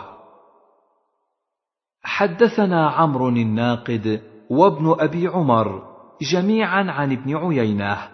قال ابن أبي عمر حدثنا سفيان قال سمعت الزهري يحدث عن عروة بن الزبير قال قلت لعائشة زوج النبي صلى الله عليه وسلم ما أرى على أحد لم يطف بين الصفا والمروة شيئا وما أبالي ألا أطوف بينهما. قالت بئس ما قلت يا ابن أختي. طاف رسول الله صلى الله عليه وسلم وطاف المسلمون فكانت سنة. وإنما كان من أهل لمناة الطاغية التي بالمشلل لا يطوفون بين الصفا والمروة. فلما كان الإسلام سألنا النبي صلى الله عليه وسلم عن ذلك فأنزل الله عز وجل إن الصفا والمروة من شعائر الله فمن حج البيت أو اعتمر فلا جناح عليه أن يطوف بهما. ولو كانت كما تقول لكانت فلا جناح عليه ألا يطوف بهما. قال الزهري فذكرت ذلك لأبي بكر بن عبد الرحمن بن الحارث بن هشام فأعجبه ذلك وقال إن هذا العلم. ولقد سمعت رجالا من أهل العلم يقولون إنما كان من لا يطوف بين الصفا والمروة من العرب يقولون إن طوافنا بين هذين الحجرين من أمر الجاهلية.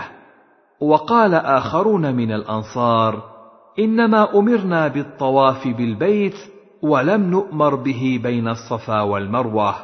فأنزل الله عز وجل إن الصفا والمروة من شعائر الله.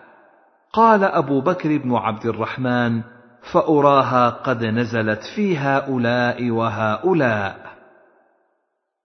وحدثني محمد بن رافع حدثنا حجين بن المثنى حدثنا ليث عن عقيل عن ابن شهاب أنه قال أخبرني عروة بن الزبير قال سألت عائشة وساق الحديث بنحوه. وقال في الحديث فلما سألوا رسول الله صلى الله عليه وسلم عن ذلك فقالوا يا رسول الله إنا كنا نتحرج أن نطوف بالصفا والمروة فأنزل الله عز وجل إن الصفا والمروة من شعائر الله فمن حج البيت أو اعتمر فلا جناح عليه أن يطوف بهما. قالت عائشة قد سن رسول الله صلى الله عليه وسلم الطواف بينهما فليس لأحد أن يترك الطواف بهما. وحدثنا حرملة بن يحيى أخبرنا ابن وهب أخبرني يونس عن ابن شهاب عن عروة بن الزبير أن عائشة أخبرته أن الأنصار كانوا قبل أن يسلموا هم وغسان يهلون لمناه فتحرجوا أن يطوفوا بين الصفا والمروة وكان ذلك سنة في آبائهم. من أحرم لمناة لم يطف بين الصفا والمروة. وإنهم سألوا رسول الله صلى الله عليه وسلم عن ذلك حين أسلموا. فأنزل الله عز وجل في ذلك إن الصفا والمروة من شعائر الله. فمن حج البيت أو اعتمر فلا جناح عليه أن يطوف بهما. ومن تطوع خيرا فإن الله شاكر عليم. وحدثنا أبو بكر بن أبي شيبة حدثنا أبو معاوية عن عاصم عن أنس قال كانت الأنصار يكرهون أن يطوفوا بين الصفا والمروة حتى نزلت إن الصفا والمروة من شعائر الله. فمن حج البيت أو اعتمر فلا جناح عليه أن يطوف بهما. باب بيان أن السعي لا يكرر. حدثني محمد بن حاتم حدثنا يحيى بن سعيد عن ابن جريج. أخبرني أبو الزبير أنه سمع جابر بن عبد الله يقول لم يطف النبي صلى الله عليه وسلم ولا أصحابه بين الصفا والمروة إلا طوافا واحدا.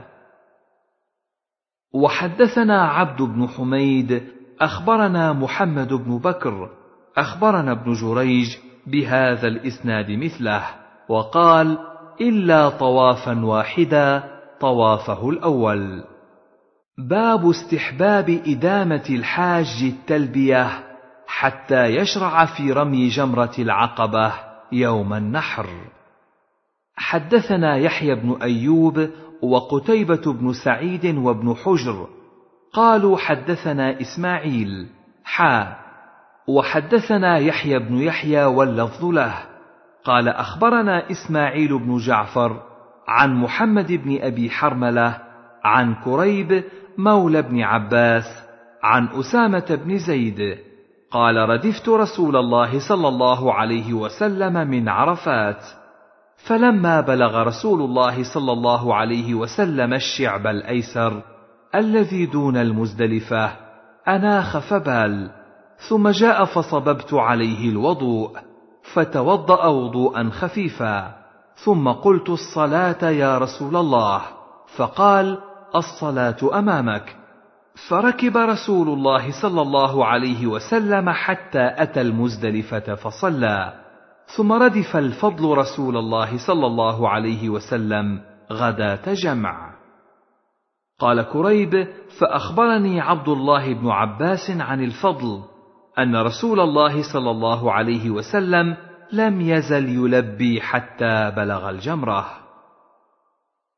وحدثنا إسحاق بن إبراهيم وعلي بن خشرم كلاهما عن عيسى بن يونس. قال ابن خشرم أخبرنا عيسى عن ابن جريج أخبرني عطاء أخبرني ابن عباس أن النبي صلى الله عليه وسلم أردف الفضل من جمع. قال فأخبرني ابن عباس أن الفضل أخبره أن النبي صلى الله عليه وسلم لم يزل يلبي حتى رمى جمرة العقبة. وحدثنا قتيبة بن سعيد حدثنا ليث حا. وحدثنا ابن رمح.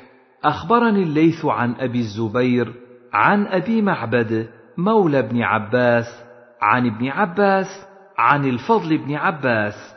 وكان رديف رسول الله صلى الله عليه وسلم أنه قال في عشية عرفة وغداة جمع للناس حين دفعوا عليكم بالسكينة وهو كاف ناقته حتى دخل محسرا وهو من منى قال عليكم بحصى الخذف الذي يرمى به الجمرة وقال لم يزل رسول الله صلى الله عليه وسلم يلبي حتى رمى الجمرة وحدثنيه زهير بن حرب حدثنا يحيى بن سعيد عن ابن جريج أخبرني أبو الزبير بهذا الإسناد غير أنه لم يذكر في الحديث ولم يزل رسول الله صلى الله عليه وسلم يلبي حتى رمى الجمرة وزاد في حديثه والنبي صلى الله عليه وسلم يشير بيده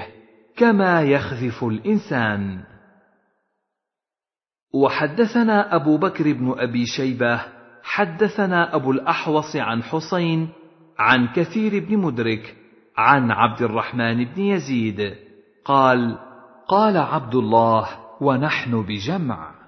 سمعت الذي أنزلت عليه سورة البقرة يقول في هذا المقام لبيك اللهم لبيك. وحدثنا سريج بن يونس حدثنا هشيم أخبرنا حسين عن كثير بن مدرك الأشجعي عن عبد الرحمن بن يزيد أن عبد الله لبى حين أفاض من جمع فقيل أعرابي هذا؟ فقال عبد الله أنسي الناس أم ضلوا؟ سمعت الذي أنزلت عليه سورة البقرة يقول في هذا المكان لبيك اللهم لبيك وحدثناه حسن الحلواني حدثنا يحيى بن آدم حدثنا سفيان عن حسين بهذا الإسناد. وحدثنيه يوسف بن حماد المعني حدثنا زياد يعني البكائي عن حسين عن كثير بن مدرك الأشجعي عن عبد الرحمن بن يزيد والأسود بن يزيد. قالا سمعنا عبد الله بن مسعود يقول بجمع سمعت الذي أنزلت عليه سورة البقرة ها هنا يقول لبيك اللهم لبيك ثم لبى ولبينا معه.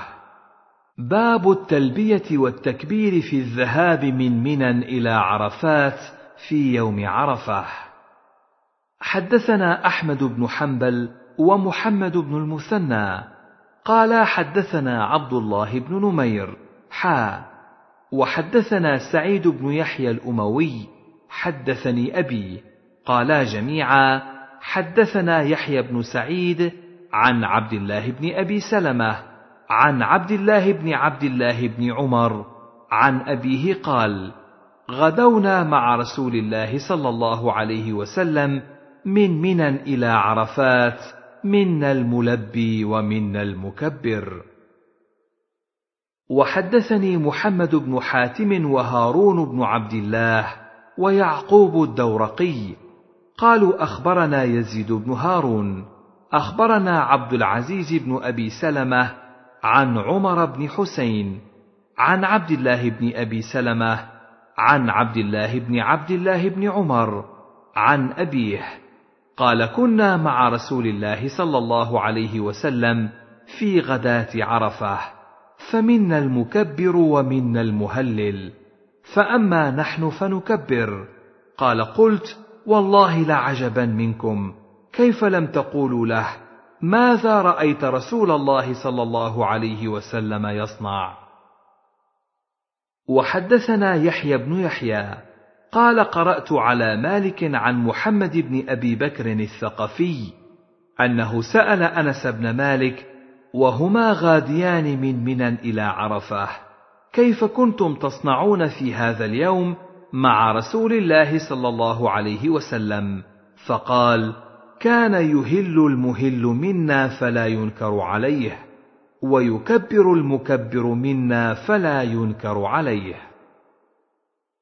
وحدثني سريج بن يونس حدثنا عبد الله بن رجاء عن موسى بن عقبة حدثني محمد بن أبي بكر قال قلت لأنس بن مالك غداة عرفة ما تقول في التلبية هذا اليوم؟ قال سرت هذا المسير مع النبي صلى الله عليه وسلم وأصحابه فمنا المكبر ومنا المهلل ولا يعيب أحدنا على صاحبه. باب الإفاضة من عرفات إلى المزدلفة واستحباب صلاتي المغرب والعشاء جميعا بالمزدلفة في هذه الليلة. حدثنا يحيى بن يحيى قال قرأت على مالك عن موسى بن عقبة عن كريب مولى بن عباس.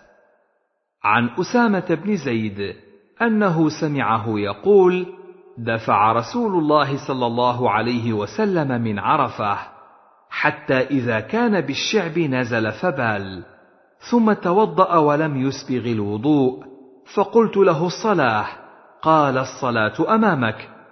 فركب فلما جاء المزدلفة نزل فتوضأ فأسبغ الوضوء ثم أقيمت الصلاة فصلى المغرب.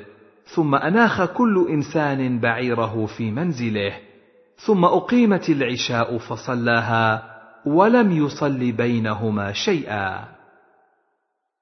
وحدثنا محمد بن رمح أخبرنا الليث عن يحيى بن سعيد عن موسى بن عقبة مولى الزبير عن كريب مولى بن عباس عن أسامة بن زيد قال انصرف رسول الله صلى الله عليه وسلم بعد الدفعة من عرفات إلى بعض تلك الشعاب لحاجته فصببت عليه من الماء فقلت أتصلي؟ فقال المصلى أمامك.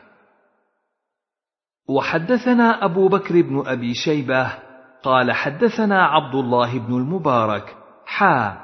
وحدثنا أبو كريب واللفظ له حدثنا ابن المبارك عن إبراهيم بن عقبة عن كريب مولى بن عباس قال سمعت أسامة بن زيد يقول أفاض رسول الله صلى الله عليه وسلم من عرفات فلما انتهى إلى الشعب نزل فبال ولم يقل أسامة أراق الماء؟ قال فدعا بماء فتوضأ وضوءا ليس بالبالغ. قال فقلت يا رسول الله الصلاة؟ قال الصلاة أمامك. قال ثم سار حتى بلغ جمعا فصلى المغرب والعشاء. وحدثنا إسحاق بن إبراهيم أخبرنا يحيى بن آدم حدثنا زهير أبو خيثمة حدثنا إبراهيم بن عقبة أخبرني كريب أنه سأل أسامة بن زيد كيف صنعتم حين ردفت رسول الله صلى الله عليه وسلم عشية عرفة؟ فقال جئنا الشعب الذي ينيخ الناس فيه للمغرب. فأناخ رسول الله صلى الله عليه وسلم ناقته وبال وما قال أهراق الماء. ثم دعا بالوضوء فتوضأ وضوءا ليس بالبالغ. فقلت يا رسول الله الصلاة. فقال الصلاة أمامك. فركب حتى جئنا المزدلفة فأقام المغرب. ثم أناخ الناس في منازلهم ولم يحلوا حتى أقام العشاء الآخرة فصلى ثم حلوا. قلت فكيف فعلتم حين أصبحتم؟ قال ردفه الفضل بن عباس وانطلقت أنا في سباق قريش على رجلي. حدثنا إسحاق بن إبراهيم أخبرنا وكيع. حدثنا سفيان عن محمد بن عقبة عن كريب عن أسامة بن زيد أن رسول الله صلى الله عليه وسلم لما أتى النقب الذي ينزله الأمراء نزل فبال ولم يقل أهراق ثم دعا بوضوء فتوضأ وضوءا خفيفا. فقلت يا رسول الله الصلاة فقال الصلاة أمامك.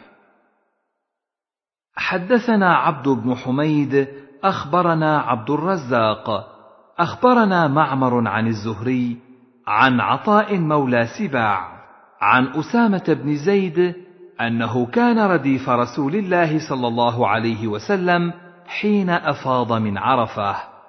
فلما جاء الشعب أناخ راحلته ثم ذهب إلى الغائط. فلما رجع صببت عليه من الإداوة فتوضأ ثم ركب ثم أتى المزدلفة. فجمع بها بين المغرب والعشاء. حدثني زهير بن حرب حدثنا يزيد بن هارون أخبرنا عبد الملك بن أبي سليمان عن عطاء عن ابن عباس أن رسول الله صلى الله عليه وسلم أفاض من عرفة وأسامة ردفه. قال أسامة فما زال يسير على هيئته حتى أتى جمعا. وحدثنا أبو الربيع الزهراني وقتيبة بن سعيد جميعا عن حماد بن زيد. قال أبو الربيع حدثنا حماد حدثنا هشام عن أبيه. قال سئل أسامة وأنا شاهد أو قال سألت أسامة بن زيد. وكان رسول الله صلى الله عليه وسلم أردفه من عرفات.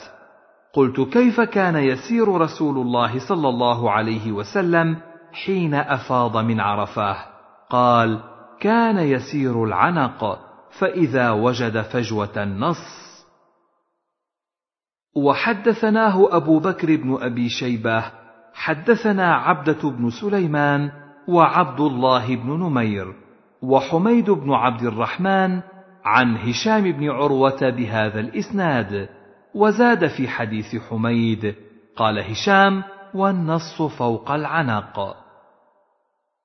حدثنا يحيى بن يحيى أخبرنا سليمان بن بلال عن يحيى بن سعيد. أخبرني عدي بن ثابت أن عبد الله بن يزيد الخطمي حدثه أن أبا أيوب أخبره أنه صلى مع رسول الله صلى الله عليه وسلم في حجة الوداع. المغرب والعشاء بالمزدلفة. وحدثناه قتيبة وابن رمح عن الليث بن سعد عن يحيى بن سعيد بهذا الإسناد.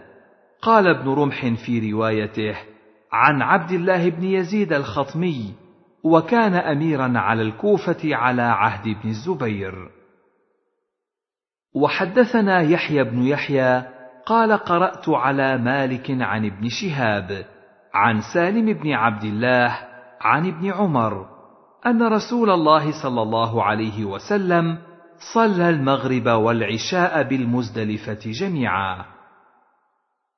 وحدثني حرملة بن يحيى أخبرنا ابن وهب أخبرني يونس عن ابن شهاب أن عبيد الله بن عبد الله بن عمر أخبره أن أباه قال جمع رسول الله صلى الله عليه وسلم بين المغرب والعشاء بجمع ليس بينهما سجدة وصلى المغرب ثلاث ركعات وصلى العشاء ركعتين.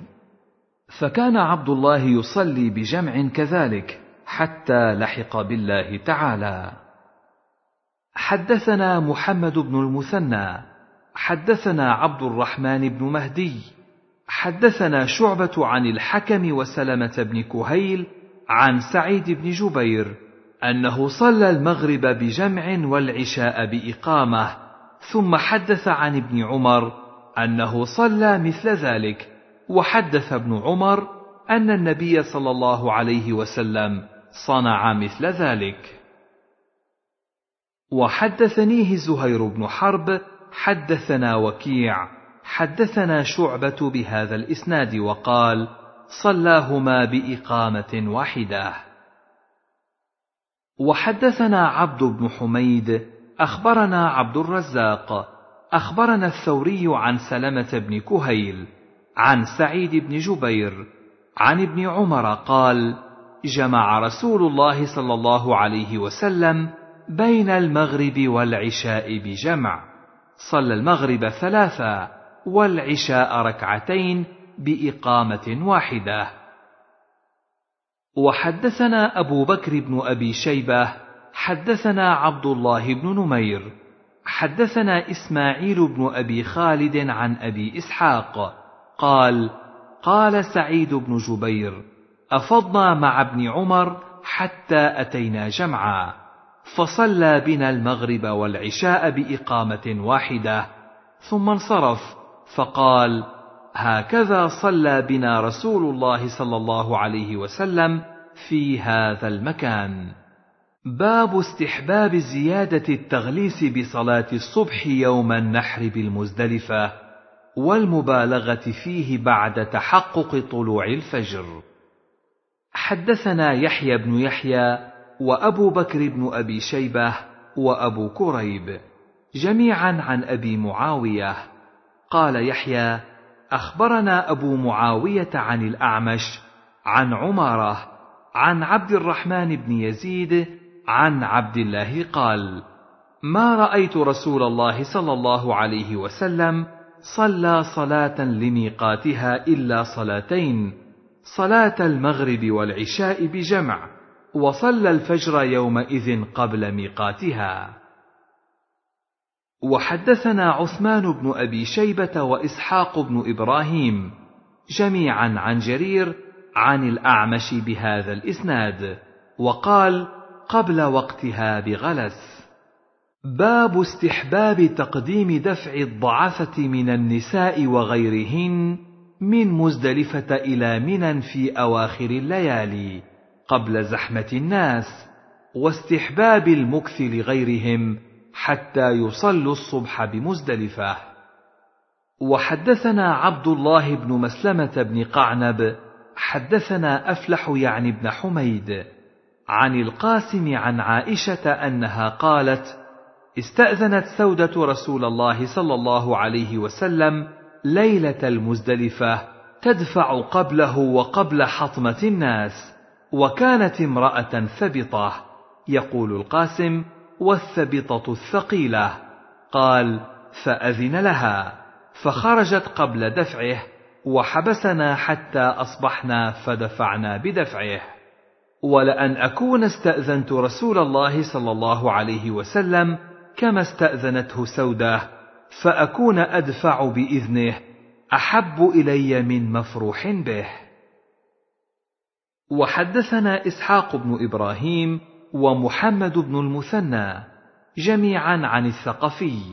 قال ابن المثنى حدثنا عبد الوهاب حدثنا أيوب عن عبد الرحمن بن القاسم عن القاسم عن عائشة قالت كانت سودة امرأة ضخمة ثبطة فاستأذنت رسول الله صلى الله عليه وسلم أن تفيض من جمع بليل. فأذن لها. فقالت عائشة فليتني كنت استأذنت رسول الله صلى الله عليه وسلم كما استأذنته سودة. وكانت عائشة لا تفيض إلا مع الإمام. وحدثنا ابن نمير حدثنا أبي حدثنا عبيد الله بن عمر عن عبد الرحمن بن القاسم عن القاسم عن عائشة قالت وددت أني كنت استأذنت رسول الله صلى الله عليه وسلم كما استأذنته سودة فأصلي الصبح بمنى فأرمي الجمرة قبل أن يأتي الناس. فقيل لعائشة فكانت سودة استاذنته قالت نعم إنها كانت امرأة ثقيلة ثبطه فاستأذنت رسول الله صلى الله عليه وسلم فأذن لها. وحدثنا أبو بكر بن أبي شيبة حدثنا وكيع. حا. وحدثني زهير بن حرب حدثنا عبد الرحمن. كلاهما عن سفيان عن عبد الرحمن بن القاسم بهذا الإسناد نحوه. حدثنا محمد بن أبي بكر المقدمي. حدثنا يحيى وهو القطان. عن ابن جريج. حدثني عبد الله مولى أسماء قال قالت لي أسماء وهي عند دار المزدلفة هل غاب القمر؟ قلت لا فصلت ساعة. ثم قالت يا بني هل غاب القمر؟ فقلت نعم. قالت ارحل بي. فارتحلنا حتى رمت الجمرة. ثم صلت في منزلها. فقلت لها ايهنتاه لقد غلسنا. قالت كلا أي بني إن النبي صلى الله عليه وسلم أذن للظعن. وحدثنيه علي بن خشرم أخبرنا عيسى بن يونس عن ابن جريج بهذا الإسناد وفي روايته قالت لا أي بني إن نبي الله صلى الله عليه وسلم أذن لظعنه. حدثني محمد بن حاتم حدثنا يحيى بن سعيد حا وحدثني علي بن خشرم أخبرنا عيسى جميعا عن ابن جريج أخبرني عطاء أن ابن شوال أخبره أنه دخل على أم حبيبة فأخبرته أن النبي صلى الله عليه وسلم بعث بها من جمع بليل. وحدثنا أبو بكر بن أبي شيبة حدثنا سفيان بن عيينة حدثنا عمرو بن دينار حا وحدثنا عمرو الناقد حدثنا سفيان عن عمرو بن دينار عن سالم بن شوال عن أم حبيبة قالت كنا نفعله على عهد النبي صلى الله عليه وسلم نغلس من جمع إلى منى. وفي رواية الناقد نغلس من مزدلفه حدثنا يحيى بن يحيى وقتيبة بن سعيد جميعا عن حماد. قال يحيى أخبرنا حماد بن زيد عن عبيد الله بن أبي يزيد. قال سمعت ابن عباس يقول بعثني رسول الله صلى الله عليه وسلم في الثقل أو قال في الضعفة من جمع بليل. حدثنا أبو بكر بن أبي شيبة حدثنا سفيان بن عيينة حدثنا عبيد الله بن أبي يزيد أنه سمع ابن عباس يقول أنا ممن قدم رسول الله صلى الله عليه وسلم في ضعفة أهله. وحدثنا أبو بكر بن أبي شيبة حدثنا سفيان بن عيينة حدثنا عمرو عن عطاء عن ابن عباس قال كنت في من قدم رسول الله صلى الله عليه وسلم في ضعفة أهله. وحدثنا عبد بن حميد أخبرنا محمد بن بكر أخبرنا ابن جريج أخبرني عطاء أن ابن عباس قال بعث بي رسول الله صلى الله عليه وسلم بسحر من جمع في ثقل نبي الله صلى الله عليه وسلم. قلت أبلغك أن ابن عباس قال بعث بي بليل طويل؟ قال لا إلا كذلك بسحر. قلت له فقال ابن عباس رمينا الجمرة قبل الفجر. وأين صلى الفجر؟ قال لا إلا كذلك. وحدثني أبو الطاهر وحرملة بن يحيى.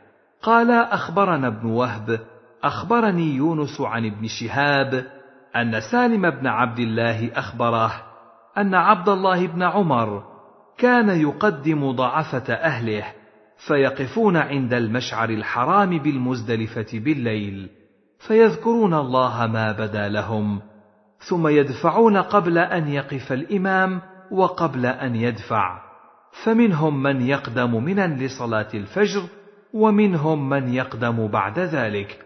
فإذا قدموا رموا الجمرة. وكان ابن عمر يقول أرخص في أولئك رسول الله صلى الله عليه وسلم. باب رمي جمرة العقبة من بطن الوادي. وتكون مكة عن يساره ويكبر مع كل حصاه.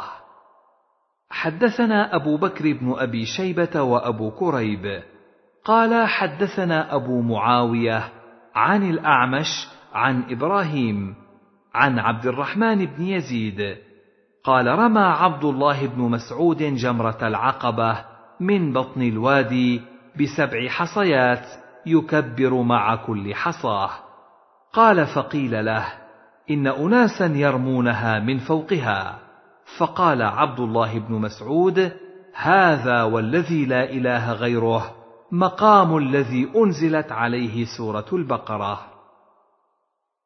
وحدثنا من جاب بن الحارث التميمي أخبرنا ابن مسهر عن الأعمش قال سمعت الحجاج بن يوسف يقول وهو يخطب على المنبر الفوا القرآن كما ألفه جبريل السورة التي يذكر فيها البقرة والسورة التي يذكر فيها النساء. والسورة التي يذكر فيها آل عمران. قال فلقيت إبراهيم فأخبرته بقوله فسبه وقال حدثني عبد الرحمن بن يزيد أنه كان مع عبد الله بن مسعود فأتى جمرة العقبة فاستبطن الوادي فاستعرضها فرماها من بطن الوادي بسبع حصيات يكبر مع كل حصاه. قال فقلت يا أبا عبد الرحمن إن الناس يرمونها من فوقها. فقال هذا والذي لا إله غيره مقام الذي أنزلت عليه سورة البقرة. وحدثني يعقوب الدورقي حدثنا ابن أبي زائدة حا. وحدثنا ابن أبي عمر حدثنا سفيان كلاهما عن الأعمش قال سمعت الحجاج يقول لا تقولوا سورة البقرة واقتص الحديث بمثل حديث ابن مسهر. وحدثنا أبو بكر بن أبي شيبة حدثنا غندر عن شعبة حا. وحدثنا محمد بن المثنى وابن بشار. قال حدثنا محمد بن جعفر حدثنا شعبة عن الحكم عن إبراهيم. عن عبد الرحمن بن يزيد أنه حج مع عبد الله. قال فرمى الجمرة بسبع حصيات وجعل البيت عن يساره ومنا عن يمينه وقال هذا مقام الذي أنزلت عليه سورة البقرة. وحدثنا عبيد الله بن معاذ حدثنا أبي حدثنا شعبة بهذا الإسناد غير أنه قال فلما أتى جمرة العقبة وحدثنا أبو بكر بن أبي شيبة حدثنا أبو المحياه حا وحدثنا يحيى بن يحيى واللفظ له. أخبرنا يحيى بن يعلى أبو المحياه عن سلمة بن كهيل عن عبد الرحمن بن يزيد قال قيل لعبد الله إن ناسا يرمون الجمرة من فوق العقبة قال فرماها عبد الله من بطن الوادي ثم قال منها هنا والذي لا إله غيره رماها الذي أنزلت عليه سورة البقرة. باب استحباب رمي جمرة العقبة يوم النحر راكبا وبيان قوله صلى الله تعالى عليه وسلم لتأخذوا مناسككم. حدثنا إسحاق بن إبراهيم وعلي بن خشرم جميعا عن عيسى بن يونس. قال ابن خشرم أخبرنا عيسى عن ابن جريج. أخبرني أبو الزبير أنه سمع جابرا يقول رأيت النبي صلى الله عليه وسلم يرمي على راحلته يوم النحر ويقول لتأخذوا مناسككم فإني لا أدري لعلي لا أحج بعد حجتي هذه. وحدثني سلمة بن شبيب حدثنا الحسن بن أعين حدثنا معقل عن زيد بن أبي أنيسة عن يحيى بن حسين عن جدته أم الحسين قال سمعتها تقول حججت مع رسول الله صلى الله عليه وسلم حجة الوداع فرأيته حين رمى جمرة العقبة وانصرف وهو على راحلته ومعه بلال وأسامة. أحدهما يقود به راحلته والآخر رافع ثوبه على رأس رسول الله صلى الله عليه وسلم من الشمس. قالت فقال رسول الله صلى الله عليه وسلم قولا كثيرا. ثم سمعته يقول إن أمر عليكم عبد مجدع. حسبتها قالت أسود. يقودكم بكتاب الله تعالى فاسمعوا له وأطيعوا. وحدثني أحمد بن حنبل حدثنا محمد بن سلمة عن أبي عبد الرحيم عن زيد بن أبي أنيسة عن يحيى بن الحسين عن أم الحسين جدته. قالت حججت مع رسول الله صلى الله عليه وسلم حجة الوداع. فرأيت أسامة وبلالا وأحدهما آخذ بخطام ناقة النبي صلى الله عليه وسلم والآخر رافع ثوبه يستره من الحر حتى رمى جمرة العقبة. قال مسلم واسم أبي عبد الرحيم خالد بن أبي يزيد وهو خال محمد بن سلمة روى عنه وكيع وحجاج الأعور. باب استحباب كون حصى الجمار بقدر حصى الخذف. وحدثني محمد بن حاتم وعبد بن حميد. قال ابن حاتم حدثنا محمد بن بكر أخبرنا ابن جريج أخبرنا أبو الزبير أنه سمع جابر بن عبد الله يقول رأيت النبي صلى الله عليه وسلم رمى الجمرة بمثل حصى الخذف. باب بيان وقت استحباب الرمي. وحدثنا أبو بكر بن أبي شيبة حدثنا أبو خالد الأحمر وابن إدريس عن ابن جريج عن أبي الزبير. عن جابر قال رمى رسول الله صلى الله عليه وسلم الجمرة يوم النحر ضحى وأما بعد فإذا زالت الشمس. وحدثناه علي بن خشرم أخبرنا عيسى أخبرنا ابن جريج أخبرني أبو الزبير أنه سمع جابر بن عبد الله يقول كان النبي صلى الله عليه وسلم بمثله. باب بيان أن حصى الجمار سبع. وحدثني سلمة بن شبيب حدثنا الحسن بن أعين حدثنا معقل وهو ابن عبيد الله الجزري عن أبي الزبير عن جابر قال قال رسول الله صلى الله عليه وسلم الاستجمار تو ورمي الجمار تو والسعي بين الصفا والمروة تو والطواف تو وإذا استجمر أحدكم فليستجمر بتو. باب تفضيل الحلق على التقصير وجواز التقصير.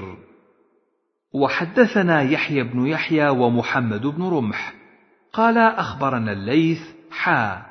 وحدثنا قتيبة حدثنا ليث عن نافع أن عبد الله قال حلق رسول الله صلى الله عليه وسلم وحلق طائفة من أصحابه وقصر بعضهم.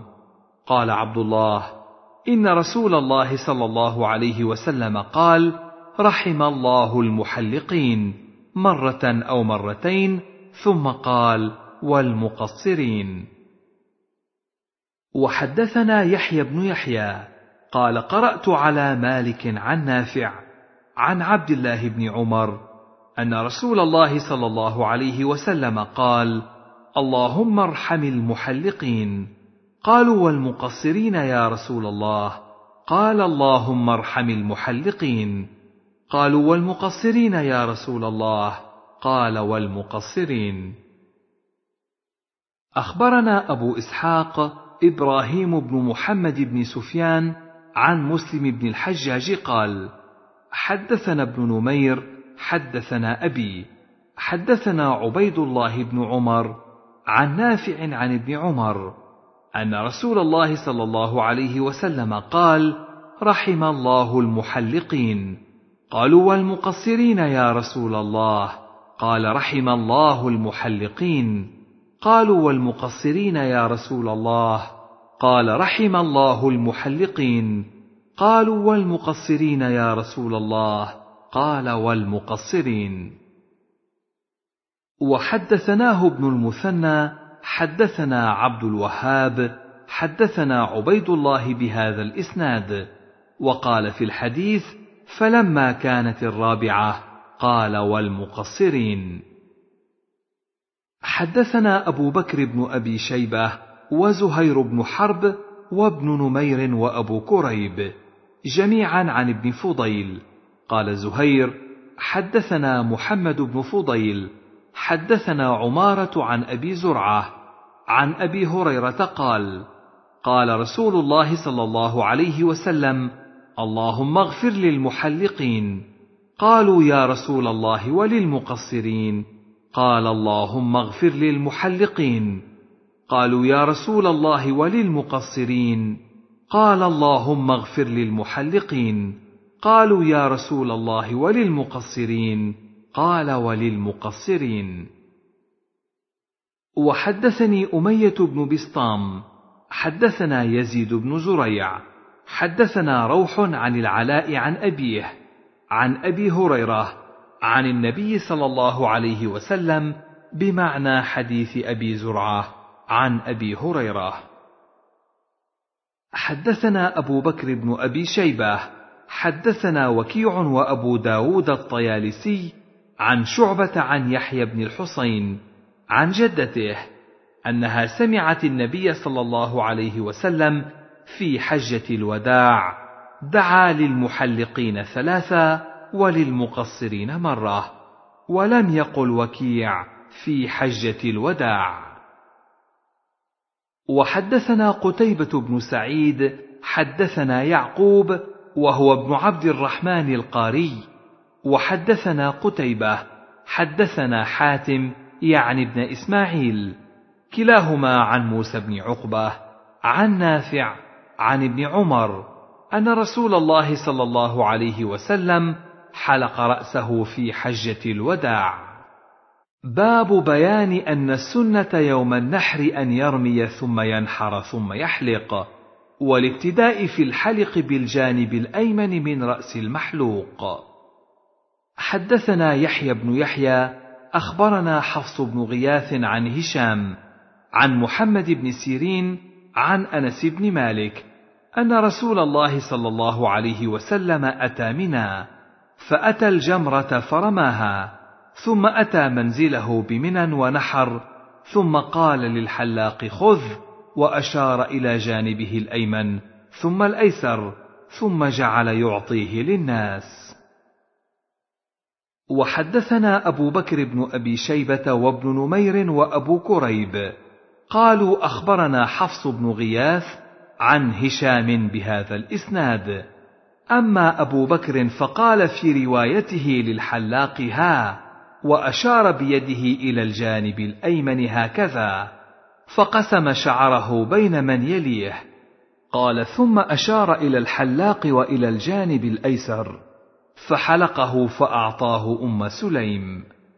وأما في رواية أبي كريب قال فبدأ بالشق الأيمن فوزعه الشعرة والشعرتين بين الناس ثم قال بالأيسر فصنع به مثل ذلك ثم قال ها هنا أبو طلحة فدفعه إلى أبي طلحة. وحدثنا محمد بن المثنى حدثنا عبد الأعلى حدثنا هشام عن محمد عن أنس بن مالك أن رسول الله صلى الله عليه وسلم رمى جمرة العقبة ثم انصرف إلى البدن فنحرها والحجام جالس وقال بيده عن رأسه فحلق شقه الأيمن فقسمه في من يليه ثم قال احلق الشق الآخر فقال أين أبو طلحة؟ فأعطاه إياه. وحدثنا ابن أبي عمر حدثنا سفيان. سمعت هشام بن حسان يخبر عن ابن سيرين. عن أنس بن مالك قال لما رمى رسول الله صلى الله عليه وسلم الجمرة ونحر نسكه وحلق ناول الحالق شقه الأيمن فحلقه ثم دعا أبا طلحة الأنصاري فأعطاه إياه ثم ناوله الشق الأيسر فقال احلق فحلقه فأعطاه أبا طلحة فقال اقسمه بين الناس. باب من حلق قبل النحر أو نحر قبل الرمي. حدثنا يحيى بن يحيى قال قرأت على مالك عن ابن شهاب عن عيسى بن طلحة بن عبيد الله عن عبد الله بن عمرو بن العاص قال وقف رسول الله صلى الله عليه وسلم في حجة الوداع بمنى للناس يسألونه. فجاء رجل فقال يا رسول الله لم أشعر فحلقت قبل أن أنحر. فقال اذبح ولا حرج. ثم جاءه رجل آخر فقال يا رسول الله لم أشعر فنحرت قبل أن أرمي. فقال ارم ولا حرج. قال فما سئل رسول الله صلى الله عليه وسلم عن شيء قدم ولا أخر إلا قال افعل ولا حرج.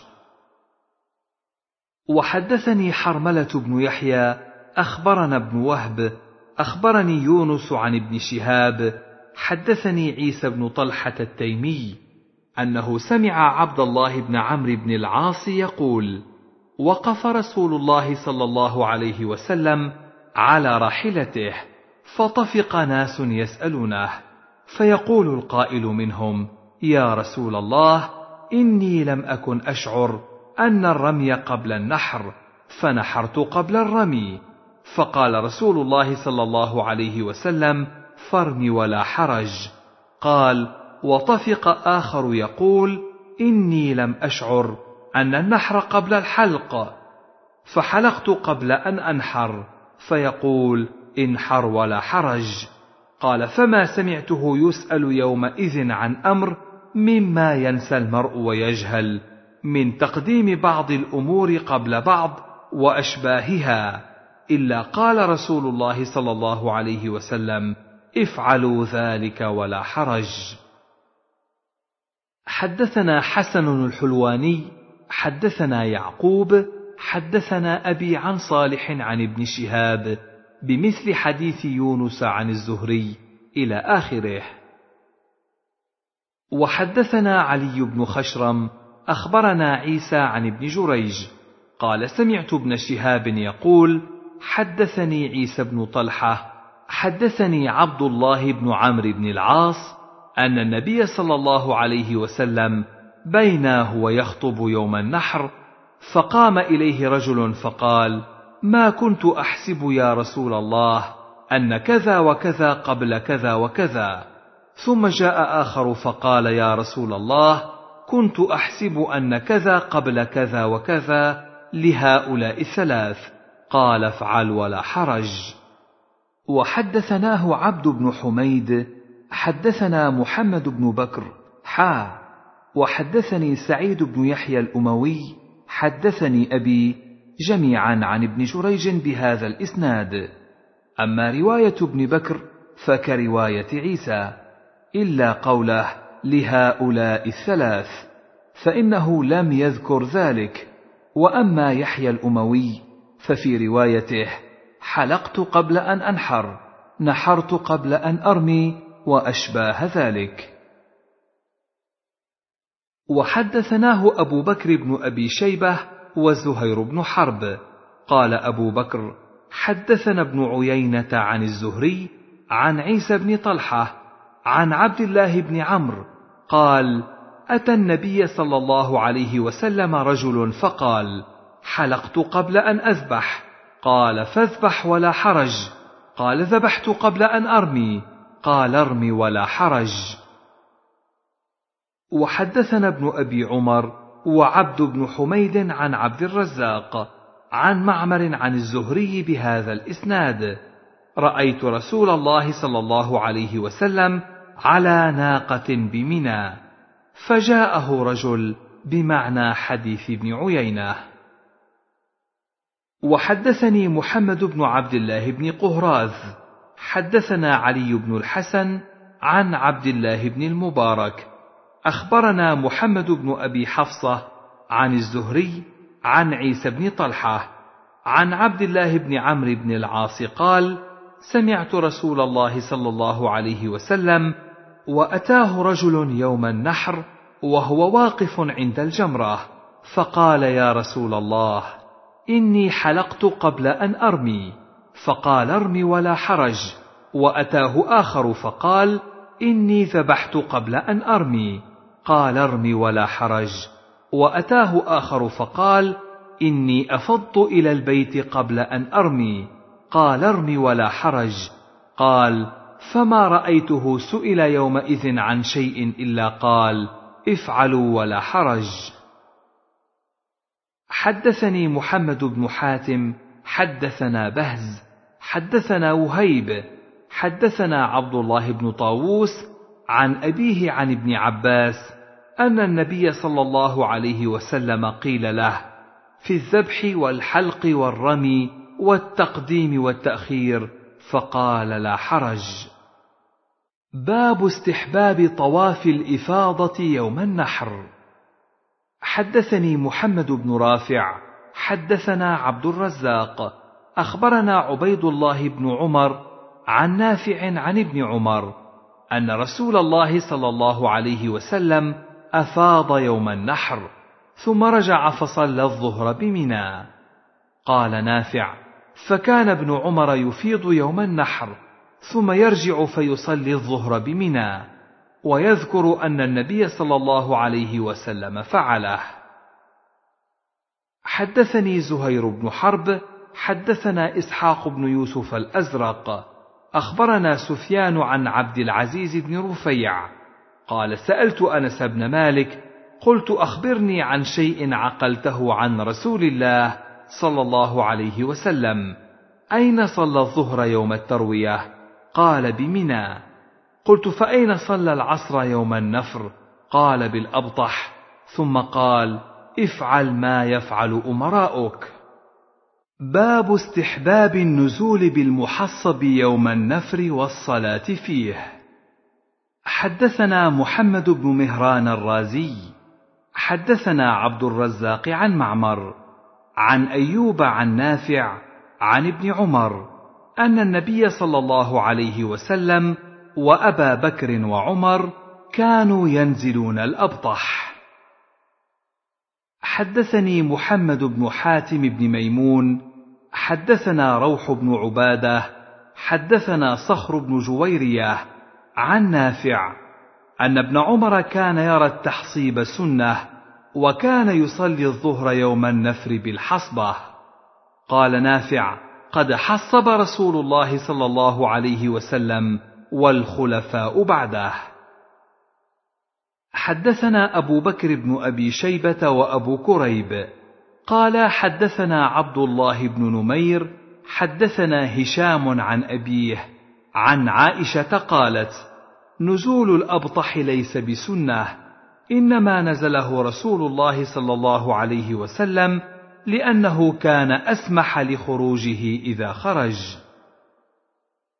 وحدثناه أبو بكر بن أبي شيبة حدثنا حفص بن غياث حا وحدثنيه أبو الربيع الزهراني حدثنا حماد يعني ابن زيد حا وحدثناه أبو كامل حدثنا يزيد بن زريع حدثنا حبيب المعلم كلهم عن هشام بهذا الإسناد مثله. حدثنا عبد بن حميد أخبرنا عبد الرزاق أخبرنا معمر عن الزهري عن سالم أن أبا بكر وعمر وابن عمر كانوا ينزلون الأبطح.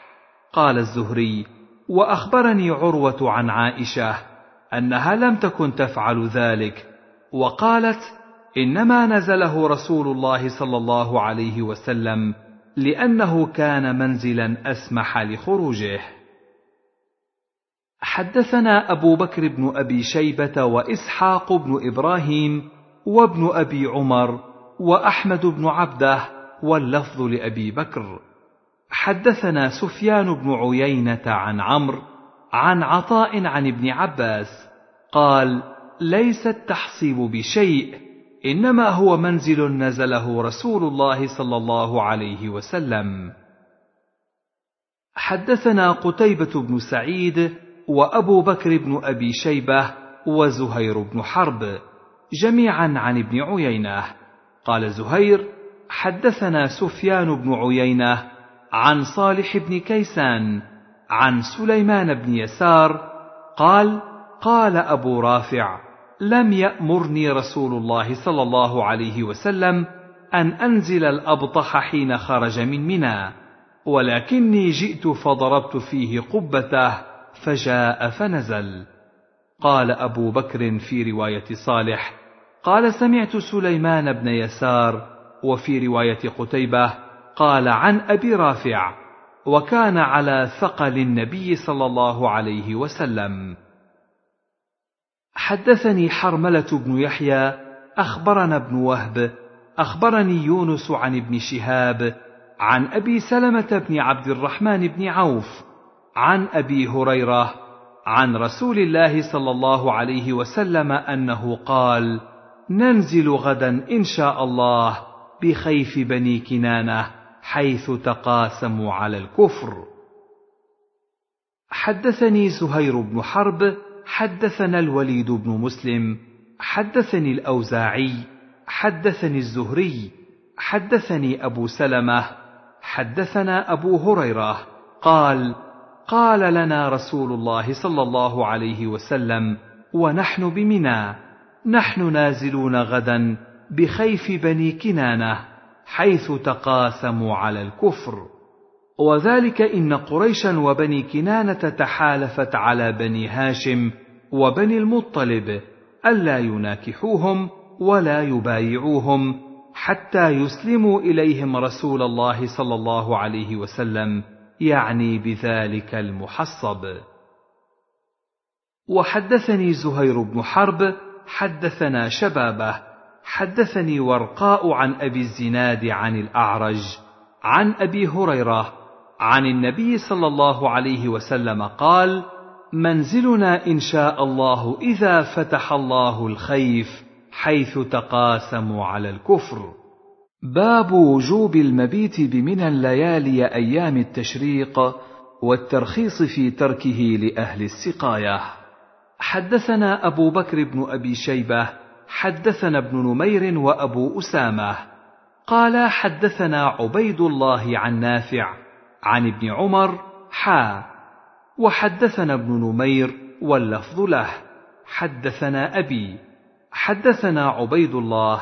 حدثني نافع عن ابن عمر أن العباس بن عبد المطلب استأذن رسول الله صلى الله عليه وسلم أن يبيت بمكة ليالي منى من أجل سقايته فأذن له. وحدثناه إسحاق بن إبراهيم أخبرنا عيسى بن يونس حا. وحدثنيه محمد بن حاتم وعبد بن حميد جميعا عن محمد بن بكر. أخبرنا ابن جريج كلاهما عن عبيد الله بن عمر بهذا الإسناد مثله. وحدثني محمد بن المنهال الضرير حدثنا يزيد بن زريع حدثنا حميد الطويل عن بكر بن عبد الله المزني قال كنت جالسا مع ابن عباس عند الكعبة فأتاه أعرابي فقال ما لي أرى بني عمكم يسقون العسل واللبن وأنتم تسقون النبيذ أمن حاجة بكم أم من بخل؟ فقال ابن عباس الحمد لله ما بنا من حاجة ولا بخل. قدم النبي صلى الله عليه وسلم على راحلته وخلفه أسامة فاستسقى فأتيناه بإناء من نبيذ فشرب وسقى فضله أسامة وقال أحسنتم وأجملتم كذا فاصنعوا. فلا نريد تغيير ما أمر به رسول الله. صلى الله عليه وسلم. باب في الصدقة بلحوم الهدي وجلودها وجلالها.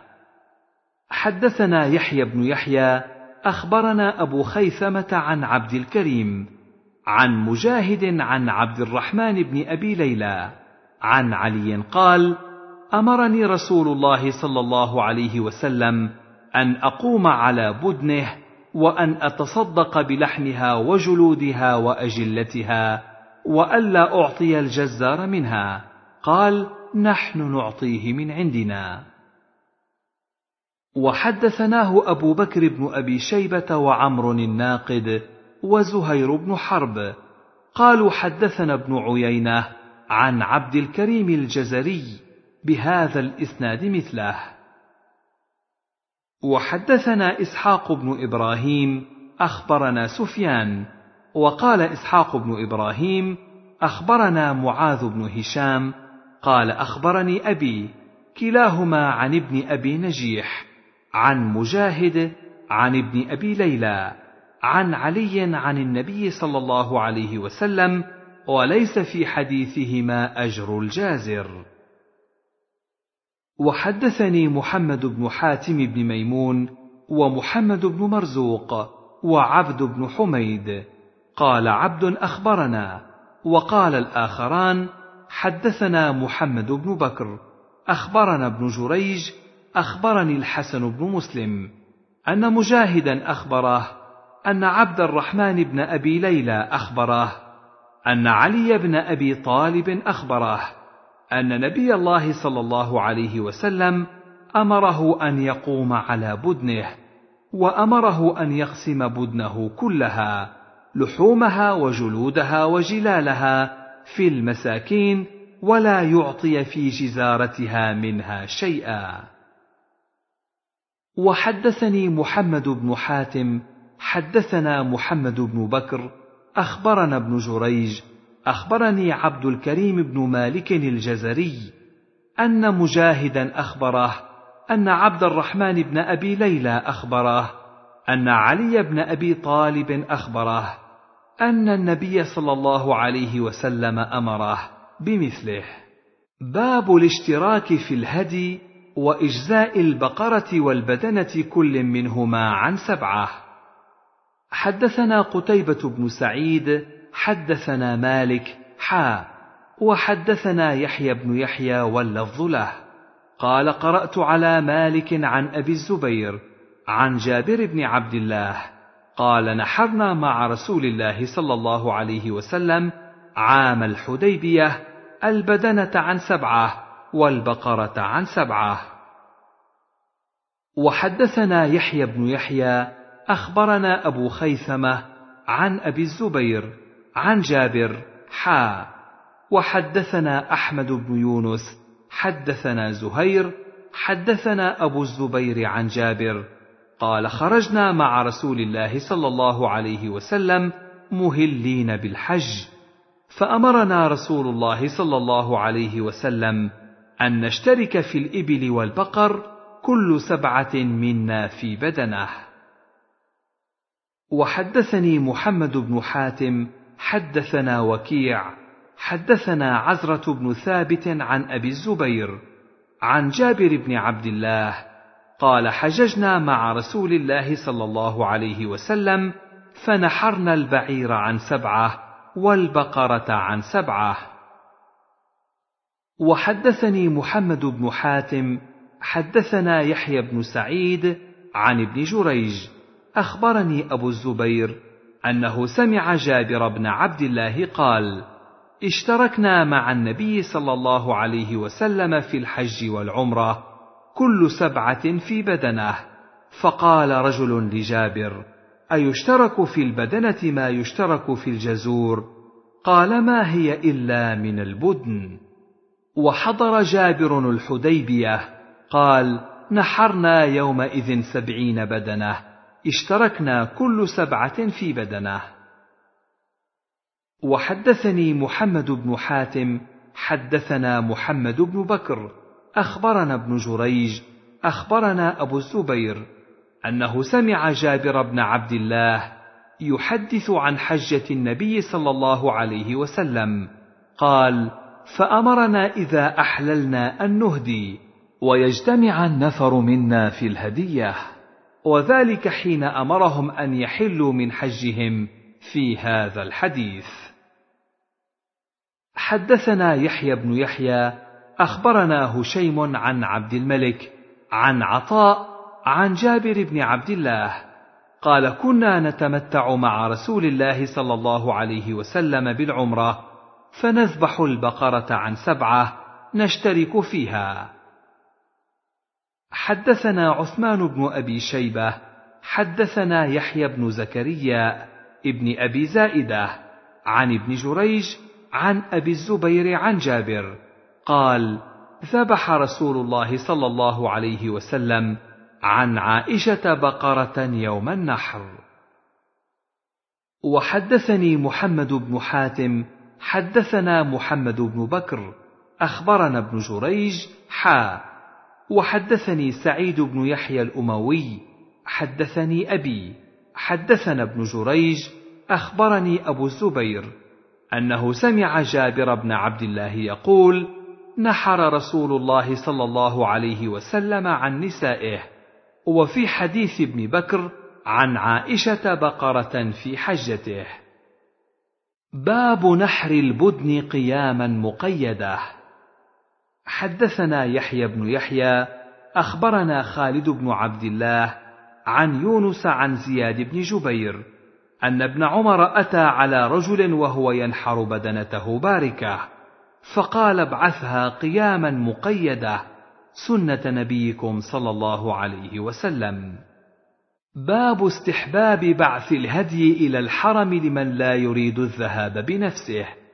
واستحباب تقليده وفتل القلائد وأن باعثه لا يصير محرما ولا يحرم عليه شيء بذلك. وحدثنا يحيى بن يحيى ومحمد بن رمح قال أخبرنا الليث حا.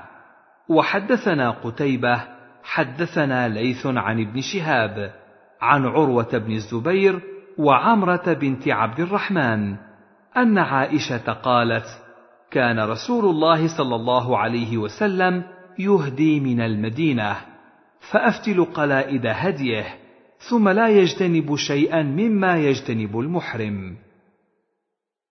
وحدثنيه حرملة بن يحيى أخبرنا ابن وهب أخبرني يونس عن ابن شهاب بهذا الإسناد مثله. وحدثناه سعيد بن منصور وزهير بن حرب.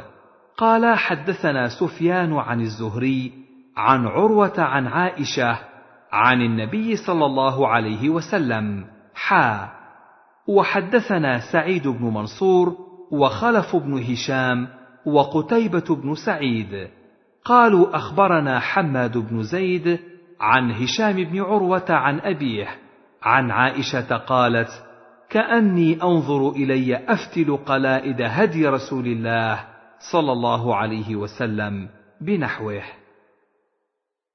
وحدثنا سعيد بن منصور حدثنا سفيان عن عبد الرحمن بن القاسم عن أبيه قال سمعت عائشة تقول كنت أفتل قلائد هدي رسول الله صلى الله عليه وسلم بيدي هاتين ثم لا يعتزل شيئا ولا يتركه.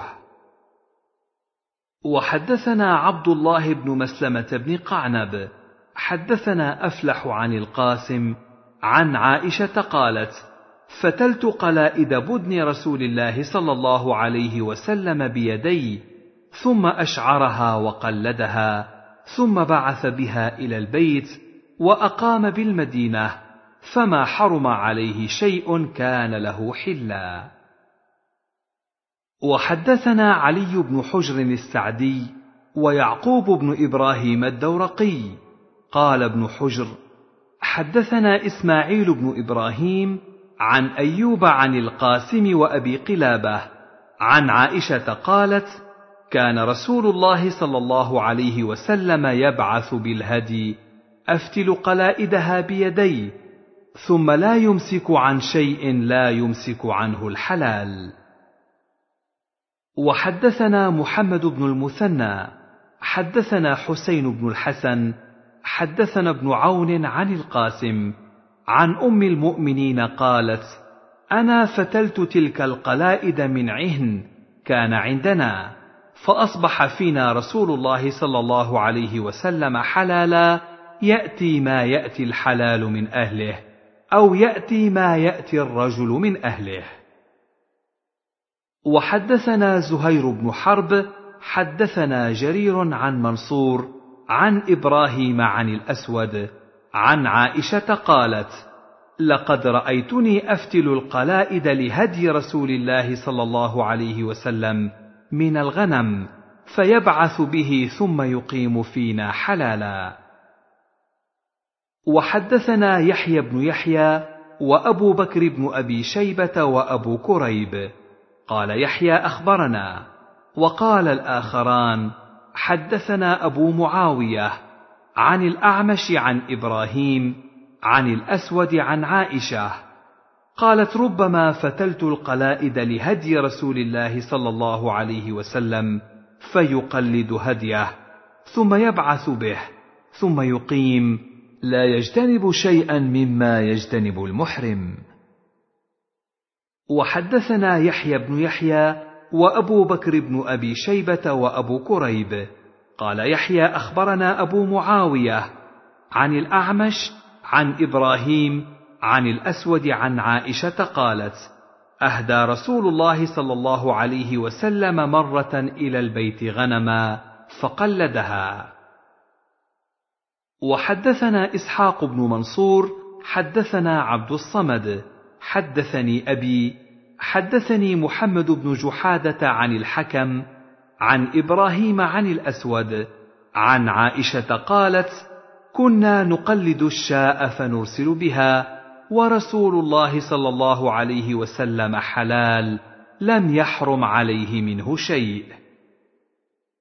حدثنا يحيى بن يحيى قال قرأت على مالك عن عبد الله بن أبي بكر عن عمرة بنت عبد الرحمن أنها أخبرته أن ابن زياد كتب إلى عائشة أن عبد الله بن عباس قال من أهدى هديا حرم عليه ما يحرم على الحاج حتى ينحر الهدي وقد بعثت بهدي فاكتبي إلي بأمرك قالت عمرة قالت عائشة ليس كما قال ابن عباس أنا فتلت قلائد هدي رسول الله صلى الله عليه وسلم بيدي ثم قلدها رسول الله صلى الله عليه وسلم بيده ثم بعث بها مع أبي فلم يحرم على رسول الله صلى الله عليه وسلم شيء أحله الله له حتى نحر الهدي.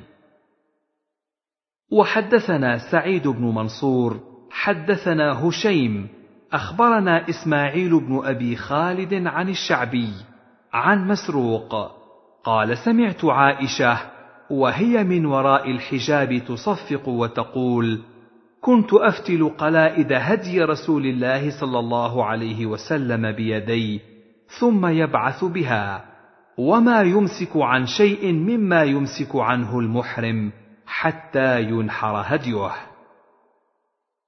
وحدثنا محمد بن المثنى حدثنا عبد الوهاب حدثنا داود حا وحدثنا ابن نمير حدثنا أبي حدثنا زكرياء كلاهما عن الشعبي عن مسروق عن عائشة بمثله عن النبي صلى الله عليه وسلم. باب جواز ركوب البدنة المهداة لمن احتاج إليها.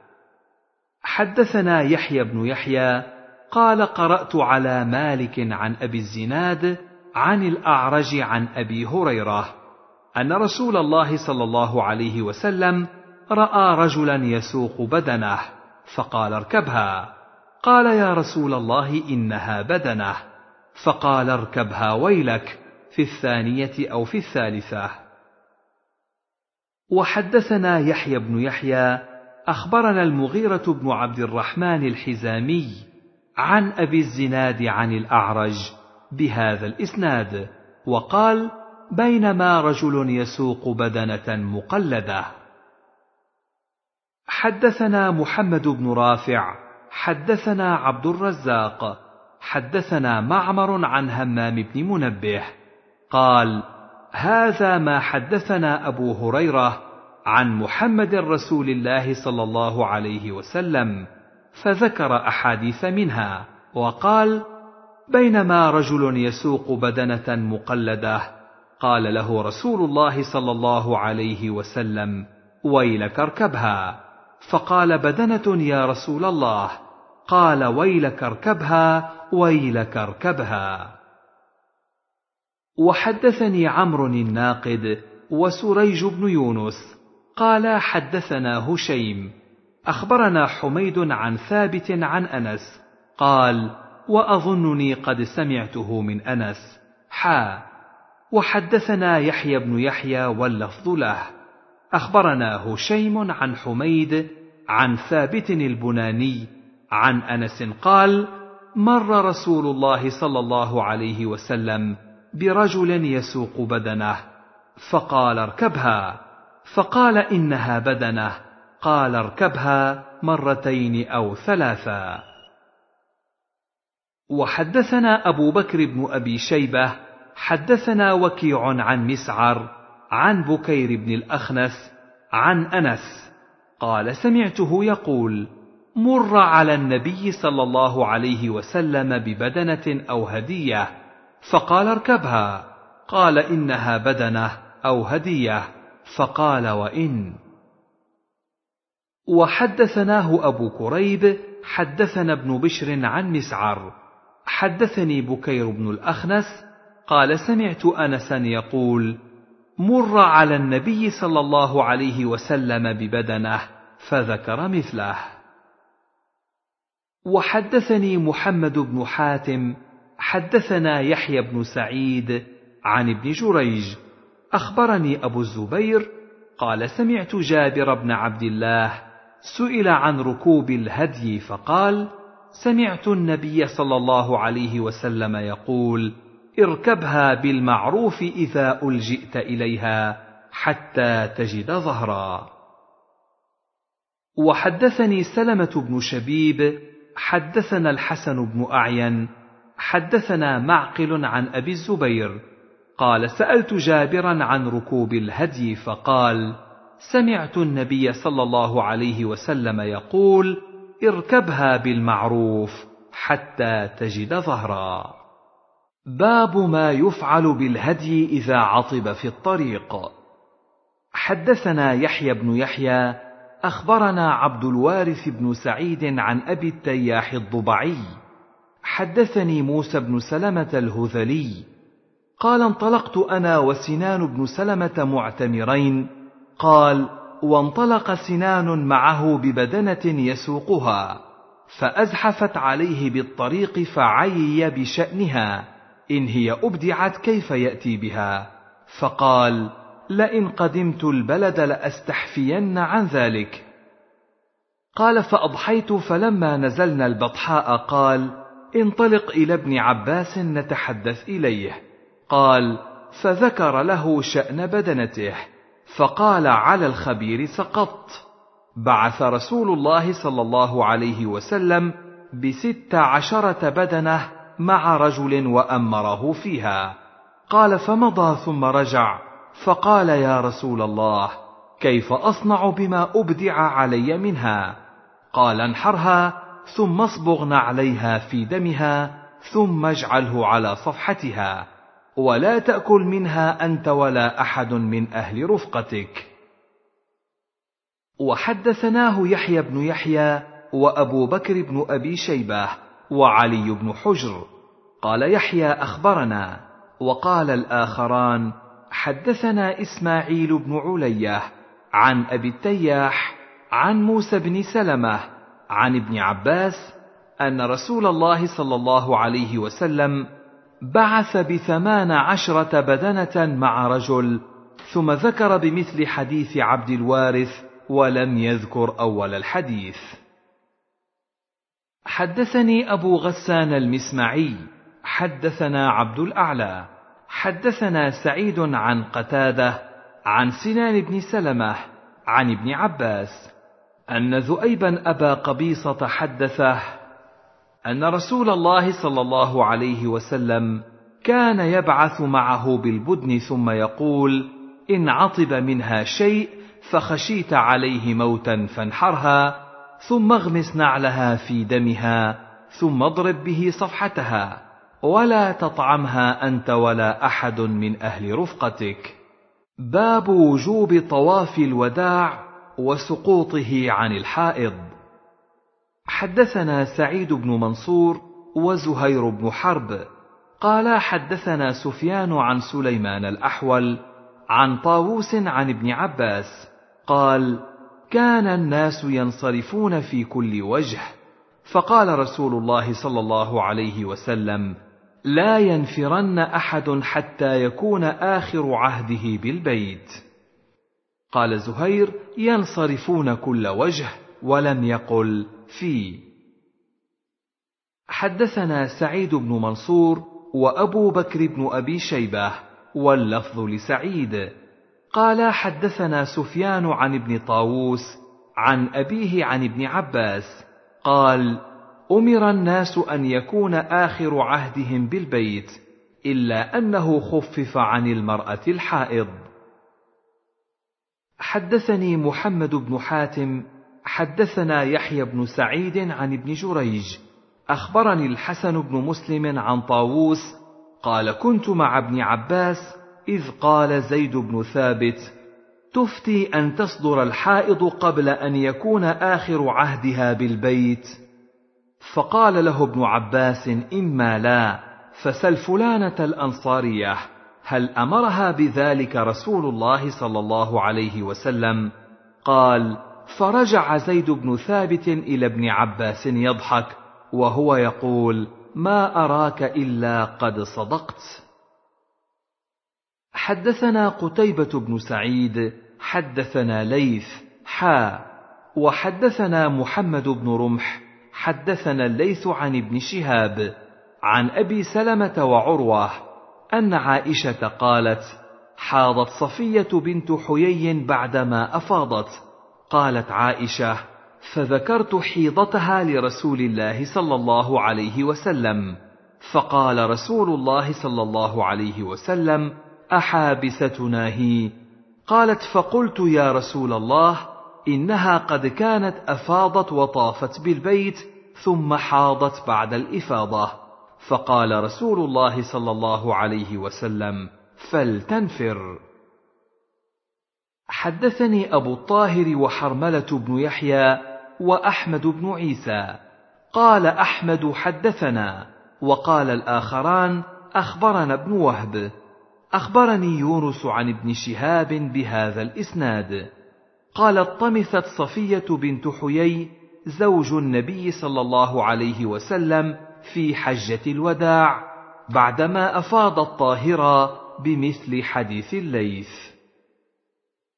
وحدثنا قتيبة يعني ابن سعيد حدثنا ليث حا. وحدثنا زهير بن حرب حدثنا سفيان حا. وحدثني محمد بن المثنى حدثنا عبد الوهاب حدثنا أيوب كلهم عن عبد الرحمن بن القاسم عن أبيه عن عائشة أنها ذكرت لرسول الله صلى الله عليه وسلم أن صفية قد حاضت بمعنى حديث الزهري. وحدثنا عبد الله بن مسلمة بن قعنب حدثنا أفلح عن القاسم بن محمد عن عائشة قالت كنا نتخوف أن تحيض صفية قبل أن تفيض. قالت فجاءنا رسول الله صلى الله عليه وسلم فقال أحابستنا صفية. قلنا قد أفاضت. قال فلا إذن. حدثنا يحيى بن يحيى قال قرأت على مالك عن عبد الله بن أبي بكر عن أبيه عن عمرة بنت عبد الرحمن عن عائشة أنها قالت لرسول الله صلى الله عليه وسلم يا رسول الله إن صفية بنت حيي قد حاضت. فقال رسول الله صلى الله عليه وسلم لعلها تحبسنا. ألم تكن قد طافت معكن بالبيت؟ قالوا بلى. قال فاخرجن. حدثني الحكم بن موسى. حدثني يحيى بن حمزة عن الأوزاعي. لعله قال عن يحيى بن أبي كثير عن محمد بن إبراهيم التيمي عن أبي سلمة عن عائشة. أن رسول الله صلى الله عليه وسلم أراد من صفية بعض ما يريد الرجل من أهله فقالوا إنها حائض يا رسول الله. قال وإنها لحابستنا.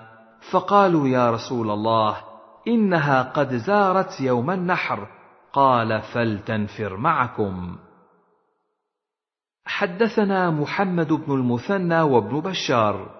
قال حدثنا محمد بن جعفر حدثنا شعبة حا وحدثنا عبيد الله بن معاذ واللفظ له حدثنا أبي حدثنا شعبة عن الحكم عن إبراهيم عن الأسود عن عائشة قالت لما أراد النبي صلى الله عليه وسلم أن ينفر إذا صفيه على باب خبائها كئيبة حزينة فقال عقرى حلقا إنك لحابستنا.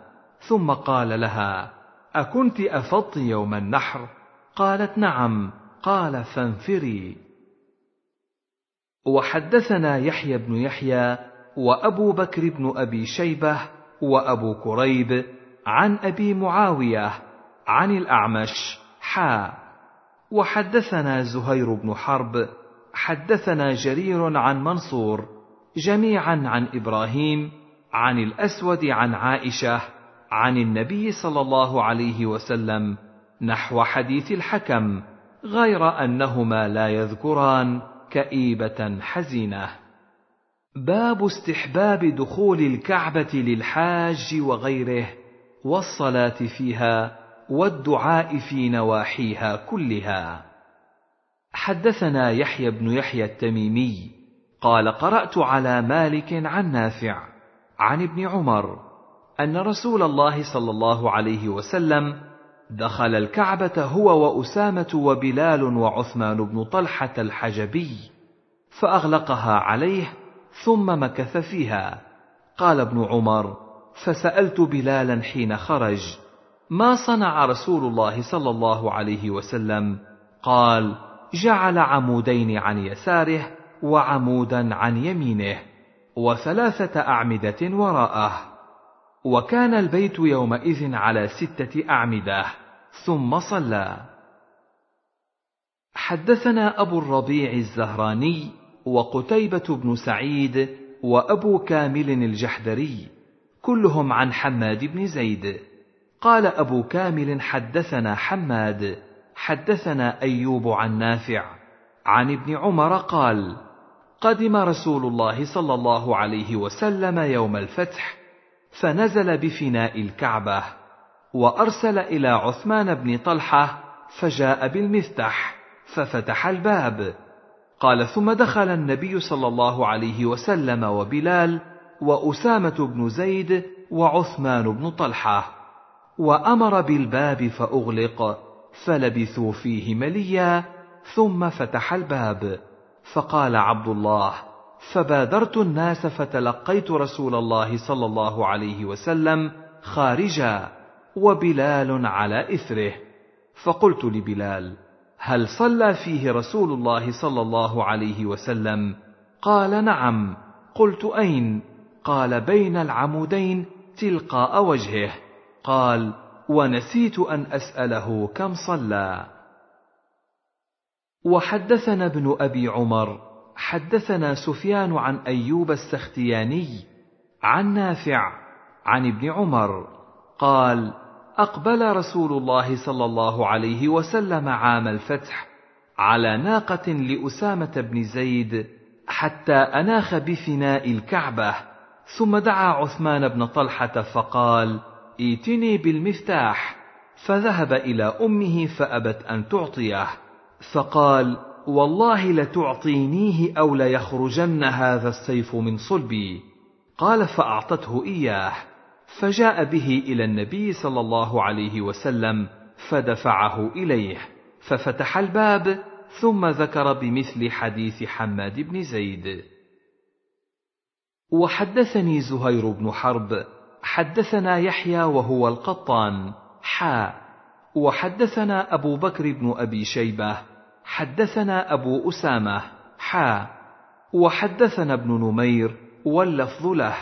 حدثنا عبده عن عبيد الله عن نافع عن ابن عمر قال دخل رسول الله صلى الله عليه وسلم البيت ومعه أسامة وبلال وعثمان بن طلحة فأجافوا عليهم الباب طويلا ثم فتح فكنت أول من دخل.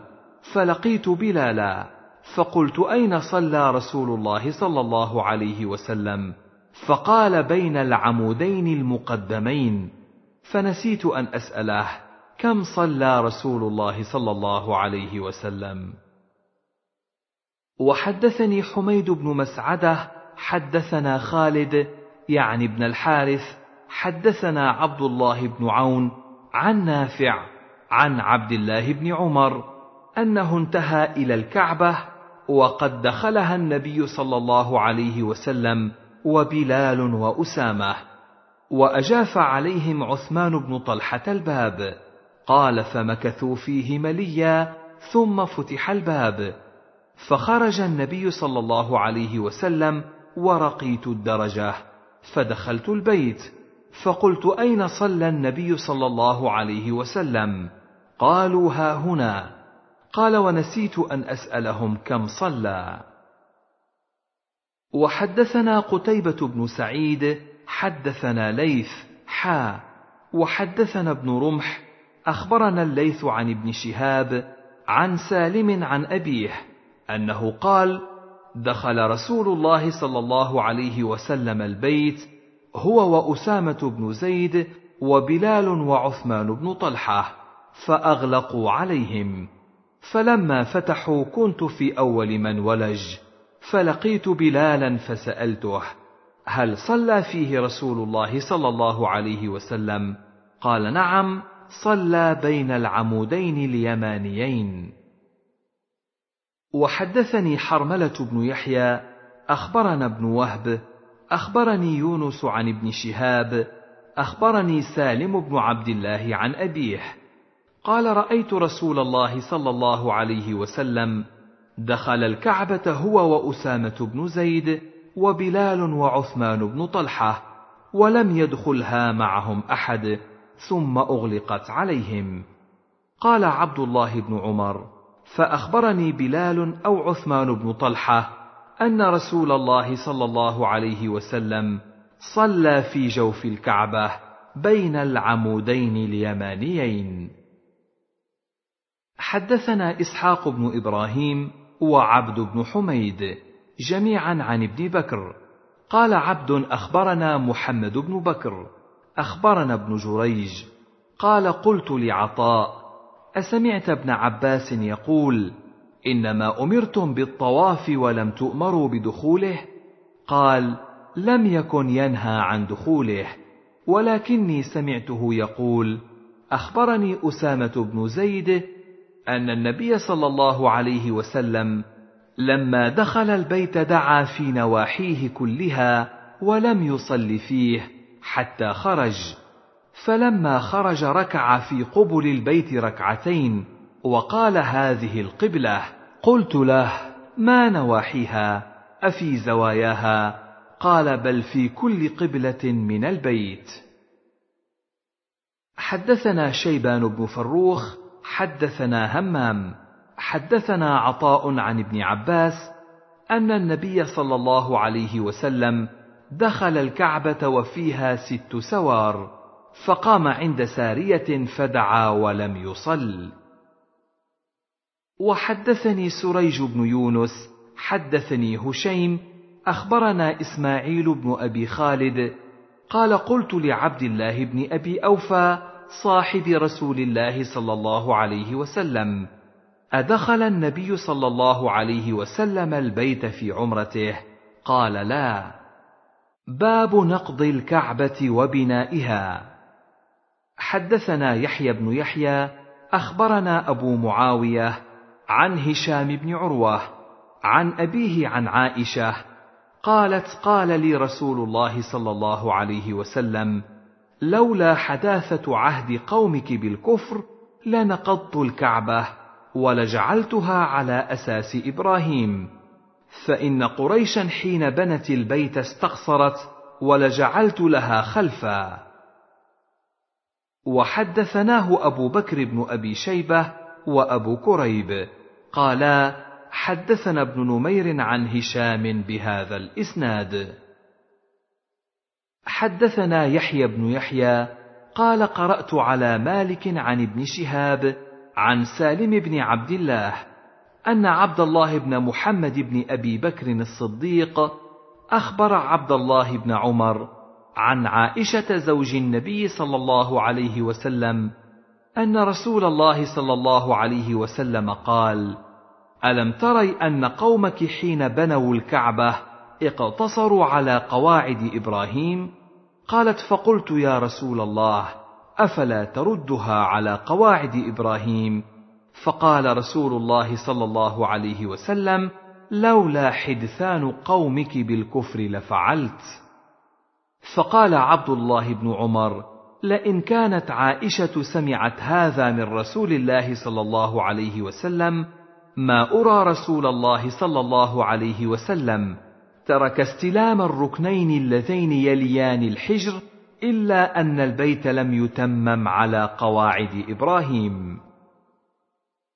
حدثني أبو الطاهر أخبرنا عبد الله بن وهب عن مخرمة حا وحدثني هارون بن سعيد الأيلي. حدثنا ابن وهب أخبرني مخرمة بن بكير عن أبيه قال سمعت نافعا مولى بن عمر يقول سمعت عبد الله بن أبي بكر بن أبي قحافة يحدث عبد الله بن عمر عن عائشة زوج النبي صلى الله عليه وسلم أنها قالت سمعت رسول الله صلى الله عليه وسلم يقول لولا أن قومك حديثو عهد بجاهلية أو قال بكفر لأنفقت كنز الكعبة في سبيل الله ولجعلت بابها بالأرض ولادخلت فيها من الحجر. وحدثني محمد بن حاتم حدثني ابن مهدي حدثنا سليم بن حيان عن سعيد يعني بن ميناء قال سمعت عبد الله بن الزبير يقول حدثتني خالتي يعني عائشة قالت قال رسول الله صلى الله عليه وسلم يا عائشة لولا أن قومك حديثو عهد بشرك لهدمت الكعبة فألزقتها بالأرض وجعلت لها بابين بابا شرقيا وبابا غربيا وزدت فيها ستة أذرع من الحجر فإن قريشا اقتصرتها حيث بنت الكعبة. حدثنا هناد بن السري حدثنا ابن أبي زائدة أخبرني ابن أبي سليمان عن عطاء قال لما احترق البيت زمن يزيد بن معاوية حين غزاها أهل الشام فكان من أمره ما كان. تركه ابن الزبير حتى قدم الناس الموسم يريد أن يجرئهم أو يحربهم على أهل الشام. فلما صدر الناس قال يا أيها الناس أشيروا علي في الكعبة أنقضها ثم أبني بناءها أو أصلح ما وها منها. قال ابن عباس فإني قد فرق لي رأي فيها. أرى أن تصلح ما وها منها وتدع بيتا أسلم الناس عليه وأحجارا أسلم الناس عليها وبعث عليها النبي صلى الله عليه وسلم.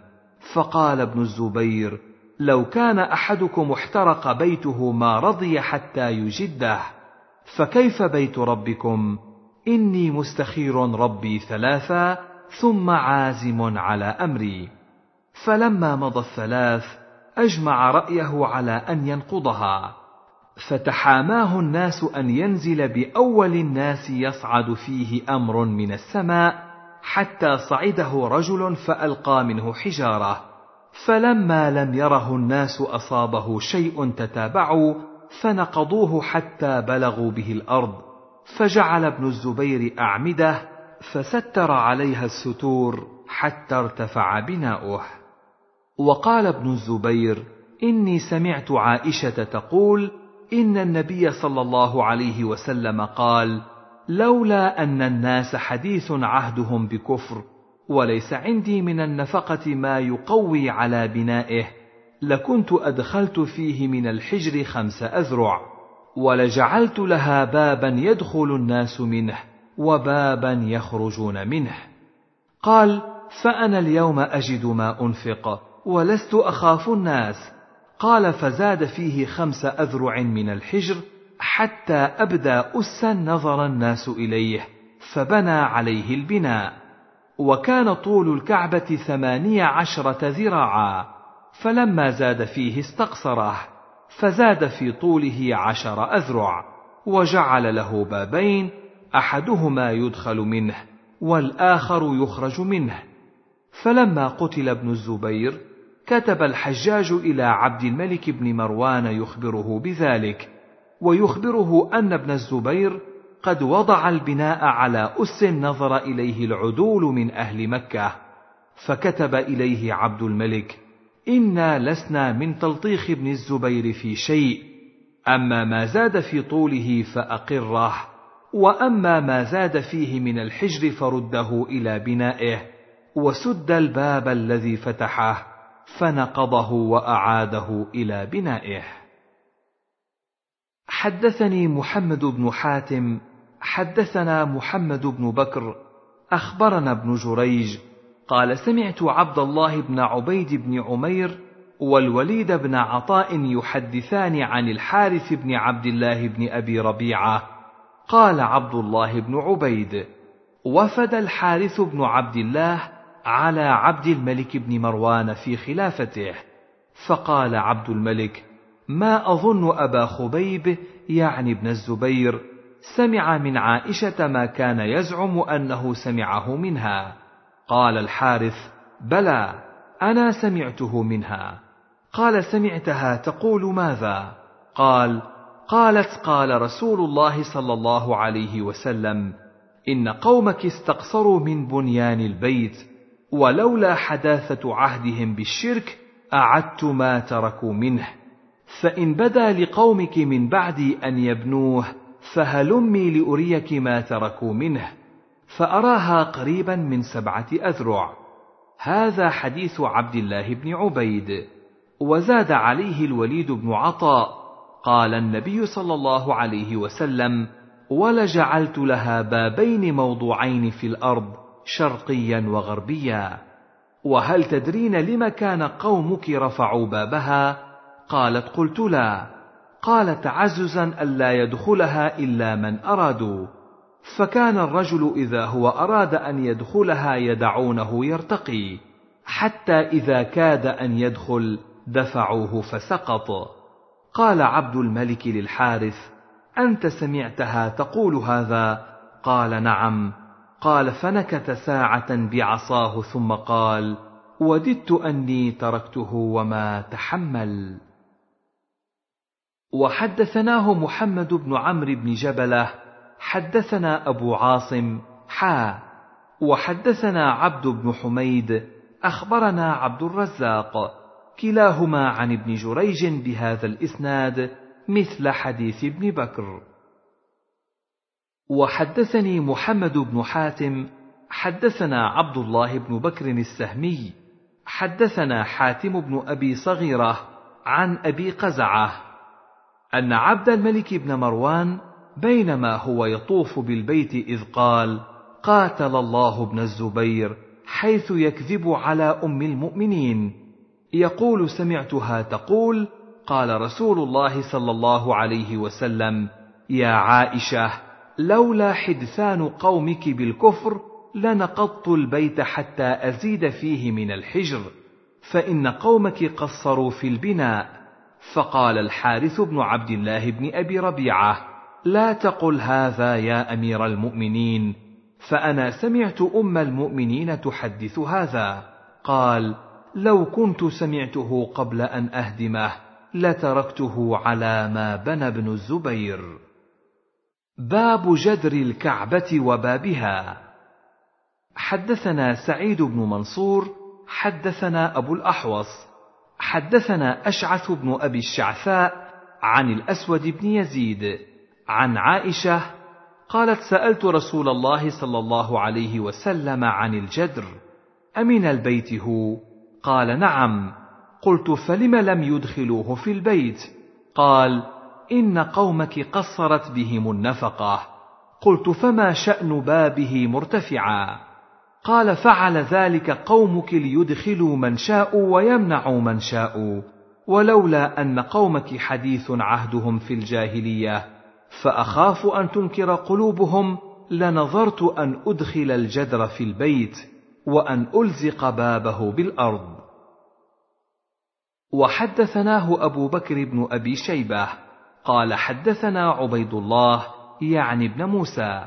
حدثنا شيبان عن أشعث بن أبي الشعثاء عن الأسود بن يزيد عن عائشة قالت سألت رسول الله صلى الله عليه وسلم عن الحجر وساق الحديث بمعنى حديث أبي الأحوص وقال فيه فقلت ما شأن بابه مرتفعا لا يصعد إليه إلا بسلم وقال مخافة أن تنفر قلوبهم.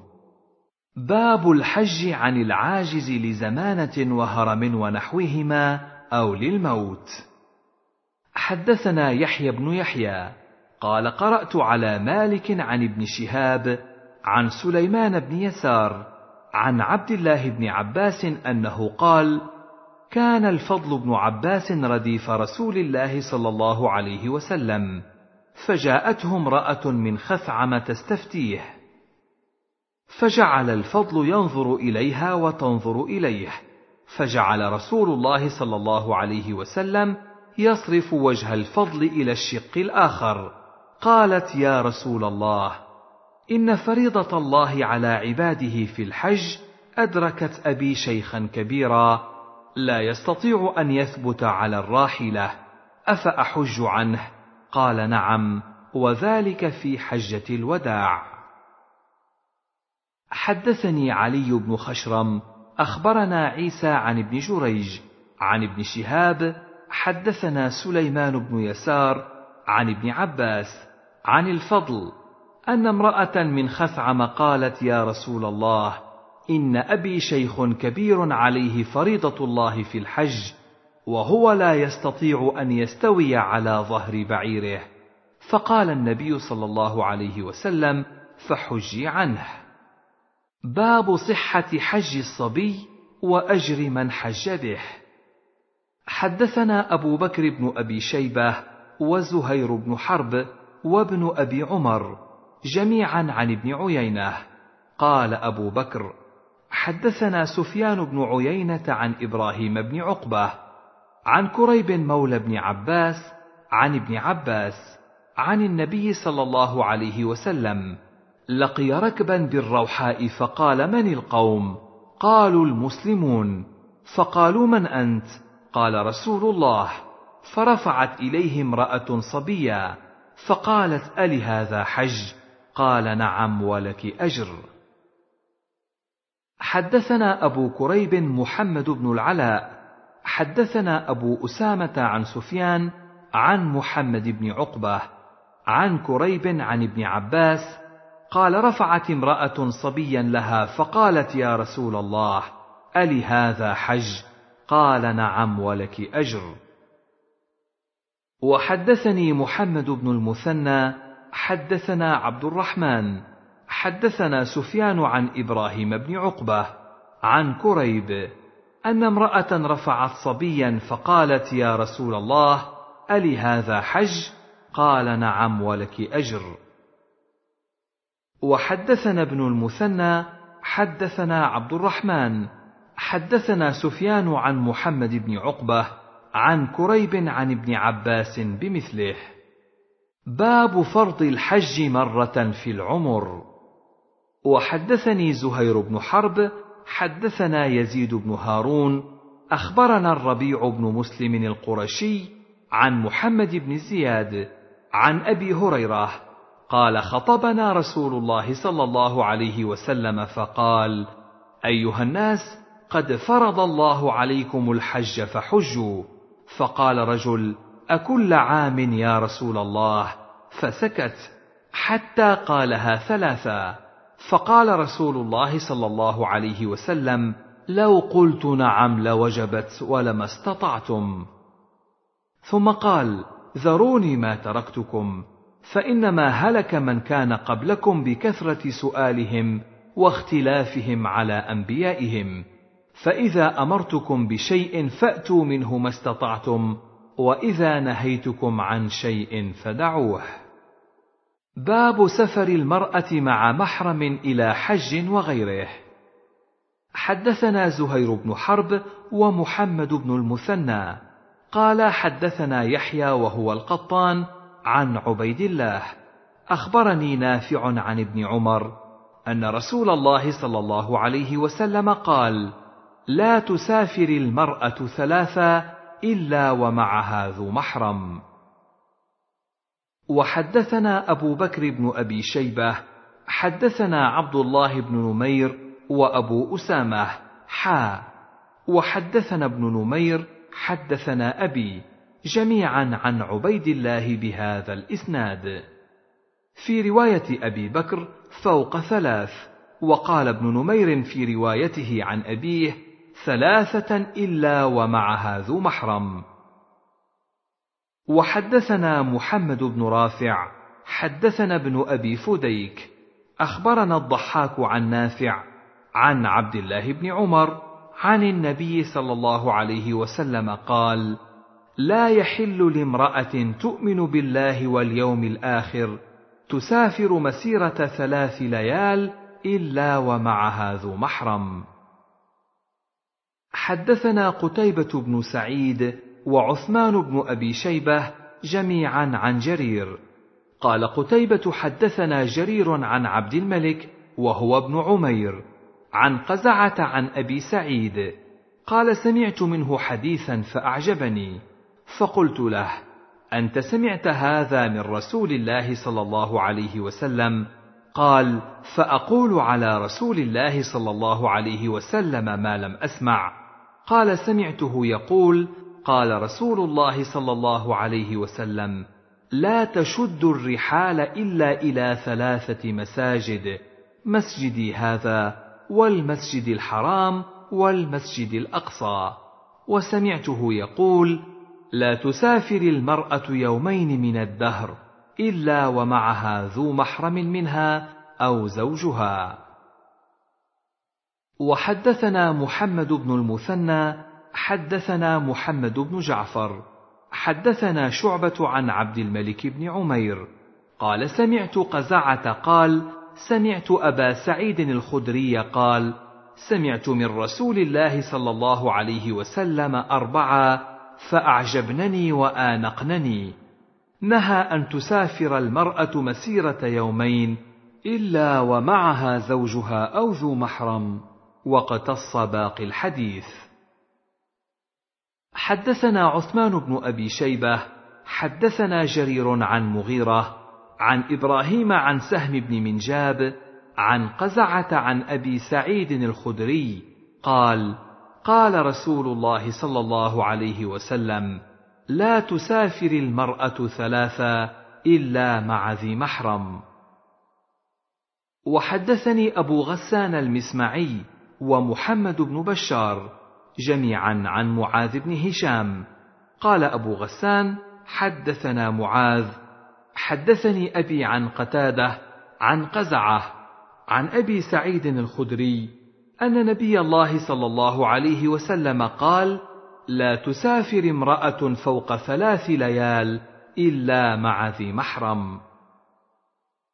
وحدثناه ابن المثنى حدثنا ابن أبي عدي عن سعيد عن قتادة بهذا الإسناد وقال أكثر من ثلاث إلا مع ذي محرم. حدثنا قتيبة بن سعيد حدثنا ليث عن سعيد بن أبي سعيد عن أبيه أن أبا هريرة قال قال رسول الله صلى الله عليه وسلم لا يحل لامرأة مسلمة تسافر مسيرة ليلة إلا ومعها رجل ذو حرمة منها. حدثني زهير بن حرب حدثنا يحيى بن سعيد عن ابن أبي ذئب حدثنا سعيد بن أبي سعيد عن أبيه عن أبي هريرة عن النبي صلى الله عليه وسلم قال لا يحل لامرأة تؤمن بالله واليوم الآخر تسافر مسيرة يوم إلا مع ذي محرم. وحدثنا يحيى بن يحيى قال قرأت على مالك عن سعيد بن أبي سعيد المقبوري عن أبيه عن أبي هريرة أن رسول الله صلى الله عليه وسلم قال لا يحل لامرأة تؤمن بالله واليوم الآخر تسافر مسيرة يوم وليلة إلا مع ذي محرم عليها. حدثنا أبو كامل الجحدري حدثنا بشر يعني ابن مفضل حدثنا سهيل بن أبي صالح عن أبيه عن أبي هريرة قال قال رسول الله صلى الله عليه وسلم لا يحل لامرأة أن تسافر ثلاثا إلا ومعها ذو محرم منها. وحدثنا أبو بكر بن أبي شيبة وأبو كريب جميعا عن أبي معاوية.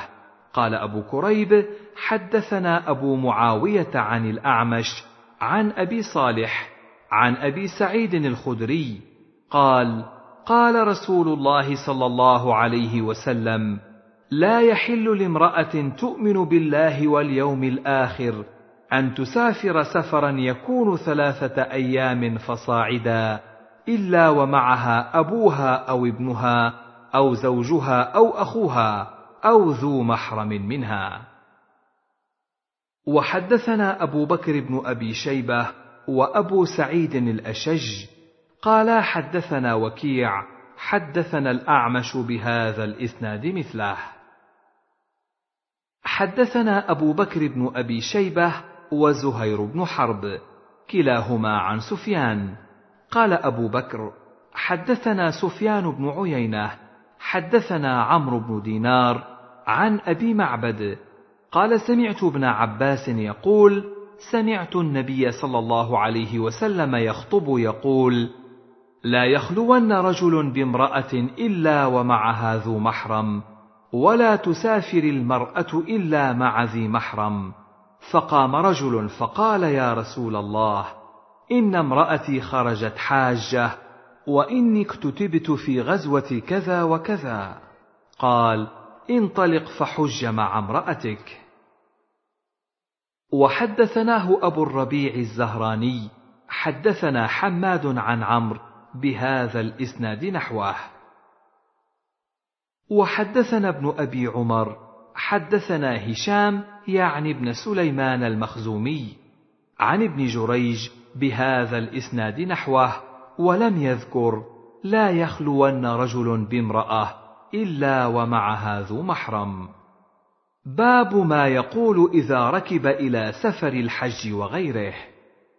حدثني هارون بن عبد الله حدثنا حجاج بن محمد قال قال ابن جريج أخبرني أبو الزبير أن عليا الأزدي أخبره أن ابن عمر علمهم أن رسول الله صلى الله عليه وسلم كان إذا استوى على بعيره خارجا إلى سفر كبر ثلاثا ثم قال سبحان الذي سخر لنا هذا وما كنا له مقرنين وإنا إلى ربنا لمنقلبون. اللهم إنا نسألك في سفرنا هذا البر والتقوى ومن العمل ما ترضى. اللهم هون علينا سفرنا هذا واطو عنا بعده. اللهم أنت الصاحب في السفر والخليفة في الأهل. اللهم إني أعوذ بك من وعثاء السفر وكآبة المنظر وسوء المنقلب في المال والأهل. وإذا رجع قالهن وزاد فيهن آيبون تائبون عابدون لربنا حامدون. وحدثني زهير بن حرب حدثنا إسماعيل بن علية عن عاصم الأحول عن عبد الله بن سرجس قال كان رسول الله صلى الله عليه وسلم إذا سافر يتعوذ من وعثاء السفر وكآبة المنقلب والحور بعد الكون ودعوة المظلوم وسوء المنظر في الأهل والمال. وحدثنا يحيى بن يحيى وزهير بن حرب جميعا عن أبي معاوية حا وحدثني حامد بن عمر حدثنا عبد الواحد كلاهما عن عاصم بهذا الإسناد مثله غير أن في حديث عبد الواحد في المال والأهل. وفي رواية محمد بن خازم قال يبدأ بالأهل إذا رجع. وفي روايتهما جميعا اللهم إني أعوذ بك من وعثاء السفر. باب ما يقول إذا قفل من سفر الحج وغيره. حدثنا أبو بكر بن أبي شيبة حدثنا أبو أسامة حدثنا عبيد الله عن نافع عن ابن عمر حا وحدثنا عبيد الله بن سعيد واللفظ له. حدثنا يحيى وهو القطان عن عبيد الله عن نافع عن عبد الله بن عمر. قال كان رسول الله صلى الله عليه وسلم إذا قفل من الجيوش أو السرايا أو الحج أو العمرة إذا أوفى على ثنية أو فدفد كبر ثلاثا. ثم قال لا إله إلا الله وحده لا شريك له له الملك وله الحمد وهو على كل شيء قدير. آيبون تائبون عابدون ساجدون لربنا حامدون. صدق الله وعده. ونصر عبده وهزم الأحزاب وحده. وحدثني زهير بن حرب حدثنا إسماعيل يعني بن علية عن أيوب حا وحدثنا ابن أبي عمر حدثنا معن عن مالك حا وحدثنا ابن رافع حدثنا ابن أبي فديك أخبرنا الضحاك كلهم عن نافع عن ابن عمر. عن النبي صلى الله عليه وسلم بمثله إلا حديث أيوب فإن فيه التكبير مرتين. وحدثني زهير بن حرب حدثنا إسماعيل بن علية عن يحيى بن أبي إسحاق قال قال أنس بن مالك أقبلنا مع النبي صلى الله عليه وسلم أنا وأبو طلحة وصفية رديفته على ناقته. حتى إذا كنا بظهر المدينة قال آيبون تائبون عابدون لربنا حامدون. فلم يزل يقول ذلك حتى قدمنا المدينة. وحدثنا حميد بن مسعدة حدثنا بشر بن المفضل حدثنا يحيى بن أبي إسحاق عن أنس بن مالك عن النبي صلى الله عليه وسلم بمثله. باب التعريس بذي الحليفة والصلاة بها إذا صدر من الحج أو العمرة. حدثنا يحيى بن يحيى قال قرأت على مالك عن نافع عن عبد الله بن عمر أن رسول الله صلى الله عليه وسلم أناخ بالبطحاء التي بذي الحليفة فصلى بها وكان عبد الله بن عمر يفعل ذلك. وحدثني محمد بن رمح بن المهاجر المصري أخبرنا الليث حا. وحدثنا قتيبة واللفظ له. قال حدثنا ليث عن نافع. قال كان ابن عمر ينيخ بالبطحاء التي بذي الحليفة التي كان رسول الله صلى الله عليه وسلم ينيخ بها ويصلي بها. وحدثنا محمد بن إسحاق المسيبي حدثني أنس يعني أبا ضمرة عن موسى بن عقبة عن نافع أن عبد الله بن عمر كان إذا صدر من الحج أو العمرة أناخ بالبطحاء التي بذي الحليفة التي كان ينيخ بها رسول الله صلى الله عليه وسلم. وحدثنا محمد بن عباد حدثنا حاتم وهو ابن إسماعيل عن موسى وهو ابن عقبة عن سالم عن أبيه أن رسول الله صلى الله عليه وسلم أتي في معرسه بذي الحليفة فقيل له إنك ببطحاء مباركة. وحدثنا محمد بن بكار بن الريان وسريج بن يونس واللفظ لسريج. قال حدثنا إسماعيل بن جعفر أخبرني موسى بن عقبة عن سالم بن عبد الله بن عمر عن أبيه أن النبي صلى الله عليه وسلم أتي وهو في معرسه من ذي الحليفة في بطن الوادي فقيل إنك ببطحاء مباركة. قال موسى وقد أناخ بنا سالم بالمناخ من المسجد الذي كان عبد الله ينيخ به يتحرى معرس رسول الله صلى الله عليه وسلم وهو أسفل من المسجد الذي ببطن الوادي بينه وبين القبلة وسطا من ذلك. باب لا يحج البيت مشرك ولا يطوف بالبيت عريان وبيان يوم الحج الأكبر. حدثني هارون بن سعيد الأيلي حدثنا ابن وهب أخبرني عمرو عن ابن شهاب عن حميد بن عبد الرحمن عن أبي هريرة حا.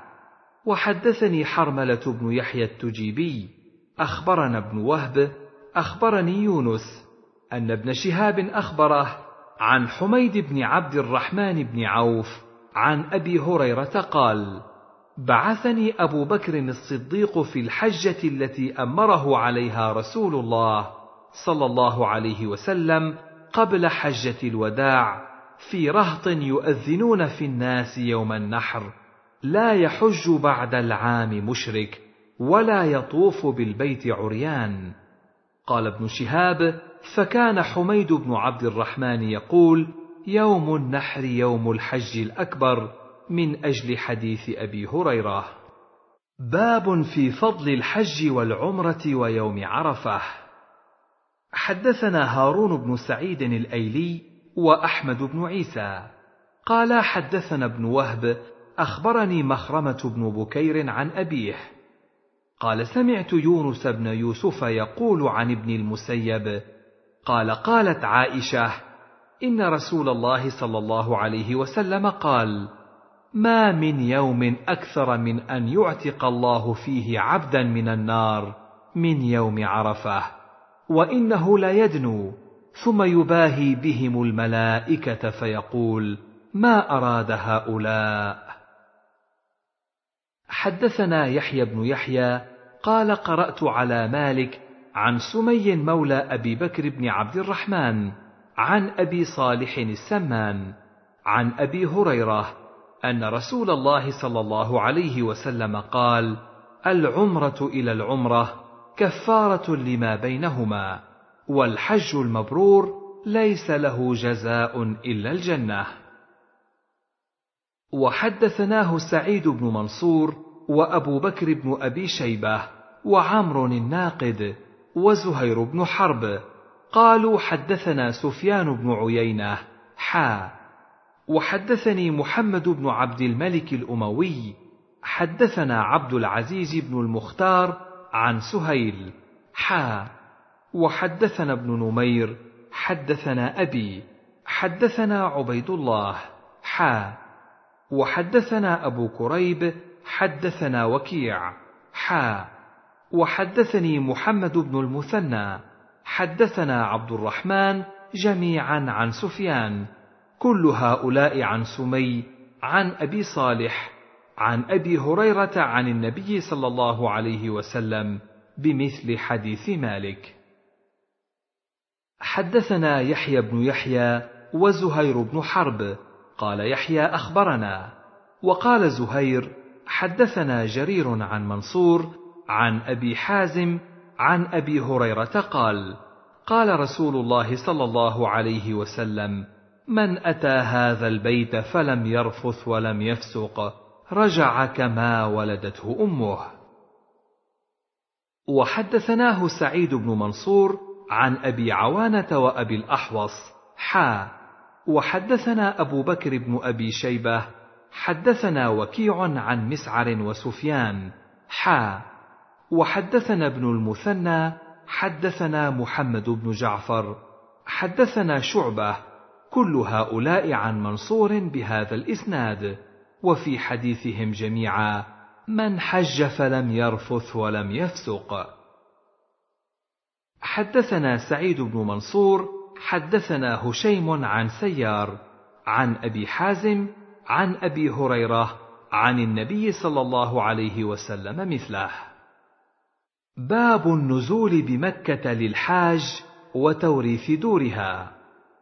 حدثني أبو الطاهر وحرملة بن يحيى قال أخبرنا ابن وهب أخبرنا يونس بن يزيد عن ابن شهاب أن علي بن حسين اخبره أن عمرو بن عثمان بن عفان اخبره عن أسامة بن زيد بن حارثة أنه قال يا رسول الله أتنزل في دارك بمكة؟ فقال وهل ترك لنا عقيل من رباع أو دور؟ وكان عقيل ورث أبا طالب هو وطالب ولم يرثه جعفر ولا علي شيئا لأنهما كانا مسلمين وكان عقيل وطالب كافرين. حدثنا محمد بن مهران الرازي وابن أبي عمر وعبد بن حميد جميعا عن عبد الرزاق. قال ابن مهران حدثنا عبد الرزاق عن معمر عن الزهري عن علي بن حسين عن عمرو بن عثمان عن أسامة بن زيد. قلت يا رسول الله أين تنزل غدا؟ وذلك في حجته حين دنونا من مكة. فقال وهل ترك لنا عقيل منزلا؟ وحدثنيه محمد بن حاتم حدثنا روح بن عبادة حدثنا محمد بن أبي حفصة وزمعة بن صالح. قال حدثنا ابن شهاب عن علي بن حسين عن عمرو بن عثمان عن أسامة بن زيد أنه قال يا رسول الله أين تنزل غدا إن شاء الله؟ وذلك زمن الفتح. قال وهل ترك لنا عقيل من منزل؟ باب جواز الإقامة بمكة للمهاجر منها بعد فراغ الحج والعمرة ثلاثة أيام بلا زيادة. حدثنا عبد الله بن مسلمة بن قعنب حدثنا سليمان يعني بن بلال عن عبد الرحمن بن حميد أنه سمع عمر بن عبد العزيز يسأل السائب بن يزيد يقول هل سمعت في الإقامة بمكة شيئا؟ فقال السائب سمعت العلاء بن الحضرمي يقول سمعت رسول الله صلى الله عليه وسلم يقول للمهاجر إقامة ثلاث بعد الصدر بمكة. كأنه يقول لا يزيد عليها. حدثنا يحيى بن يحيى أخبرنا سفيان بن عيينة عن عبد الرحمن بن حميد قال سمعت عمر بن عبد العزيز يقول لجلسائه ما سمعتم في سكنى مكة؟ فقال السائب بن يزيد سمعت العلاء أو قال العلاء بن الحضرمي قال رسول الله صلى الله عليه وسلم يقيم المهاجر بمكة بعد قضاء نسكه ثلاثا. وحدثنا حسن الحلواني وعبد بن حميد جميعا عن يعقوب بن إبراهيم بن سعد. حدثنا أبي عن صالح عن عبد الرحمن بن حميد أنه سمع عمر بن عبد العزيز يسأل السائب بن يزيد فقال السائب سمعت العلاء بن الحضرمي يقول سمعت رسول الله صلى الله عليه وسلم يقول ثلاث ليال يمكثهن المهاجر بمكة بعد الصدر. وحدثنا إسحاق بن إبراهيم أخبرنا عبد الرزاق أخبرنا ابن جريج وأملاه علينا إملاء. أخبرني إسماعيل بن محمد بن سعد أن حميد بن عبد الرحمن بن عوف اخبره أن السائب بن يزيد اخبره أن العلاء بن الحضرمي اخبره عن رسول الله صلى الله عليه وسلم قال مكث المهاجر بمكة بعد قضاء نسكه ثلاثا وحدثني حجاج بن الشاعر حدثنا الضحاك بن مخلد أخبرنا ابن جريج بهذا الإسناد مثله. باب تحريم مكة وصيدها وخلاها وشجرها ولقطتها إلا لمنشد على الدوام. حدثنا إسحاق بن إبراهيم الحنظلي أخبرنا جرير عن منصور عن مجاهد عن طاووس عن ابن عباس قال قال رسول الله صلى الله عليه وسلم يوم الفتح فتح مكة لا هجرة ولكن جهاد ونية. وإذا استنفرتم فانفروا. وقال يوم الفتح فتح مكة إن هذا البلد حرمه الله يوم خلق السماوات والأرض فهو حرام بحرمة الله إلى يوم القيامة. وإنه لم يحل القتال فيه لأحد قبلي ولم يحل لي إلا ساعة من نهار فهو حرام بحرمة الله إلى يوم القيامة. لا يعضد شوكه ولا ينفر صيده ولا يلتقط إلا من عرفها ولا يختلى خلاها. فقال العباس يا رسول الله إلا الإذخر فإنه لقينهم ولبيوتهم. فقال إلا الإذخر. وحدثني محمد بن رافع حدثنا يحيى بن آدم حدثنا مفضل عن منصور في هذا الإسناد بمثله ولم يذكر يوم خلق السماوات والأرض وقال بدل القتال القتل وقال لا يلتقط لقطته إلا من عرفها حدثنا قتيبة بن سعيد حدثنا ليث عن سعيد بن أبي سعيد عن أبي شريح العدوي أنه قال لعمرو بن سعيد وهو يبعث البعوث إلى مكة. إذا لي أيها الأمير أحدثك قولا قام به رسول الله صلى الله عليه وسلم. الغد من يوم الفتح. سمعته أذناي ووعاه قلبي وأبصرته عيناي حين تكلم به. أنه حمد الله وأثنى عليه ثم قال إن مكة حرمها الله ولم يحرمها الناس فلا يحل لامرئ يؤمن بالله واليوم الآخر أن يسفك بها دما ولا يعضد بها شجرة. فإن أحد ترخص بقتال رسول الله صلى الله عليه وسلم فيها فقولوا له إن الله أذن لرسوله ولم يأذن لكم. وإنما أذن لي فيها ساعة من نهار. وقد عادت حرمتها اليوم كحرمتها بالأمس وليبلغ الشاهد الغائب. فقيل لأبي شريح ما قال لك عمرو؟ قال أنا أعلم بذلك منك يا أبا شريح. إن الحرم لا يعيذ عاصيا ولا فارا بدم ولا فارا بخربة. حدثني زهير بن حرب وعبيد الله بن سعيد جميعا عن الوليد. قال زهير حدثنا الوليد بن مسلم حدثنا الأوزاعي حدثني يحيى بن أبي كثير حدثني أبو سلمة هو ابن عبد الرحمن. حدثني أبو هريرة قال لما فتح الله عز وجل على رسوله صلى الله عليه وسلم مكة قام في الناس فحمد الله وأثنى عليه ثم قال إن الله حبس عن مكة الفيل وسلط عليها رسوله والمؤمنين وإنها لن تحل لأحد كان قبلي وإنها أحلت لي ساعة من نهار وإنها لن تحل لأحد بعدي.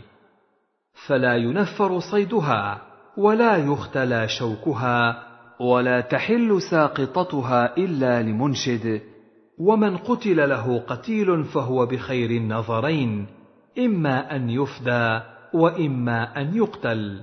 فقال العباس إلا الإذخر يا رسول الله فإنا نجعله في قبورنا وبيوتنا. فقال رسول الله صلى الله عليه وسلم إلا الإذخر. فقام أبو شاه رجل من أهل اليمن فقال اكتبوا لي يا رسول الله. فقال رسول الله صلى الله عليه وسلم اكتبوا لأبي شاه.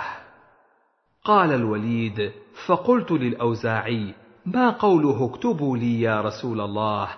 قال هذه الخطبة التي سمعها من رسول الله صلى الله عليه وسلم.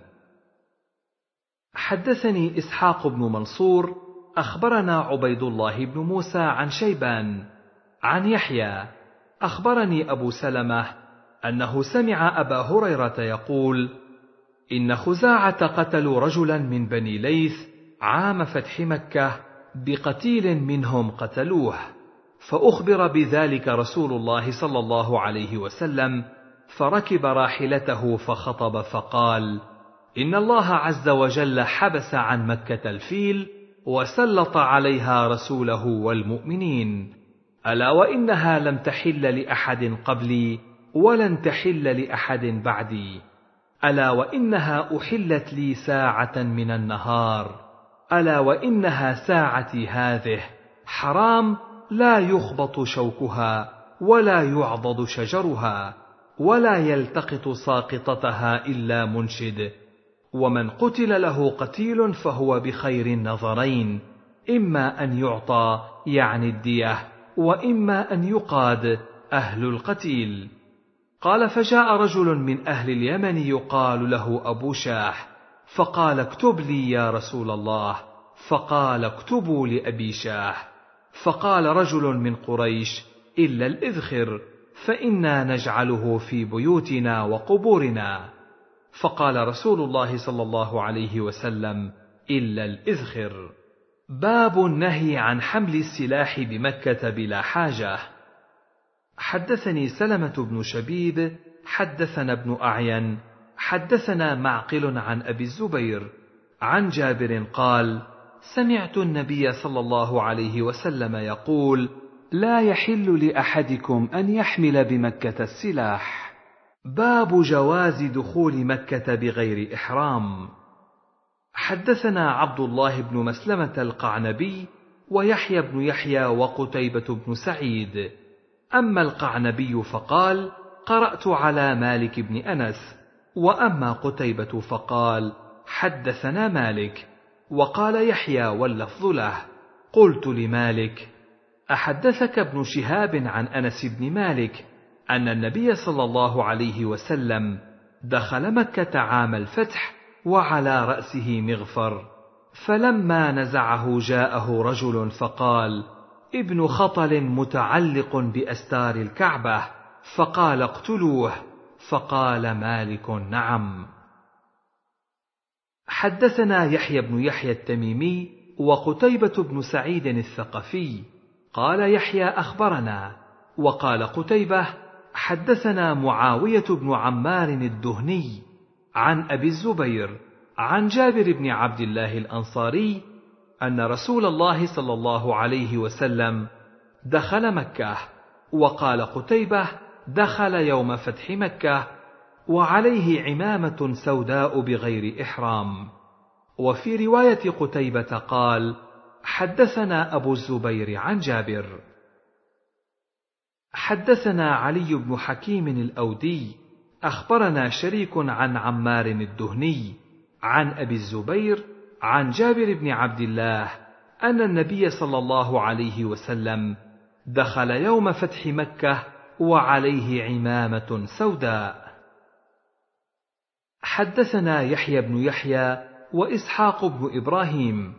قالا أخبرنا وكيع عن مساور الوراق عن جعفر بن عمرو بن حريث عن أبيه أن رسول الله صلى الله عليه وسلم خطب الناس وعليه عمامة سوداء.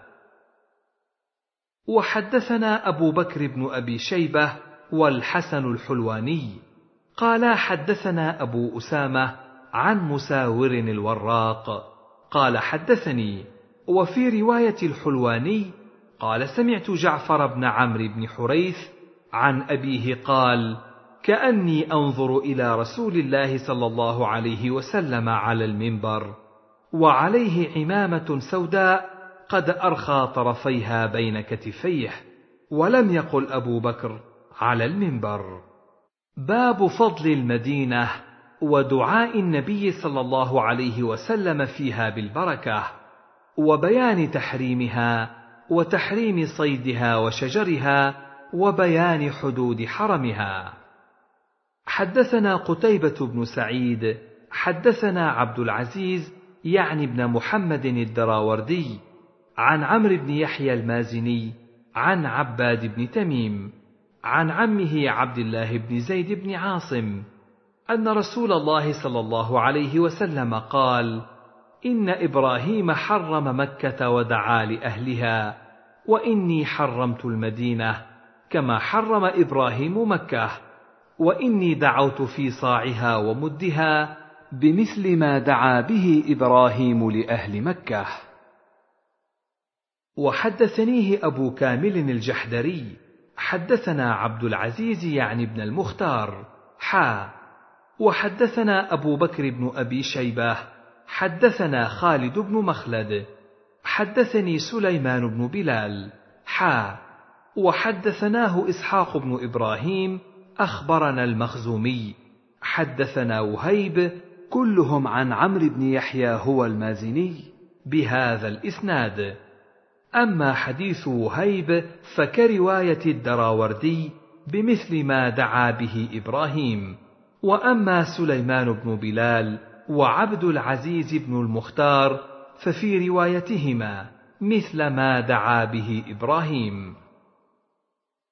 وحدثنا قتيبة بن سعيد حدثنا بكر يعني ابن مضر عن ابن الهاد عن أبي بكر بن محمد عن عبد الله بن عمرو بن عثمان عن رافع بن خديج قال قال رسول الله صلى الله عليه وسلم إن إبراهيم حرم مكة وإني أحرم ما بين لابتيها يريد المدينة.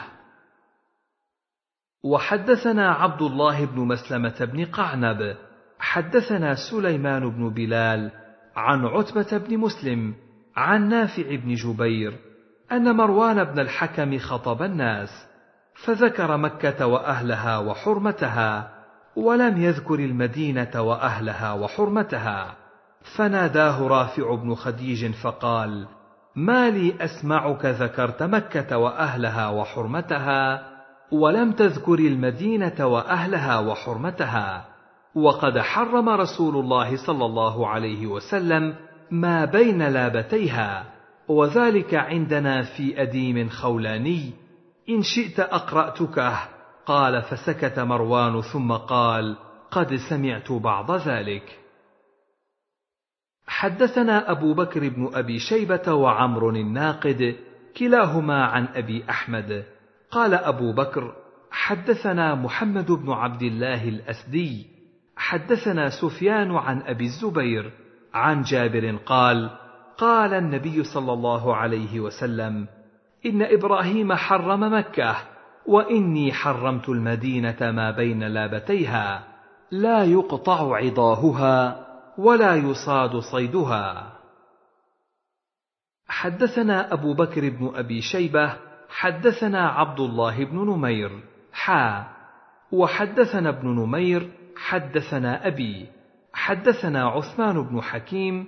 حدثني عامر بن سعد عن أبيه قال قال رسول الله صلى الله عليه وسلم إني أحرم ما بين لابتي المدينة أن يقطع عضاهها أو يقتل صيدها.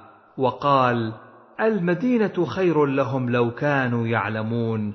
لا يدعها أحد رغبة عنها إلا أبدل الله فيها من هو خير منه. ولا يثبت أحد على لأوائها وجهدها إلا كنت له شفيعا أو شهيدا يوم القيامة. وحدثنا ابن أبي عمر حدثنا مروان بن معاوية حدثنا عثمان بن حكيم الأنصاري. أخبرني عامر بن سعد بن أبي وقاص عن أبيه أن رسول الله صلى الله عليه وسلم قال ثم ذكر مثل حديث ابن نمير وزاد في الحديث ولا يريد أحد أهل المدينة بسوء إلا أذابه الله في النار ذوب الرصاص أو ذوب الملح في الماء. وحدثنا إسحاق بن إبراهيم وعبد بن حميد جميعا عن العقدي. قال عبد أخبرنا عبد الملك بن عمرو حدثنا عبد الله بن جعفر عن إسماعيل بن محمد عن عامر بن سعد.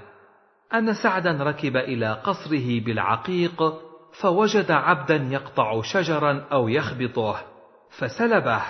فلما رجع سعد جاءه أهل العبد فكلموه أن يرد على غلامهم أو عليهم. ما أخذ من غلامهم. فقال معاذ الله أن أرد شيئا نفلنيه رسول الله صلى الله عليه وسلم وأبى أن يرد عليهم.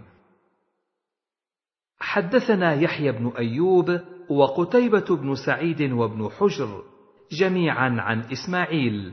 قال ابن أيوب حدثنا إسماعيل بن جعفر أخبرني عمرو بن أبي عمرو. مولى المطلب بن عبد الله بن حنطب أنه سمع أنس بن مالك يقول قال رسول الله صلى الله عليه وسلم لأبي طلحة التمس لي غلاما من غلمانكم يخدمني.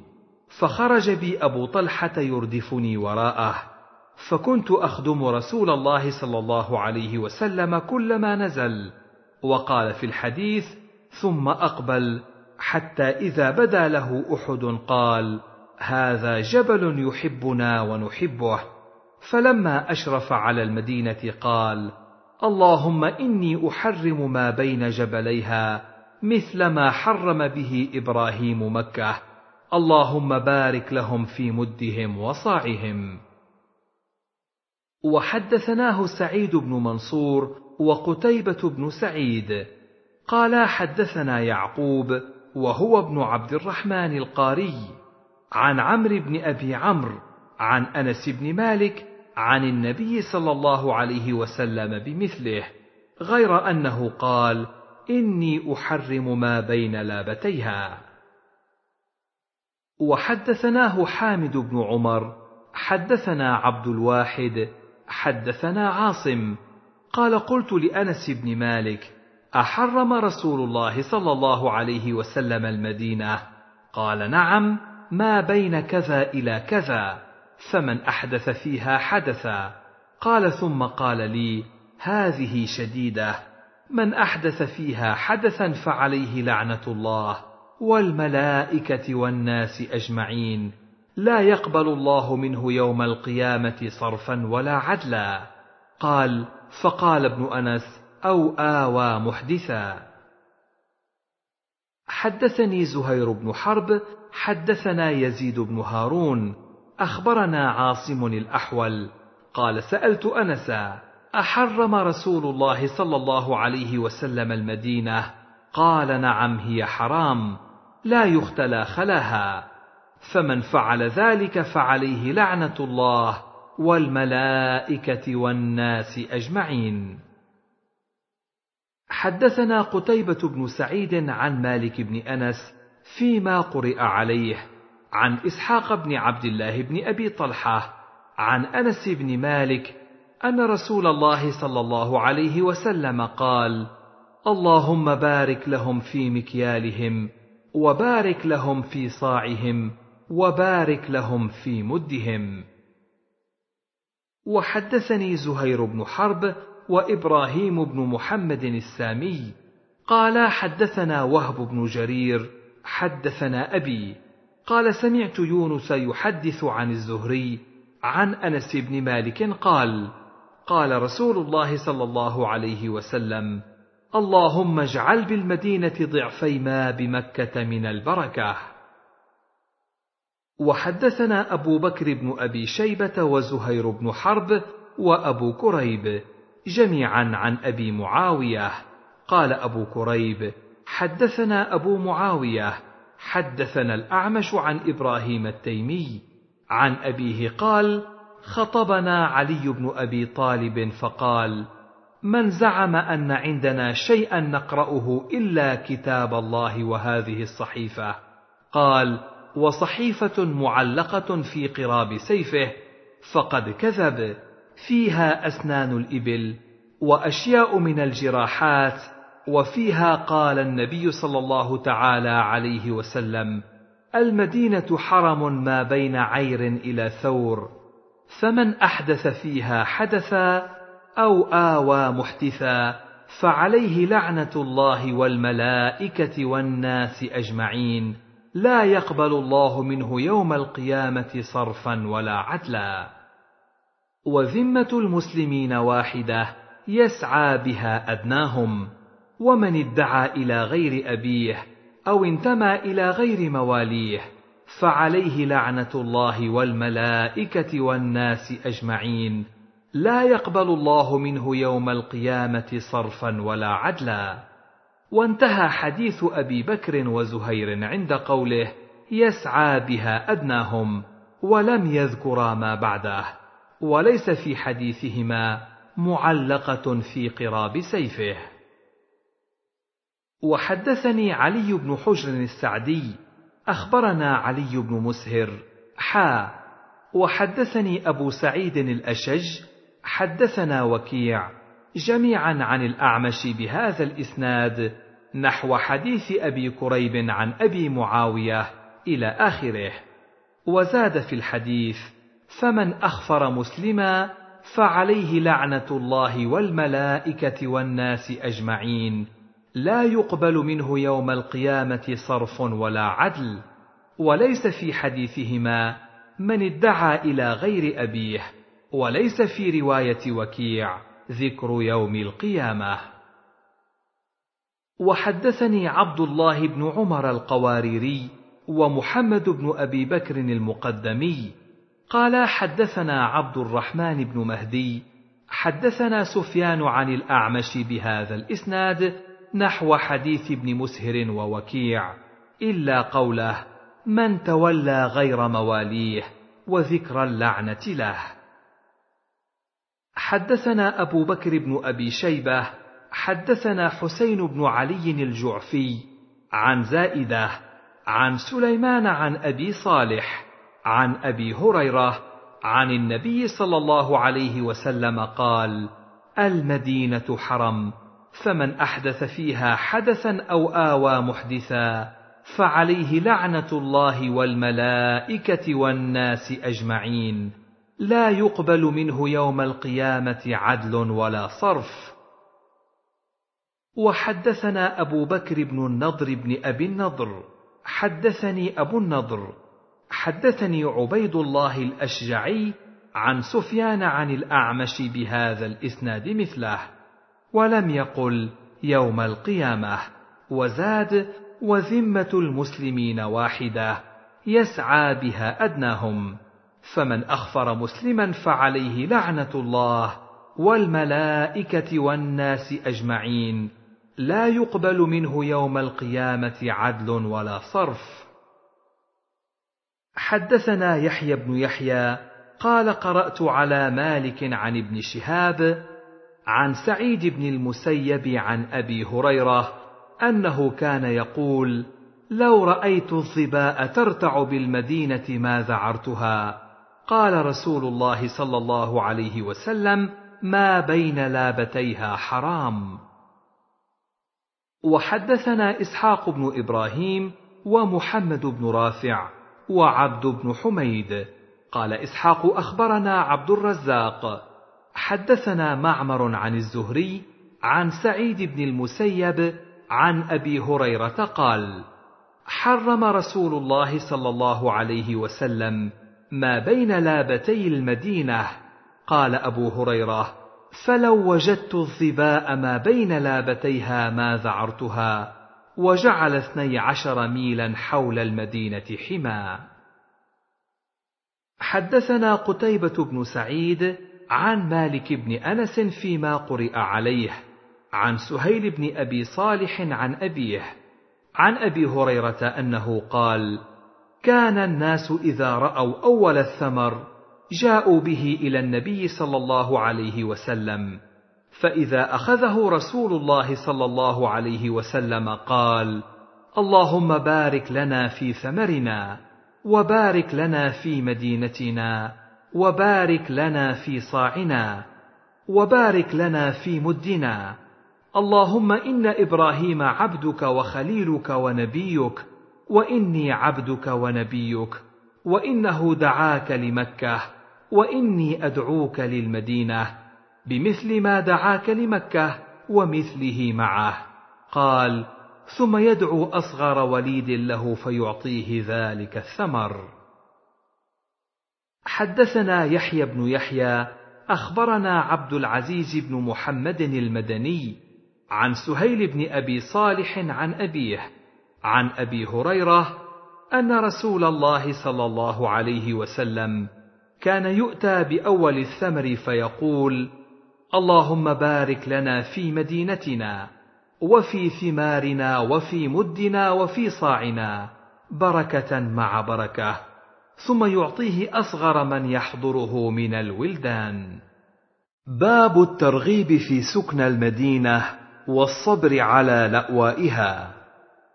حدثنا حماد بن إسماعيل بن علية حدثنا أبي عن وهيب عن يحيى بن أبي إسحاق أنه حدث عن أبي سعيد مولى المهري أنه أصابهم بالمدينة جهد وشدة وأنه أتى أبا سعيد الخدري فقال له إني كثير العيال وقد أصابتنا شدة فأردت أن أنقل عيالي إلى بعض الريف. فقال أبو سعيد لا تفعل إلزم المدينة. فإنا خرجنا مع نبي الله صلى الله عليه وسلم. أظن أنه قال حتى قدمنا عسفان فأقام بها ليالي فقال الناس والله ما نحن هاهنا في شيء وإن عيالنا لخلوف ما نأمن عليهم. فبلغ ذلك النبي صلى الله عليه وسلم فقال ما هذا الذي بلغني من حديثكم؟ ما أدري كيف قال. والذي أحلف به؟ أو والذي نفسي بيده لقد هممت أو إن شئتم لا أدري أيتهما قال لآمرن بناقتي ترحل ثم لا أحل لها عقدة حتى أقدم المدينة. وقال اللهم إن إبراهيم حرم مكة فجعلها حرما وإني حرمت المدينة حراما ما بين مأزميها أن لا يهراق فيها دم ولا يحمل فيها سلاح لقتال ولا تخبط فيها شجرة إلا لعلف. اللهم بارك لنا في مدينتنا. اللهم بارك لنا في صاعنا. اللهم بارك لنا في مدنا. اللهم بارك لنا في صاعنا. اللهم بارك لنا في مدنا. اللهم بارك لنا في مدينتنا. اللهم اجعل مع البركة بركتين والذي نفسي بيده ما من المدينة شعب ولا نقب إلا عليه ملكان يحرسانها حتى تقدموا إليها. ثم قال للناس ارتحلوا فارتحلنا فأقبلنا إلى المدينة فوالذي نحلف به أو يحلف به الشك من حماد. ما وضعنا رحالنا حين دخلنا المدينة حتى أغار علينا بنو عبد الله بن غطفان وما يهيجهم قبل ذلك شيء. وحدثنا زهير بن حرب حدثنا إسماعيل بن علية عن علي بن المبارك حدثنا يحيى بن أبي كثير حدثنا أبو سعيد مولى المهري عن أبي سعيد الخدري أن رسول الله صلى الله عليه وسلم قال اللهم بارك لنا في صاعنا ومدنا واجعل مع البركة بركتين. وحدثناه أبو بكر بن أبي شيبة حدثنا عبيد الله بن موسى أخبرنا شيبان حا وحدثني إسحاق بن منصور أخبرنا عبد الصمد حدثنا حرب يعني بن شداد كلاهما عن يحيى بن أبي كثير بهذا الإسناد مثله. وحدثنا قتيبة بن سعيد حدثنا ليث عن سعيد بن أبي سعيد عن أبي سعيد مولى المهري أنه جاء أبا سعيد الخدري ليالي الحرة فاستشاره في الجلاء من المدينة وشكى إليه أسعارها وكثرة عياله. وأخبره أن لا صبر له على جهد المدينة ولأوائها. فقال له ويحك لا آمرك بذلك. إني سمعت رسول الله صلى الله عليه وسلم يقول لا يصبر أحد على لأوائها فيموت إلا كنت له شفيعا أو شهيدا يوم القيامة إذا كان مسلما.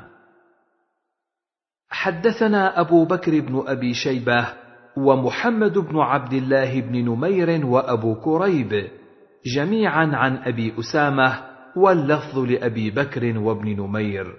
قال حدثنا أبو أسامة عن الوليد بن كثير. حدثني سعيد بن عبد الرحمن بن أبي سعيد الخدري أن عبد الرحمن حدثه عن أبيه أبي سعيد أنه سمع رسول الله صلى الله عليه وسلم يقول إني حرمت ما بين لابتي المدينة كما حرم إبراهيم مكة.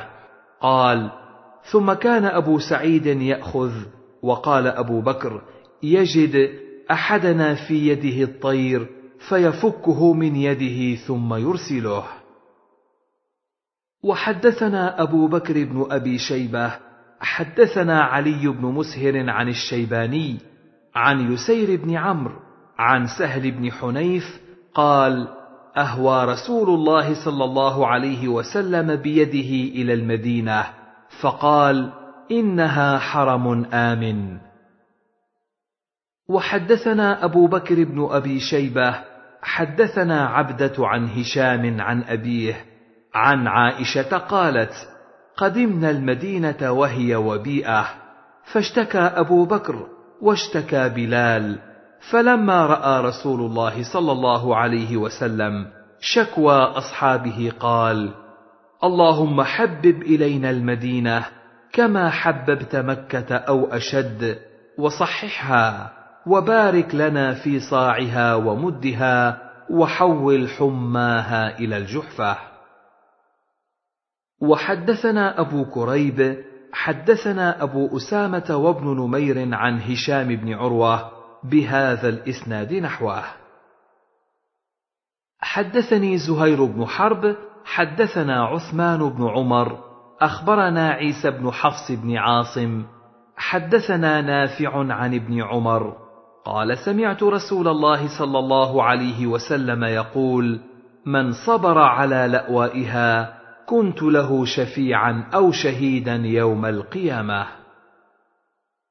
حدثنا يحيى بن يحيى قال قرأت على مالك عن قطن بن وهب بن عويمر بن الأجدع عن يحنس مولى الزبير أخبره أنه كان جالسا عند عبد الله بن عمر في الفتنة فأتته مولاه له تسلم عليه فقالت إني أردت الخروج يا أبا عبد الرحمن اشتد علينا الزمان فقال لها عبد الله اقعدي لكاع. فإني سمعت رسول الله صلى الله عليه وسلم يقول لا يصبر على لأوائها وشدتها أحد إلا كنت له شهيدا أو شفيعا يوم القيامة. وحدثنا محمد بن رافع حدثنا ابن أبي فديك أخبرنا الضحاك عن قطن الخزاعي عن يحنس مولى مصعب عن عبد الله بن عمر قال سمعت رسول الله صلى الله عليه وسلم يقول من صبر على لأوائها وشدتها كنت له شهيدا أو شفيعا يوم القيامة يعني المدينة. وحدثنا يحيى بن أيوب وقتيبة وابن حجر جميعا عن إسماعيل بن جعفر عن العلاء بن عبد الرحمن عن أبيه عن أبي هريرة. أن رسول الله صلى الله عليه وسلم قال لا يصبر على لأواء المدينة وشدتها أحد من أمتي إلا كنت له شفيعا يوم القيامة أو شهيدا. وحدثنا ابن أبي عمر حدثنا سفيان عن أبي هارون موسى بن أبي عيسى أنه سمع أبا عبد الله القراض يقول سمعت أبا هريرة يقول قال رسول الله صلى الله عليه وسلم بمثله. وحدثنا يوسف بن عيسى حدثنا الفضل بن موسى أخبرنا هشام بن عروة عن صالح بن أبي صالح عن أبيه عن أبي هريرة قال قال رسول الله صلى الله عليه وسلم لا يصبر أحد على لأواء المدينة. بمثله. باب صيانة المدينة من دخول الطاعون والدجال إليها. حدثنا يحيى بن يحيى قال قرأت على مالك عن نعيم بن عبد الله عن أبي هريرة قال قال رسول الله صلى الله عليه وسلم على أنقاب المدينة ملائكة لا يدخلها الطاعون ولا الدجال. وحدثنا يحيى بن أيوب وقتيبة وابن حجر جميعا عن إسماعيل بن جعفر.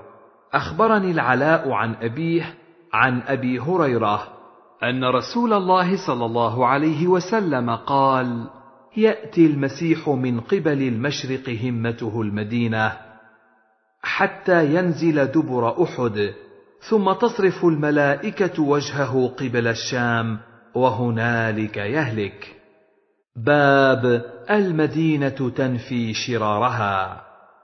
حدثنا قتيبة بن سعيد حدثنا عبد العزيز يعني الدراوردي عن العلاء عن أبيه عن أبي هريرة أن رسول الله صلى الله عليه وسلم قال: يأتي على الناس زمان يدعو الرجل ابن عمه وقريبه هلم إلى الرخاء هلم إلى الرخاء والمدينة خير لهم لو كانوا يعلمون.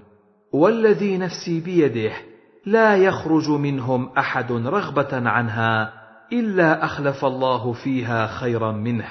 ألا إن المدينة كالكير تخرج الخبيث؟ لا تقوم الساعة حتى تنفي المدينة شرارها كما ينفي الكير خبث الحديد.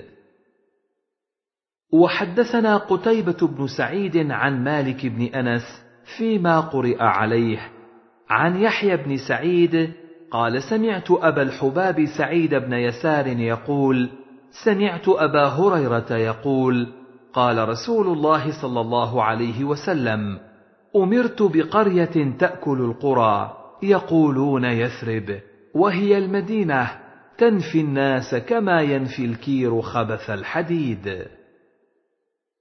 وحدثنا عمرو الناقد وابن أبي عمر قالا حدثنا سفيان حا وحدثنا ابن المثنى حدثنا عبد الوهاب جميعا عن يحيى بن سعيد بهذا الإسناد وقالا كما ينفي الكير الخبث لم يذكر الحديد.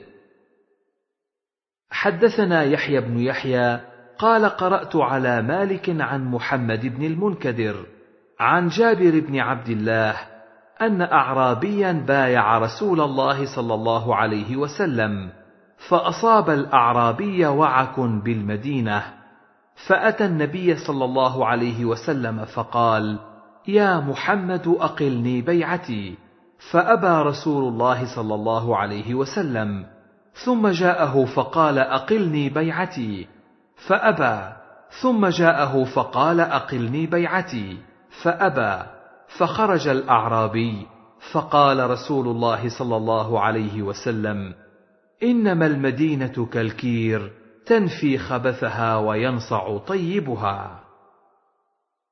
وحدثنا عبيد الله بن معاذ وهو العنبري حدثنا أبي حدثنا شعبة عن عدي وهو ابن ثابت سمع عبد الله بن يزيد عن زيد بن ثابت عن النبي صلى الله عليه وسلم قال إنها طيبة يعني المدينة وإنها تنفي الخبث كما تنفي النار خبث الفضة.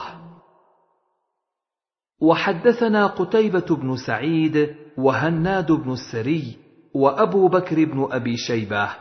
قالوا حدثنا أبو الأحوص عن سماك عن جابر بن سمرة قال سمعت رسول الله صلى الله عليه وسلم يقول إن الله تعالى سمى المدينة طابة.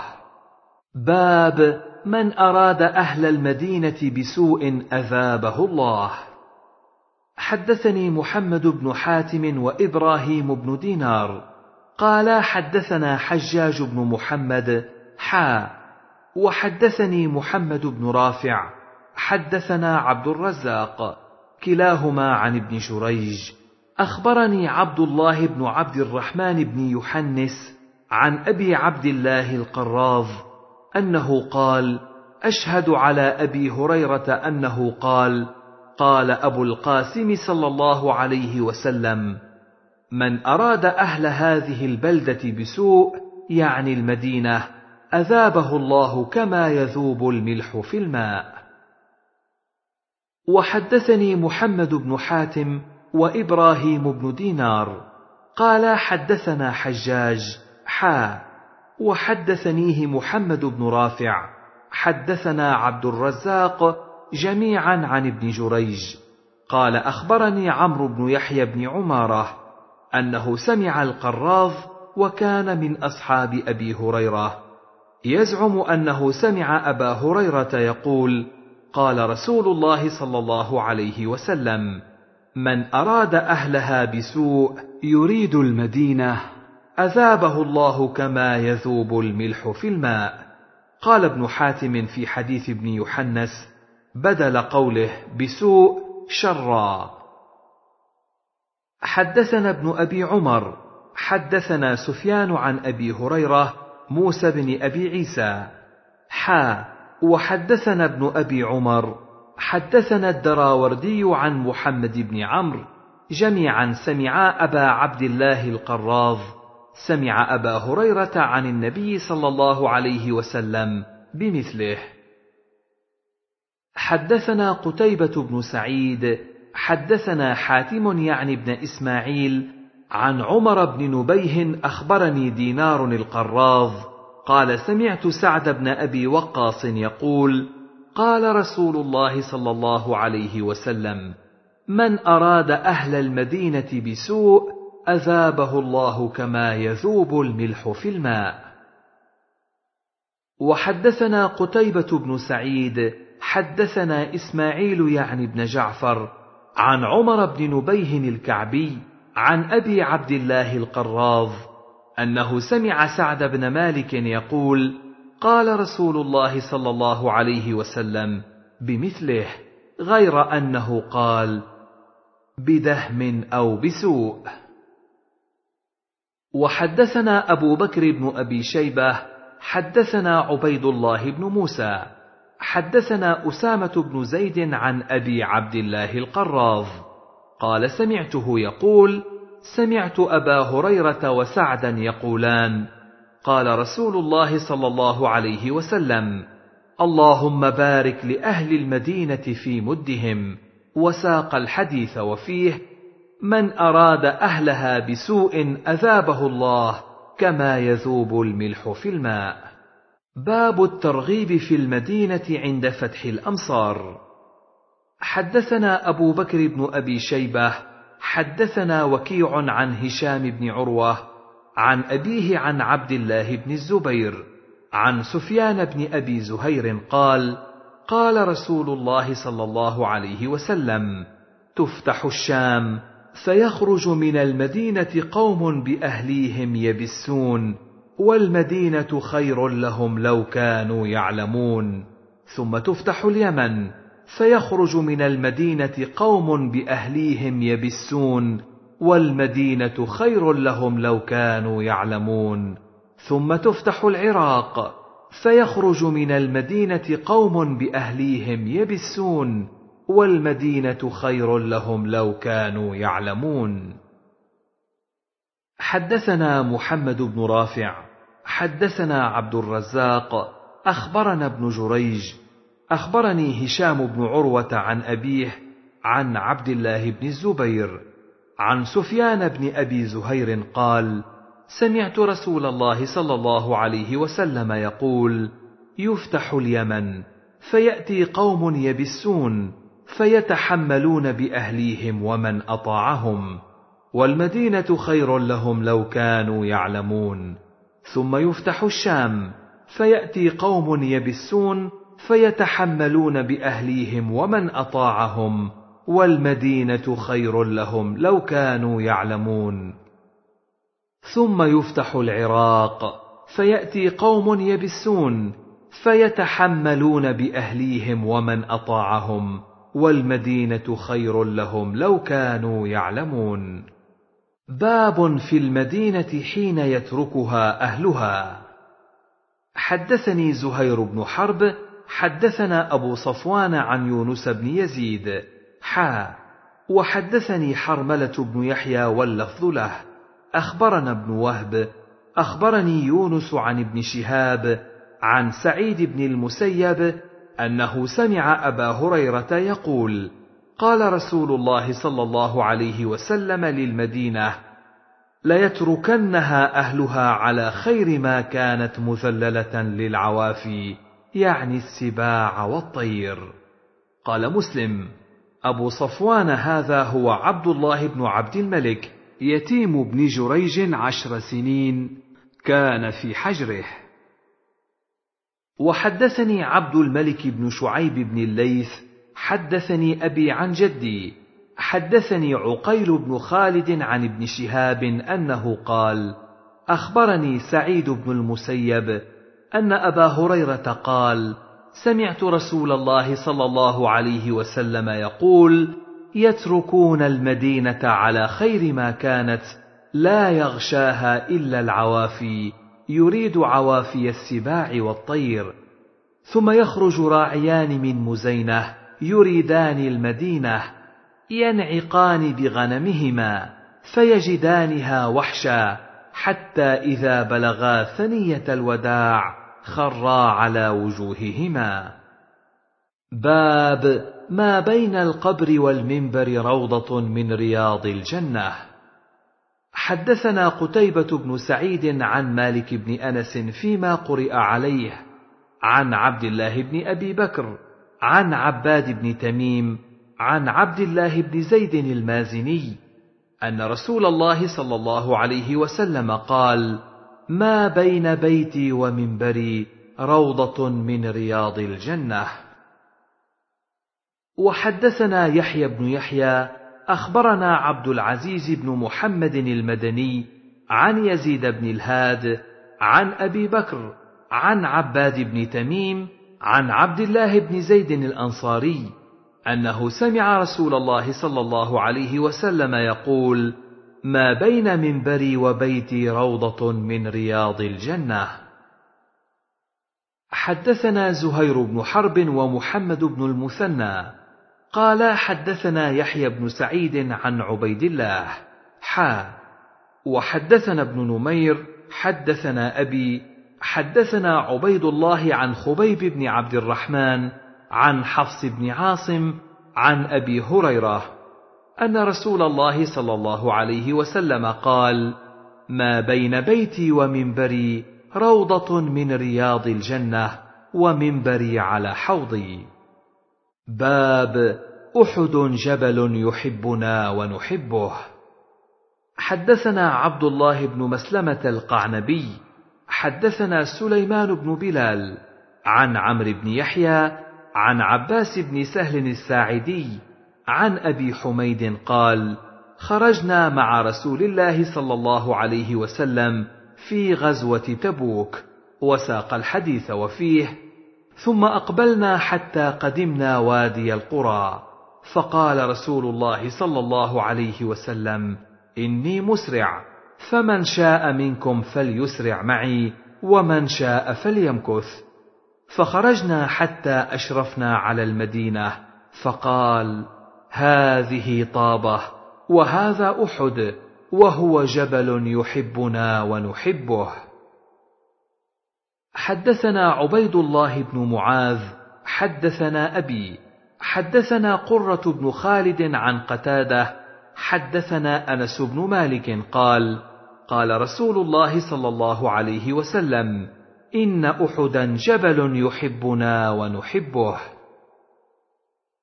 وحدثنيه عبيد الله بن عمر القواريري حدثني حرمي بن عمارة حدثنا قرة عن قتادة عن أنس قال نظر رسول الله صلى الله عليه وسلم إلى أحد فقال إن أحدا جبل يحبنا ونحبه. باب فضل الصلاة بمسجدي مكة والمدينة. حدثني عمرو الناقد وزهير بن حرب واللفظ له. قال حدثنا سفيان بن عيينة عن الزهري عن سعيد بن المسيب عن أبي هريرة يبلغ به النبي صلى الله عليه وسلم. قال صلاة في مسجدي هذا أفضل من ألف صلاة فيما سواه إلا المسجد الحرام. حدثني محمد بن رافع وعبد بن حميد. قال عبد أخبرنا. وقال ابن رافع حدثنا عبد الرزاق. أخبرنا معمر عن الزهري عن سعيد بن المسيب عن أبي هريرة قال قال رسول الله صلى الله عليه وسلم صلاة في مسجدي هذا خير من ألف صلاة في غيره من المساجد. إلا المسجد الحرام. حدثني إسحاق بن منصور حدثنا عيسى بن المنذر الحمصي حدثنا محمد بن حرب حدثنا الزبيدي عن الزهري عن أبي سلمة بن عبد الرحمن وأبي عبد الله الأغر مولى الجهنيين وكان من أصحاب أبي هريرة. أنهما سمعا أبا هريرة يقول صلاة في مسجد رسول الله صلى الله عليه وسلم أفضل من ألف صلاة فيما سواه من المساجد إلا المسجد الحرام. فإن رسول الله صلى الله عليه وسلم آخر الأنبياء وإن مسجده آخر المساجد. قال أبو سلمة وأبو عبد الله لم نشك أن أبا هريرة كان يقول عن حديث رسول الله صلى الله عليه وسلم فمنعنا ذلك أن نستثبت أبا هريرة عن ذلك الحديث حتى إذا توفي أبو هريرة تذاكرنا ذلك وتلاومنا ألا نكون كلمنا أبا هريرة في ذلك حتى يسنده إلى رسول الله صلى الله عليه وسلم إن كان سمعه منه. فبينا نحن على ذلك جالسنا عبد الله بن إبراهيم بن قارض فذكرنا ذلك الحديث والذي فرطنا فيه من نص أبي هريرة عنه. فقال لنا عبد الله بن إبراهيم أشهد أني سمعت أبا هريرة يقول قال رسول الله صلى الله عليه وسلم فإني آخر الأنبياء وإن مسجدي آخر المساجد. حدثنا محمد بن المثنى وابن أبي عمر جميعا عن الثقفي. قال ابن المثنى حدثنا عبد الوهاب. قال سمعت يحيى بن سعيد يقول سألت أبا صالح هل سمعت أبا هريرة يذكر فضل الصلاة في مسجد رسول الله صلى الله عليه وسلم؟ فقال لا. ولكن أخبرني عبد الله بن إبراهيم بن قارض أنه سمع أبا هريرة يحدث أن رسول الله صلى الله عليه وسلم قال صلاة في مسجدي هذا خير من ألف صلاة أو كألف صلاة فيما سواه من المساجد إلا أن يكون المسجد الحرام. وحدثنيه زهير بن حرب وعبيد الله بن سعيد ومحمد بن حاتم قالوا حدثنا يحيى القطان عن يحيى بن سعيد بهذا الإسناد.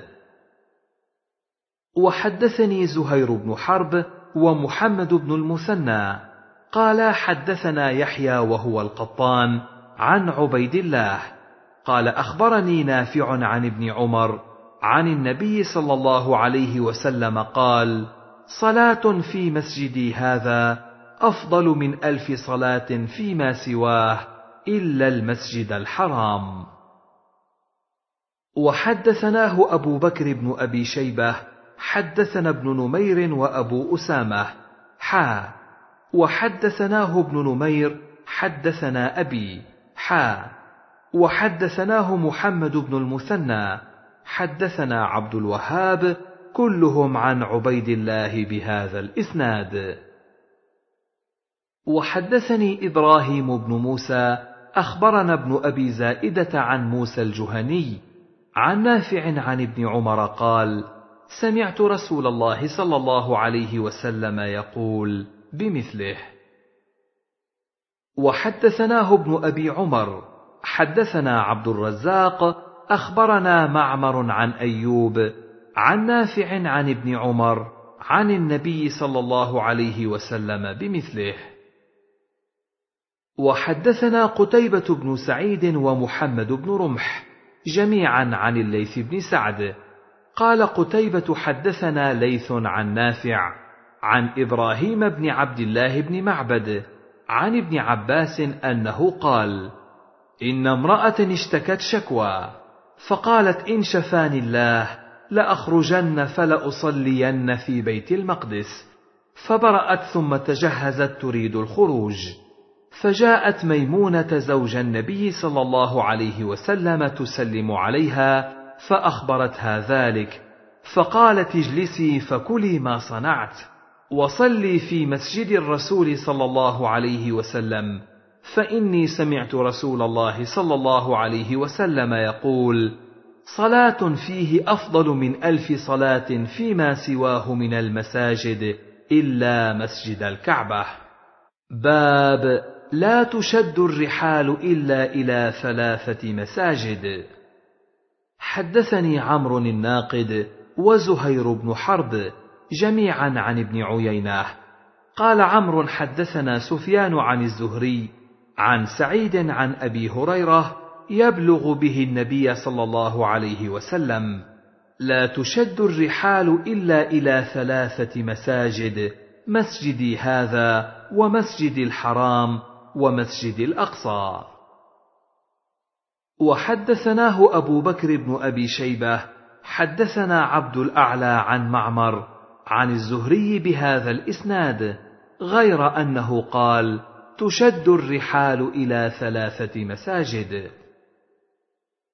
وحدثنا هارون بن سعيد الأيلي حدثنا ابن وهب حدثني عبد الحميد بن جعفر أن عمران بن أبي أنس حدثه أن سلمان الأغر حدثه أنه سمع أبا هريرة يخبر أن رسول الله صلى الله عليه وسلم قال إنما يسافر إلى ثلاثة مساجد مسجد الكعبة ومسجدي ومسجد إيلياء. باب فضل مسجد قباء وفضل الصلاة فيه وزيارته. حدثنا أبو جعفر أحمد بن منيع. حدثنا إسماعيل بن إبراهيم. حدثنا أيوب عن نافع عن ابن عمر أن رسول الله صلى الله عليه وسلم كان يزور قباء راكبا وماشيا. وحدثنا أبو بكر بن أبي شيبة. حدثنا عبد الله بن نمير وأبو أسامة عن عبيد الله.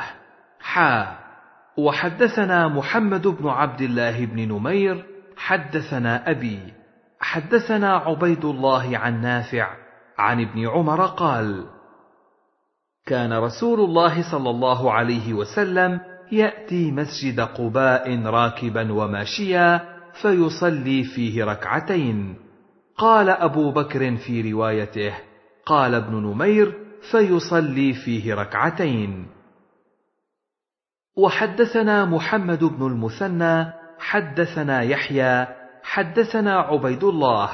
أخبرني نافع عن ابن عمر أن رسول الله صلى الله عليه وسلم كان يأتي قباء راكبا وماشيا. وحدثني أبو معن الرقاشي زيد بن يزيد الثقفي بصري ثقة. حدثنا خالد يعني ابن الحارث. عن ابن عجلان عن نافع عن ابن عمر عن النبي صلى الله عليه وسلم بمثل حديث يحيى القطان. وحدثنا يحيى بن يحيى قال قرأت على مالك عن عبد الله بن دينار عن عبد الله بن عمر أن رسول الله صلى الله عليه وسلم كان يأتي قباء راكبا وماشيا. وحدثنا يحيى بن أيوب وقتيبة وابن حجر. قال ابن أيوب حدثنا إسماعيل بن جعفر أخبرني عبد الله بن دينار أنه سمع عبد الله بن عمر يقول كان رسول الله صلى الله عليه وسلم يأتي قباء راكبا وماشيا. وحدثني زهير بن حرب حدثنا سفيان بن عيينة عن عبد الله بن دينار أن ابن عمر كان يأتي قباء كل سبت وكان يقول رأيت النبي صلى الله عليه وسلم يأتيه كل سبت. وحدثناه ابن أبي عمر حدثنا سفيان عن عبد الله بن دينار عن عبد الله بن عمر أن رسول الله صلى الله عليه وسلم كان يأتي قباء يعني كل سبت. كان يأتيه راكبا وماشيا. قال ابن دينار وكان ابن عمر يفعله. وحدثنيه عبد الله بن هاشم حدثنا وكيع عن سفيان عن ابن دينار بهذا الإسناد ولم يذكر كل السبت باب بيان أن المسجد الذي أسس على التقوى هو مسجد النبي صلى الله عليه وسلم بالمدينة. حدثني محمد بن حاتم حدثنا يحيى بن سعيد عن حميد الخراط. قال سمعت أبا سلمة بن عبد الرحمن قال مر بي عبد الرحمن بن أبي سعيد الخدري. قال قلت له كيف سمعت أباك يذكر في المسجد الذي أسس على التقوى؟ قال قال أبي دخلت على رسول الله صلى الله عليه وسلم في بيت بعض نسائه فقلت يا رسول الله أي المسجدين الذي أسس على التقوى؟ قال فأخذ كفا من حصباء فضرب به الأرض ثم قال هو مسجدكم هذا لمسجد المدينة؟ قال فقلت أشهد أني سمعت أباك هكذا يذكره. وحدثنا أبو بكر بن أبي شيبة وسعيد بن عمرو الأشعثي قال سعيد أخبرنا وقال أبو بكر حدثنا